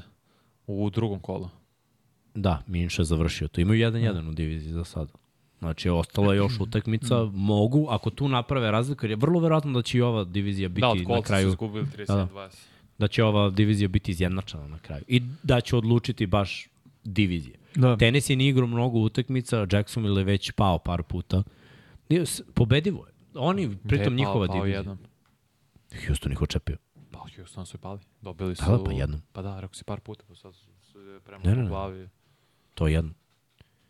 Ali su pali par puta ove sezone. U diviziji nisu. Da, Kolci će dobiti, onda oni idu na 2-1 u diviziji. 2-1 diviziji. Dobro. Dobili dva puta Kolci, izgubili od Texansa. Tennessee se čeka u diviziji da, da razigra. Zanimljivo će biti. Nije nemoguće, ali je jako teško, jer su pre svega Kolci bolja ekipa, a Jacksonville je dosta bolja ekipa na papiru, ali treba da, da uđe u ritam. Ovaj London ih je možda vratio u igru. Ali Kolci imaju već u diviziji 2-1. Ako Jacksonville veže tri pobede, Kolci da imaju. 2-1 dobili su Tennessee, Da, da. dobili su Houston. Ja već igraju četvrtu utakmicu u šest nedelja. Mislim, moramo uzmemo u obzir da je Tennessee najgore plasirana ekipa trenutno u toj diviziji, da će i oni kliknuti u jednom trenutku. Od, Možda. od, od Jacksonville-a i, i Titansa očekujem da će napraviti ono nizove neke pobede. Koliko bolje mogu da igraju ih Texansi. Pa mogu da Da li daju je njihov touchdown. plafon veći, viši, kako god, od trenutno stanja Titansa, Jacksonville-a i Coltsa? Pa oni su krivi što su nas naterali da verujemo zašto su dali dva puta po 30 poena. I sad verujem da je moguće da igraju na tom nivou. Ali su davali touchdownove. A onda protiv Atlante nisu. Znači, ako daju touchdownove umesto field golova, oni mogu da daju 25 poena po utakmici, a tenis ima problem da radi to. Kolci ne nužno, a Jacksonville isto pokazao da ima probleme da radi to. Lamar Jackson je 25, 23, 9, 31 i ne mogu setiti šta je bilo u trećem kolu, koliko su dali poena kad su izgubili. Koliko su dali poena Houston? E, to, to, to kad su izgubili, koliko su dali? Malo, brate. Pa zato, i nabrana, znači bilo je Oko prvo 20 kola, je bilo, bilo je 3 posle. Ne možda je može bilo 37, 20, 20. Tako nešto. Znači, dva, uh, 31, prvo kolo 9, aj kažemo 20, 23, 25, ok. Samo protiv Chiefs je to bilo katastrofa, da su bili potpuno zatvoreni, ali ve, mogu da daju preko ono, u proseku 25-26 poena. Jaguarsi. Biće zanimljivo. To je jedno od najzanimljivijih divizija. Južne. Pazi, južne su postale. Južne, Južne. Mhm. Šta mislite, da li treba uzimati svake godine na draftu kvotrbeka u nižim rundama, da ne dođeš u situaciju da ostaneš bez kvotrbeka kao San Francisco prošle godine?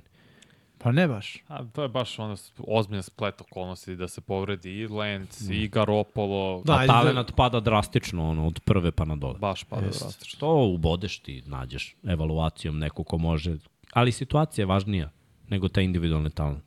Se pogodi, brate, i sve za tvoje talente se pogodi sa trenerom i ekipom i talentom u ekipi, to je, desilo se Pardiju, pa ne pamtim kome pre iz kasnijih rundi. Pa i Prescott ima, eto to u četvrtoj rundi par godina. Da on ima vrhunsku situaciju? Pa dobro i ovo ima. Ima da, ali on je dru, drugačije Sad je više, bilo. ovo ima bolju situaciju nego što je Dak imao te, te Ali godine. Dak nije imao izvesnu situaciju da igra. Da, Da, Nego je. Toni Romo, njegov je bio se. tim i, znaš, to je bilo to. Povredio se u A. predsezoni. A ovi su teli da Ključna zamene, kost. znaš, nisu oni teli da zamene. Romo je bio tu da ostane, ali se povredio. A ovi su želeli što dalje od Jimmya. Nekako je mirisalo ono, Jimmy G nije taj. Da je pokušamo na sve načine draftuj koliko god možeš. Nek mu dišu za vrat. Da, nisu mogli da znaju da će poslednji pik na draftu. Ni, pa to niko ne zna. Ko je u gori situaciji New England ili Giants? Pa New England. Giantsi makro odbranbeno imaju mlade perspektivne igrače i dobru odbranu. Zaista i dalje mislim da imaju dobru odbranu i dobrog linebackera, Okereke i Thibodeau i Dexter Lawrence i Williams u front sevenu. To je, dobar, to je dobra odbrana. U napadu, to je, oni imaju Barkley i posle, ono, pitaj Boga šta je sve, imaju odličnog startnog levog tekla, Andrew Thomasa, ovo je statak je znak pitanja. Quarterback je, Daniel Jones je bolji od Meka Jonesa, ali to je ovo, ovo Jones za razlike. Jonesa. Ove razlike, pa da, bukvalno. Kad je posljednji Jones bio dobar quarterback? Razmislite dobro. Indiana Jones. Ne znam koji je Jones. Pojma. Eto, možda nije suđen. Pa može, Uh, ne znam. kad radite Red Zone, jeste li zajedno u kabini ili svako ima svoje mesto? Pa imamo svako svoje mesto u jednoj kabini. Muzičke stolice, Da. menjamo se. ne, sjedimo jedan po drugog, gledamo Kad isti god je neki touchdown, ko prvi sedne do sledećeg touchdowna. A nije loše da malo ustanemo s vremena na vreme. realno. Pa da. To, nije, nije loše. Donosimo u sledeći put one Balance za, ploč. za balance ploče. Da, da, da. Pa ga bam! Dobro, ti imaš tendenciju da padaš. Injury To report. to svi znamo. Nemoj da pokušavaš na mikseti nešto da uradiš. Da li je AB top 3 hvata čikada? Pa nije Ne. top 3, ali po talentu jeste u samom vrhu, samo što je lud top 1. Najlući. Ne, Kaka je to, kaka je to. Tio, Randy, makro u skorije generacijama. Jerry Rice. Jerry Rice. To mora bude top 3. Dobro, dobro, dobro, dobro i ajde da kažemo da bi to bilo to Može. i da se polako selimo u neke toplije krajeve. Da, pošto ovdje radi, pa šta hvala. Znam, pa ugasio Neka, brate, ne mogu se lepim za ovu stolicu, brate. Istina, istina. Da, vruće je, brate, kad Napeto ne je, radi klima, jest. brate. Ovde, kožno sve, znači, Škripi, brate. da, nije u redu, brate. It's a chair. It's a chair. A, nadam se da ste uživali u podcastu, a, da smo obradili sve teme koje smo trebali, da smo ispričali, najavili kolo, bit će uzbudljivo i ove nedelje imamo London, znači nedelja od 15.30 pa do 6 ujutru možete da pratite američki futbal, možete da gledate sa nama u našem novom prostoru, to je novina, to je lepo, gleda se već MotoGP, zašto ne bi i NFL. Pratite društvene mreže, sve će biti napisano, Uh, Instagram, Srki, mm, 99, Grm ja. 99. Da, Napravili smo malu anketu, bili i neki stotinak ljudi se najavilo da će. da. Napravili Stotinak, smo znači post. porasla je, jel? Ja kad zadnju informaciju imam 80 ljudi rekao da bi došli. Da. Mi smo, eto, stotinak. Super, eto. Znači, sto. Dođite, uživajte, bit će toga još, to je i poenta, da ta zajednica ne bude zajednica samo vi na internetu, mi ovde, nego, eto, do, u igrom slučaju mi nećemo biti tamo, jer znate da, da komentarišemo Dobro, utakmice, bit će prenosimo, ali, Srđan. Uh, biće Srđani, Biće dva Srđani. Srđana band, koji E, će vas zabavljati na halftime show, dva Srđana. Na halftime show čega? Redzone radi non stop. Turbina se vrti. A šta, imali smo tema od prošle nedelje. Da, e. Halftime show od 45 sekundi, šta za njih? Minut, Da, da. brza numera. to, brza numera, da. Tako da, ovaj, svakako, svakako će biti zabavno. Uh, pratite NFL na areni, imamo Red Zone, Vanja radi dve utakmice sa Vukom. Mislim da su ovaj, kliknuli malo. Ja ih slušam i kad završimo, ja pustim njih, mm. brate, malo, pa ih oslušam ove nedelje. Prošle nedelje sam čak i ostao na, na areni, bio sam tamo, ovaj, našao svoje mesto, kafić. Treći u kabini. Da, i ovaj, u, u, uživao malo. Što se tiče uh, sledeće nedelje, sve ostaje isto, petak. Vidio sam ovaj, da, da pitate i da budemo češće i da bude dva puta kad bude bilo u novom prostoru. Mislim da smo toliko zauzeti obavezama da je to neizvoljavo. Da kad pogledamo šta je ponedljak, da. mislim Jim ima i drugi posao, a mi imamo... Prvi. Da. Da, prvi, da. da. A imamo i toliko obaveza u toku nedelja sa svim tim snimanjima, studijima i ja, jako je teško da, da, da izdvojimo vremena, ali eto, počastimo se u petak ovako sa 3-4 da. sata i ovaj, ispričamo sve, neće biti witching hour, završit ćemo pre 12. Da. Tako da pozdravljamo vas sve, hvala na poverenju, 38.000 subscribera, ozbiljna stvar. Koji igrači su nosili 38? Meni sad... To glavno defensivni bekuje. Meni padala Jerry Sneed sad, trenutno koji ima 38. Roy Williams u ruki sezoni, ja mislim, safety. Ko? Roy Williams. Ej, bre, Vanja, ne znaš ko je Roy Williams. A, pa ja znam ko tača. Te pa, Na koleđu nosio sigurno 38, izdaje u NFL. Sean Taylor, ne, 36 je nosio. 36. Sad ćemo da... 38, uh, Betis 36 isto. Alfred Morris, nije 46. On je 46. Ajde, Vanja, kuci NFL players. Sledeće 46 znamo Ne, pomalo 43. Najpoznatiji je Arni Herber koji je nosio... Znači ništa. Šta su koja Arni Herber? Ništa, Legerius Need. Legerius Need. Ovaj, što se tiče sledeće, pa dobro, pucamo na 39.000. Nije nerealno da stignemo do sledećeg podcasta, ako budete malo aktivni sa klikanjem, mogli bi. Ovaj, svakako podrška za sve naše ljudi i eto da kažemo da je NFL dinastija je u, ono, u finalu, konačno ćete ovaj, moći da je držite u rukama. Ove, sad se ovaj, bilo je pitanje za sve članove a, naše i Patreone za ispisana imena na, na posljednjoj stranici, tako da eto, to je jedan od načina da se mi zahvalimo vama za tu neizmenu podršku, ste vi naši prvi uh, sponzori, vi ste pogurali ovu priču da mi verujemo da ovo što treba ovo da radimo, sad verujemo i tekako. Pozdrav za Pepsi, tu je iznad mog uh, desnog ramena, tu je naravno i Pepsi limenka koja je ispijana. Uh, pozdrav za Dogmu, mm. tu je i Hadl.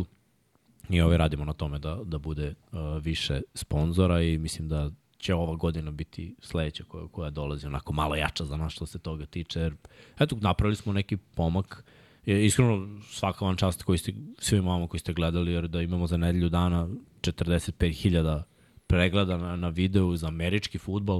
Uh, cilj nam je bio kad smo počinjeli da radimo podcast da bude ono 5 do 10.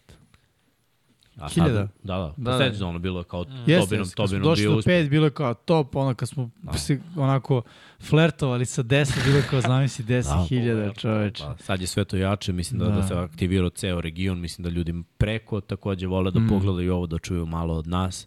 I ovaj stvarno ćemo dati sve o sebe da to i dalje bude. Shannon Sharp je često ovaj, da. sluša. E, inače preko je zato što treba da pogledate, ako ne pratite NFL arenu, da, da pogledate kako Jimmy analizira akcije. To je nešto što nikad nije bilo kod nas i, mm, i imamo da. tu naprednu tehnologiju. Marku treba isto da se zahvalimo jer Jest. je stvarno uh, momak uh, Četiri posvećen. sata nedeljno alocira da, da. zajedno sa mnom da izvojimo te videe. Tako je. I M se izvoji videe, M se to tako lepo uradi sa tom mm -hmm. tehnikom. Znači možete da gledate nešto kao što gledate na NFL Networku od Jest. nas, znači da slušate ovaj, na našem jeziku, da pokušamo da vam objasnimo, da vidite neke stvari, uvek se biraju te akcije mi sugerišemo Jimmy, ali on na kraju lupi ovaj, završnu i izabere akcije. Ali stvarno da, ali od, od, radi, se, da. radi se kvalitetan posao i mislim da to možete da pogledate, da to treba da se izdvoji. Imate na YouTube-u uh, arene sa strane tamo NFL arena, možete da pogledate te emisije i eto, ko voli malo to napredno, a nema Game Pass, E, i to smo vam prošli. Da. E, i sad možemo polako, ali sigurno pustimo Patreone da se odjavljujemo i da bežimo. Srki, jesi spreman? Ko puška zapeta. Ajmo. Veliki pozdrav svima, hvala što ste bili tu, vidimo sledeći petak. Ćao ljudi. Ćao.